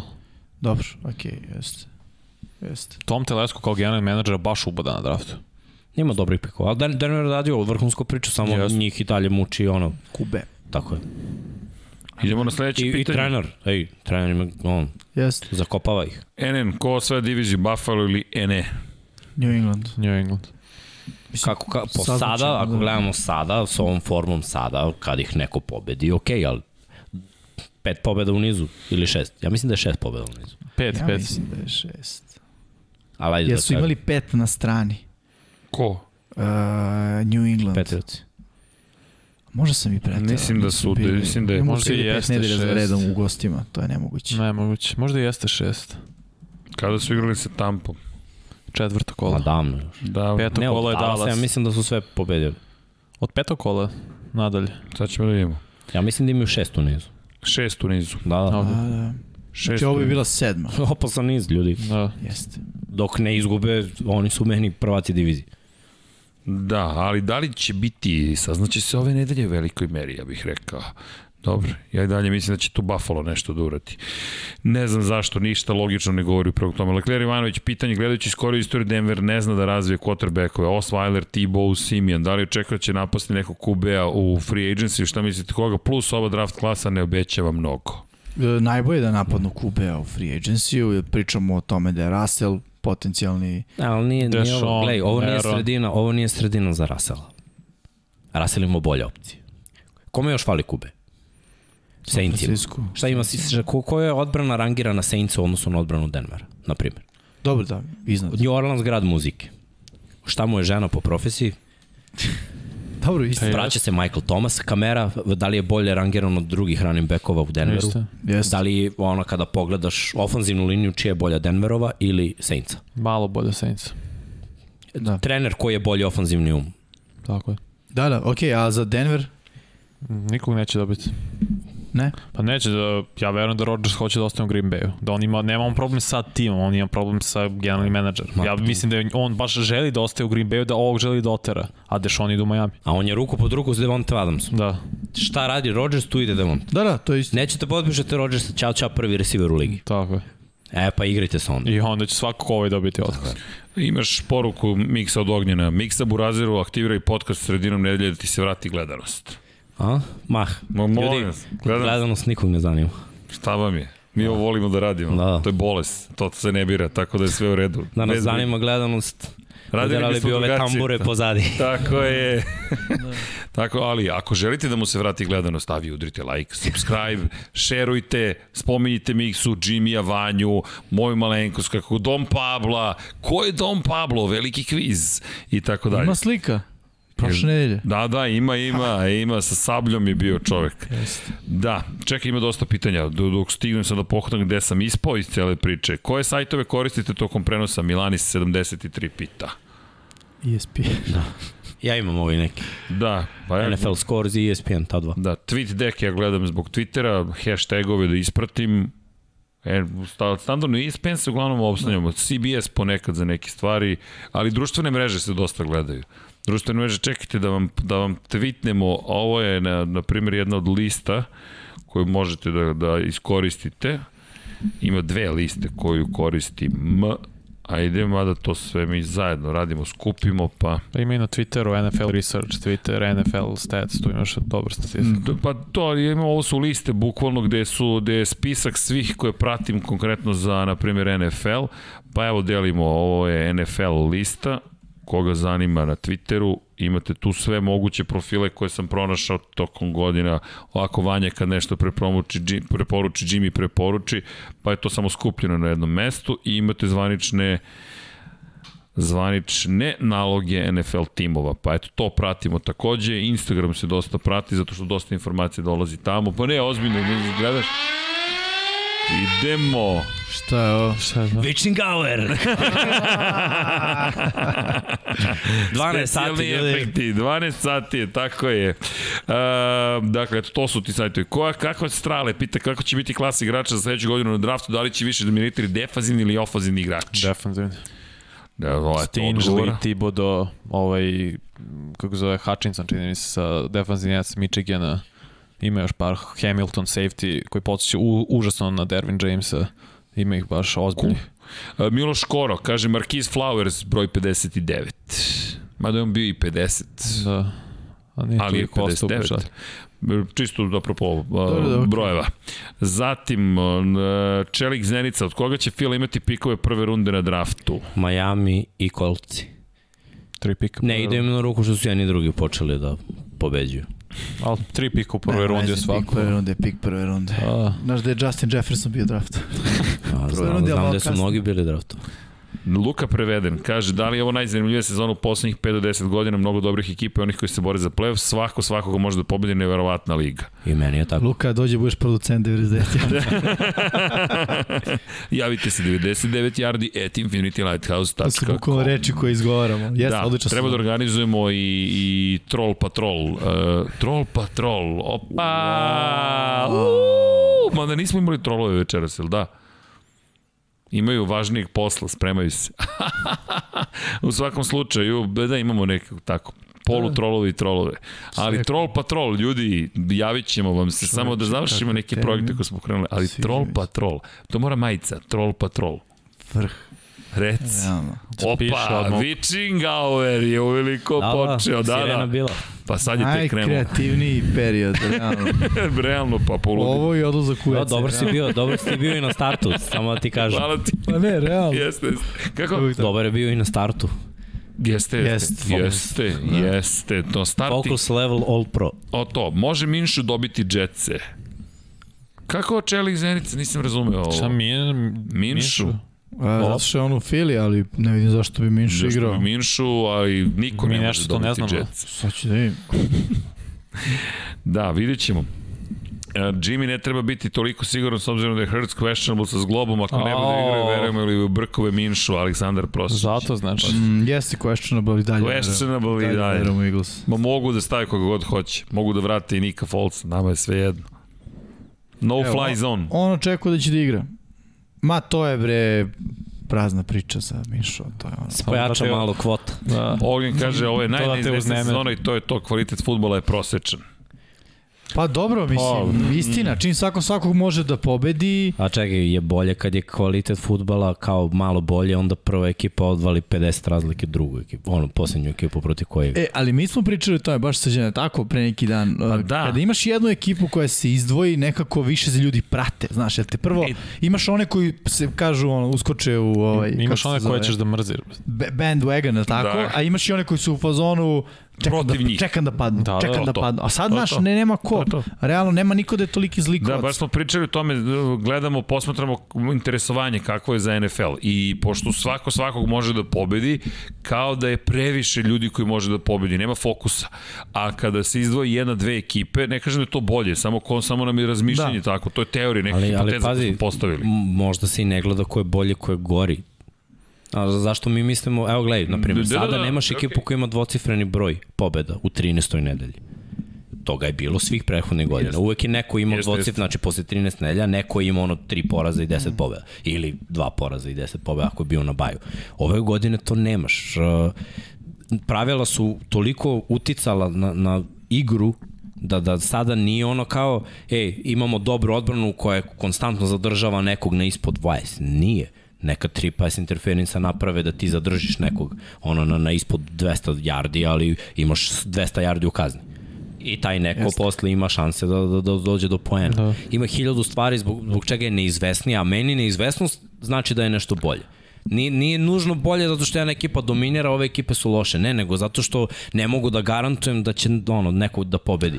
Ali ovo je show biznis. Ali Slažem gledaj ti sad se- svake nedelje imaš pet utakmica koje mi ocenimo ovde kao 50-50 i failujemo svake Jeste, ali slažem se Jimmy i, i Srkim u smislu, svi, uh, svi, mislim, glupo je kaže, svi vole da mrze, ali imaš uvek Patriote 20 godina su dominali, svi su čekali samo da oni, samo njih neko Vidi. da skine, naš. Pa to onda poslao Kansas City do ove godine kad su počeli svi da ih pobeđu, više nije bilo zanimljivo pratiti tu priču. Da je bila pričamo- Tampa pa i Tampa gubila. Pa sad i ove sezone Da, da. nisi više siguran šta će sve Tampa da pobedi. Vidi, Ali čekaj, što pričamo- bi mi, na primjer, gledali Raiders i Washington? Ne, ne, čekaj, čekaj, Da čekaj. nije ovakva sezona. Ne kažem, je tako? uh, vidi, ali... Ko bi gledao tu utakmicu? Ne, više nam je da. teorija po broju ljudi koji će gledati. Znaš kako, mi smo ljudi koji će svakako da gledaju. Svakako ćemo da gledamo NFL. Nema šanse da ne gledamo. Više pričamo o interesovanju opštem. Nekako, kada se izdvoji jedni drugi, treći eventualno, imaš nekog za koga se hvataš bukvalno. Pa to, imaš nekoga koji je najviše eksponiran. To ti je onaj brand exposure. Njihovo ime se toliko spominje da svi znaju za Mahomesa, za Kansas City Chiefse, za Steelers kad su bili, ne znam, moći, za Seattle kada juri drugu titulu, za New England kada je, jel te, kroz sve decenije kroz koje je radio to što je radio, za Ramse. Znaš, u tom kontekstu više ne da li je bolje, da. dobro, loše, nego zašto više ljudi gleda u regularnom delu sezone kada nije ovako Svi neizvesno. vole priču. Znaš i sam mikse po NBA-u i da. Warriorsima. Svi su hteli, samo su čekali Warriors je padnu. O. Ja, pazi, ja nikad nisam razmišljao kao većina. Ceo život. Znači, O, Ne, ne, ne, Dobro, vidi, dobro, da. nije, Da, znaš, nije, ono- nije ovo naše Ne, razmišljanje, ne, ne, ne analiza kažem ja da je tvoje, ne, nego lo, ono, sve ukupno, razmišljanje ljudi koji, koji ono, prate, ja pratim sport, ovaj, stvarno ga pratim. Ja malo ljudi znam ko je ono, ja sam fanatik. No, ja ne znam drugu budalu koja je gledao ovo sve utakmice svake sezone, znaš, malo ih je. I, I onda kada pogledam sve utakmice svih ovih ranijih sezona i znaš, meni nije zanimljiva sezona da znam da će Chiefs da uđu u Super Bowl, kao prošle godine. E šta smo rekli, pravili power rating, Chiefs su prvi su bili na kraju Super Bowlu, jesi, ovamo smo da. failovali u NFC-u, ali ono, imali smo negde u glavi, ok, imamo Brady ove godine, mi nemamo predstavu ko će u sedam da uđe, a ne u Super Bowl. Tačno. Mi nemamo predstavu koji... Ne, ne, slažem se, slažem se To sa- je meni zanimljivo. Vidi, to ti kao kada bude utakmica i rezultat bude, ne znam, 23, 21, to može da bude jako zanimljiva utakmica sa aspekta, no, no, nas kad gledaš utakmicu pa analiziraš sve, pa kapiraš šta odbrana radi, kako zatvaraju ovo, I kako... koliko god da greše, ta utakmica mi je bolja od Jeste. 47. Ali će ti većina reći da je bolja bila 40 prema 38, Mislim. zato što, znaš kao, ej, 78 poena, čoveče, pljuštalo na Jeste. sve strane. To ti je kao ono što sam skoro pričao s jednim igračem i, i, i, i rekao mu, ti si odličan igrač, ali tvoj problem je da bi osvojio MVP u domaćoj ligi, što igraš odbranu i nikad nećeš osvojiti MVP. Jer u Srbiji svi gledaju samo napad. I to je sve što je bitno. Nikakva sad ovo kritika, prosto stvar je takva, ovaj sport ima određenu reputaciju i publiku, Za razliku od drugih sportova gde ono, ljudi gledaju, ne znam, futbal, košarku, pa si u nekom trenutku trenirao, znaš neko ko je trenirao, imaš neke veze sa tim i onda možda da više ljudi će da komentariše na neki način za koji veruju da je ispravno. Ovde ima ljudi koji onako, znaš, ne usude se baš da komentarišu jer, znaš, nije im toliko poznat sport. I onda sa tog aspekta kada se postigne 100 pojena na utakmici, to deluje kao wow, znaš. Kao sad kad je Srbija igrala košarku protiv Letonije, ono kao 200 poena, čoveče. Pa ja koji ne pratim toliko košarku, bio sam zor mora da je bio odličan meč. Nemam pojma, vidio sam 200 poena Pa, u onom meču Evo u ti sad Evropi, ovo, što nije 73 karakteristika. poena, koliko Thunder. Uf, ovo je baš Razlika, bilo- znaš, to su, to su stvari koje u novinama, medijima dobiju, pa ovako kao 6-6 je 6-5 je 5-7 Ali je gledaj, 5-8-8-4. i evo, baš pa zato moram da ti kažem. Ja gledam NBA već 25 godina. Nije mi bolje ovaj NBA od onog nekad Nije, kad je ne, ne, bilo ne, ono ja ispod 100 Čekaj, poena, kad je bilo ja ti- ja neizvesno. to ne Ne, govorim. ne, Ovo znam o čemu ne ne govoriš, da. nego, nego samo kažem ko je moj parametar, za- zato što mislim da, da ono, još od Ti si srede... izuzetak. Dobro, mislim, to mi je mama rekla. Budi drugačiji, baš kao i svi drugi. Ali samo E. konstatujemo, gledaš, gledam, bilo nam je zanimljivo. Jimmy, Čekaj, evo mi komentarišemo, Da. sve manje. Je ti nije bolje ove godine kad ono, radiš mi neki nije uveče kad bolje, ono da li mind blown, Da, Daj, ono, ne, meni ne, je, Znaš, gledaš utakmicu kao, ali da, je moguće ovo, brad, čekaj, bre, šta se ovde dešava? Jest. Znaš, prehodno ono, radim čivse. Znači, neko me pita šta će bude, a dobiju čivse. Gradim tekmu, samo komentarišem šta se dešava. Ne, nema, nema scenariju u kom ovaj drugi pobeđuje. Ove Jest. godine postoji scenariju za sve, na- znači, još samo leteći tanjer da leti na A vidi, teren. jel to, to, je, to jest, to baš se lekao jednu veliku istinu. Naprimjer, to, to je mm, u Formuli 1, na primjer, jedna od stvari koje smo imali u hibridnoj eri je potpuno dominacija Luisa Hamiltona, pre svega i Mercedesa, do nekle Niko Rosberg dok je bio Mercedesu, ali ti znaš šta će da se desi. Ti, ti jednostavno znaš, A hoćeš da gledaš da, samo da bi ga neko skinuo. Da, Ne, ne, gledaš pa ne, ili da vidiš ne. kako se dešava ili da vidiš kako ja kreće ne, propast. Mene, Da. nije, mene Da ne interesuje da li će skinuti Hamiltona sa vrha ili ne. To, to, mi, to, to, to nije ono što je meni zanimljivo. Meni je zanimljivo. Pazi, ja obožavam Formula 1, isto ko Mix. Ja ću da se bavim koja je nalepnica nova na bolidu Formula 1. Bukvalno to je na tom nivou ko vas dvojica, ma sva trojica kad dođete, da li si video, ti, pogotovo ti, na rukavicama, piše ovo, ok, to je taj, to je taj nivo, nivo obožavanja nekog sporta. Meni je u Formuli 1 to, to dovoljno, veruj mi. Aha, novo rešenje na zadnjem točku, aha, novi difuzor, e, novi prorez, imaju tri proreza umesto četiri proreza na graničnim pločama na zadnjem krilu. Zašto je to tako? Meni je to dovoljno, ali šta je poenta kada imaš situaciju u kojoj nemaš pojma ko će da pobedi, naravno da ti još uzbudljivije, jer sad svi ti prorezi dobijaju suštinski smisao. Ti gledaš ih, aha, čekaj, šta će sad da uradi Red Bull da pobedi Mercedes, šta će da uradi Mercedes da se vrati protiv Red Bulla, šta će Ferrari da uradi da bi, znaš, to su sad ti momenti, ali kada se digne, kada se digne nivo kvaliteta igre, kad sve ode nekako gore, i još jedna stvar, ja mislim da je novembar najteži mesec u NFL-u. Zaista mislim da je najteži nisi ni nisi ne u play-offu, a znaš da su ti važne utakmice, a već igraš 3 meseca, već osjećaš i na telu, osjećaš i u glavi, pitaš se šta će biti sledeće godine s ugovorom, da li ja ostajem ovde, idem odavde, hoće ova moja ekipa da uđe u play-off, hoću da dobijem bonus, hoće sve da bude u redu, znaš, u početku to je isto kao, znaš, na početku fu, fu fu fu fu fu fu fu i onda dođe witching hour. E, njima se približava njihov witching hour.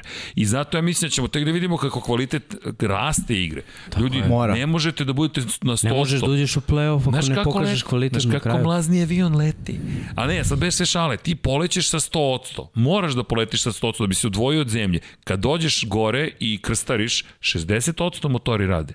Nema. Štediš gorivo, čuvaš motor da preživi let preko okeana. I onda kad ide spuštanje, e, tu sada krećemo. Gasa, oduzmi gasa, otvori zakrilca, predkrilca, levo, desno, imaš bočni vetar, nemaš bočni vetar, to je, znaš, A mislim da su Orlovi to pojednostavili. Raširiš krila. Ja, ra, i obrušiš se. vidim, vidim, pa vidim, po, pokidali su od sedam poena. Priroda je vidim, uvek, Znaš, ne možeš da se obrušiš na džina. da, pa to nešto. Nije baš lako.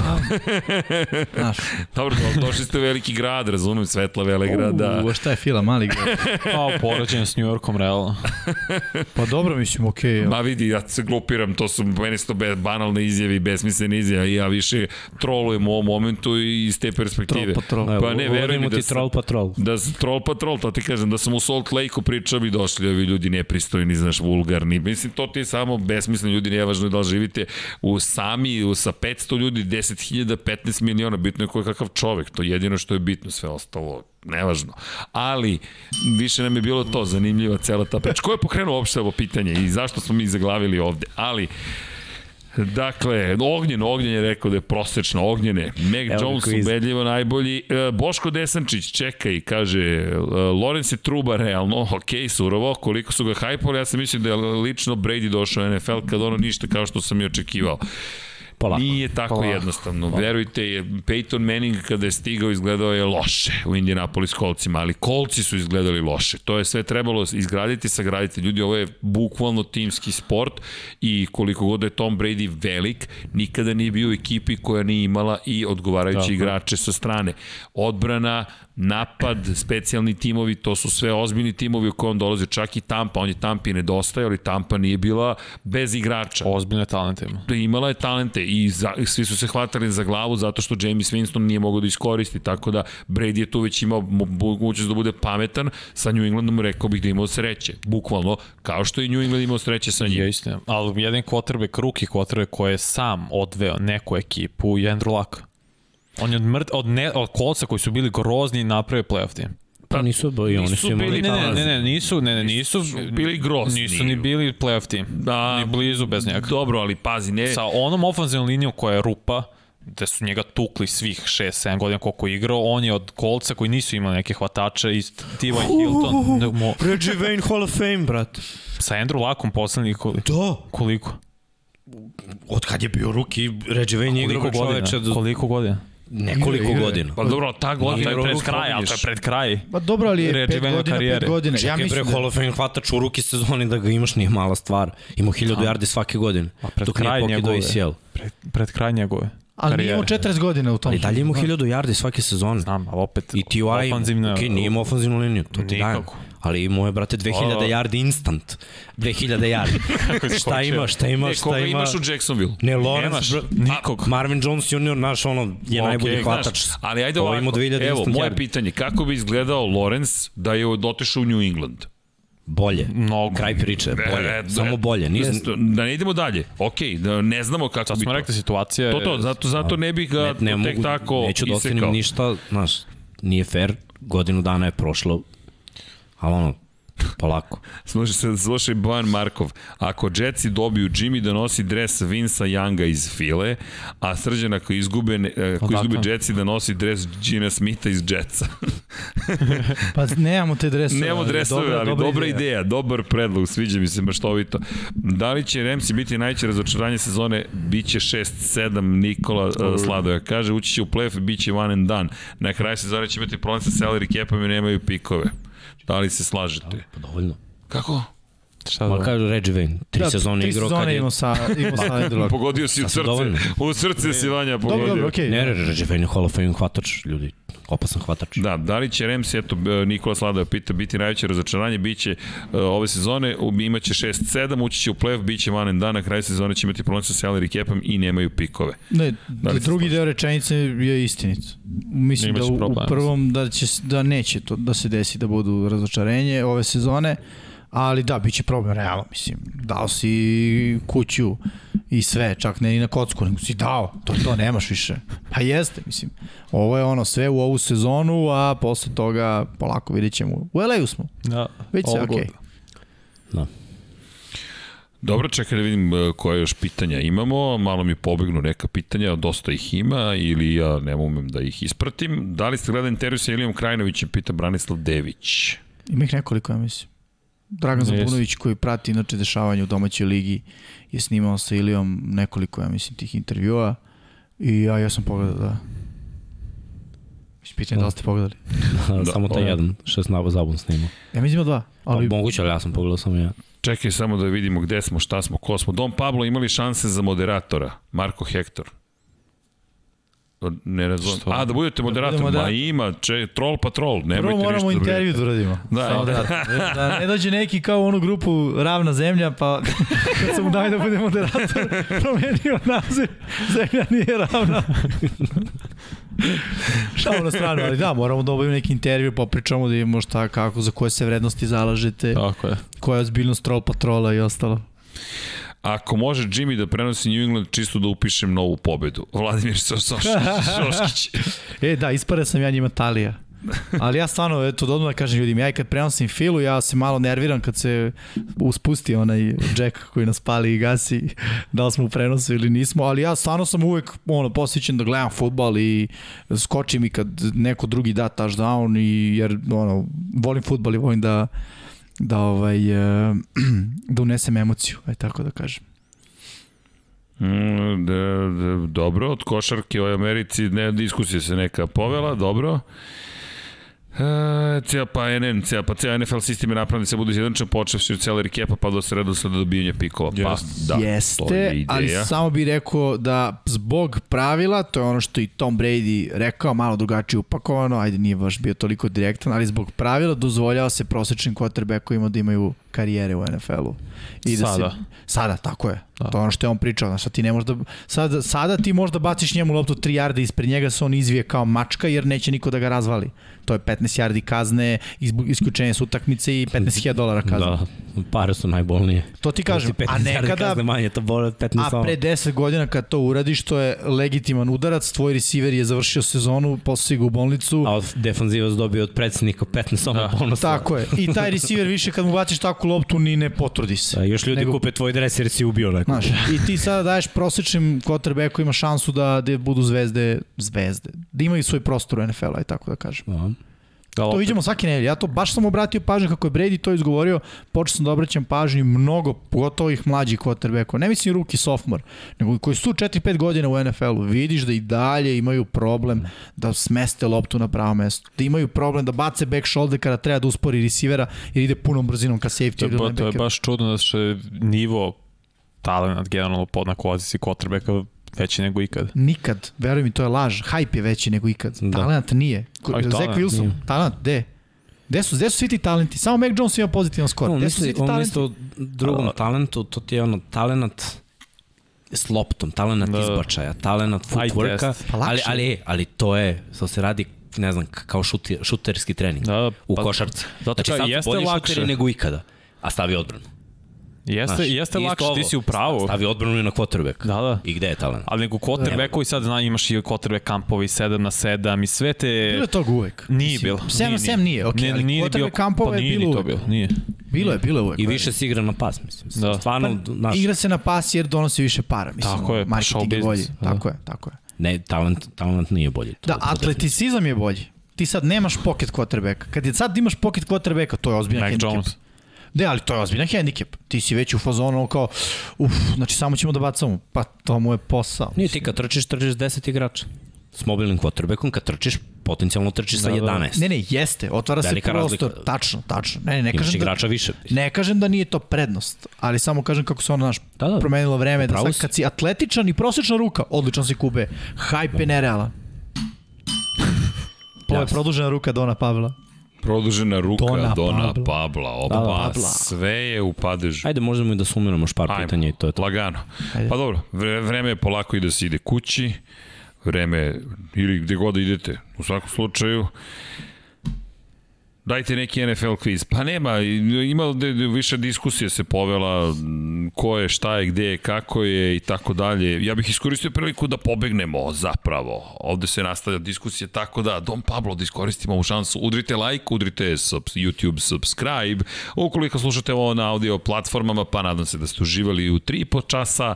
Dobre zabave, eto 3,5 sata, skratili smo sa 4 na 3,5. Fantastičan napredak ekipe u kontekstu. A mi kao Bill i Patriota naš što ide što je kraj sezone, tako mi postajemo bolji. Uh, nadam ne. se Vanja, vidi, nadam se tek ćemo da budemo dobri. Kako Ko ima najgori time management od trenera u NFL-u? Koga uvijek prozivaju za to? Da loše za time Mike McCarthy. Mike McCarthy, da. Mike, Mike McCarthy, što se tiče Mike McCarthy. Nismo toliko loše. Dobro, ne, ne, ne, večera smo okej. Okay. Večera smo okej. Vidi, okej, okay, vidi, trial, šta da radiš, Dobro ima pace. puno posla, Dobro dobrih pace. stvari, zabavno je, Jest. sve okej, okay. vidi, ja mislim da možemo biti zadovoljni. Nadam se da ćete vi biti zadovoljni koji slušate u odloženom snimku i da ste već zadovoljni, vi ćete biti zadovoljni, kako, nema veze.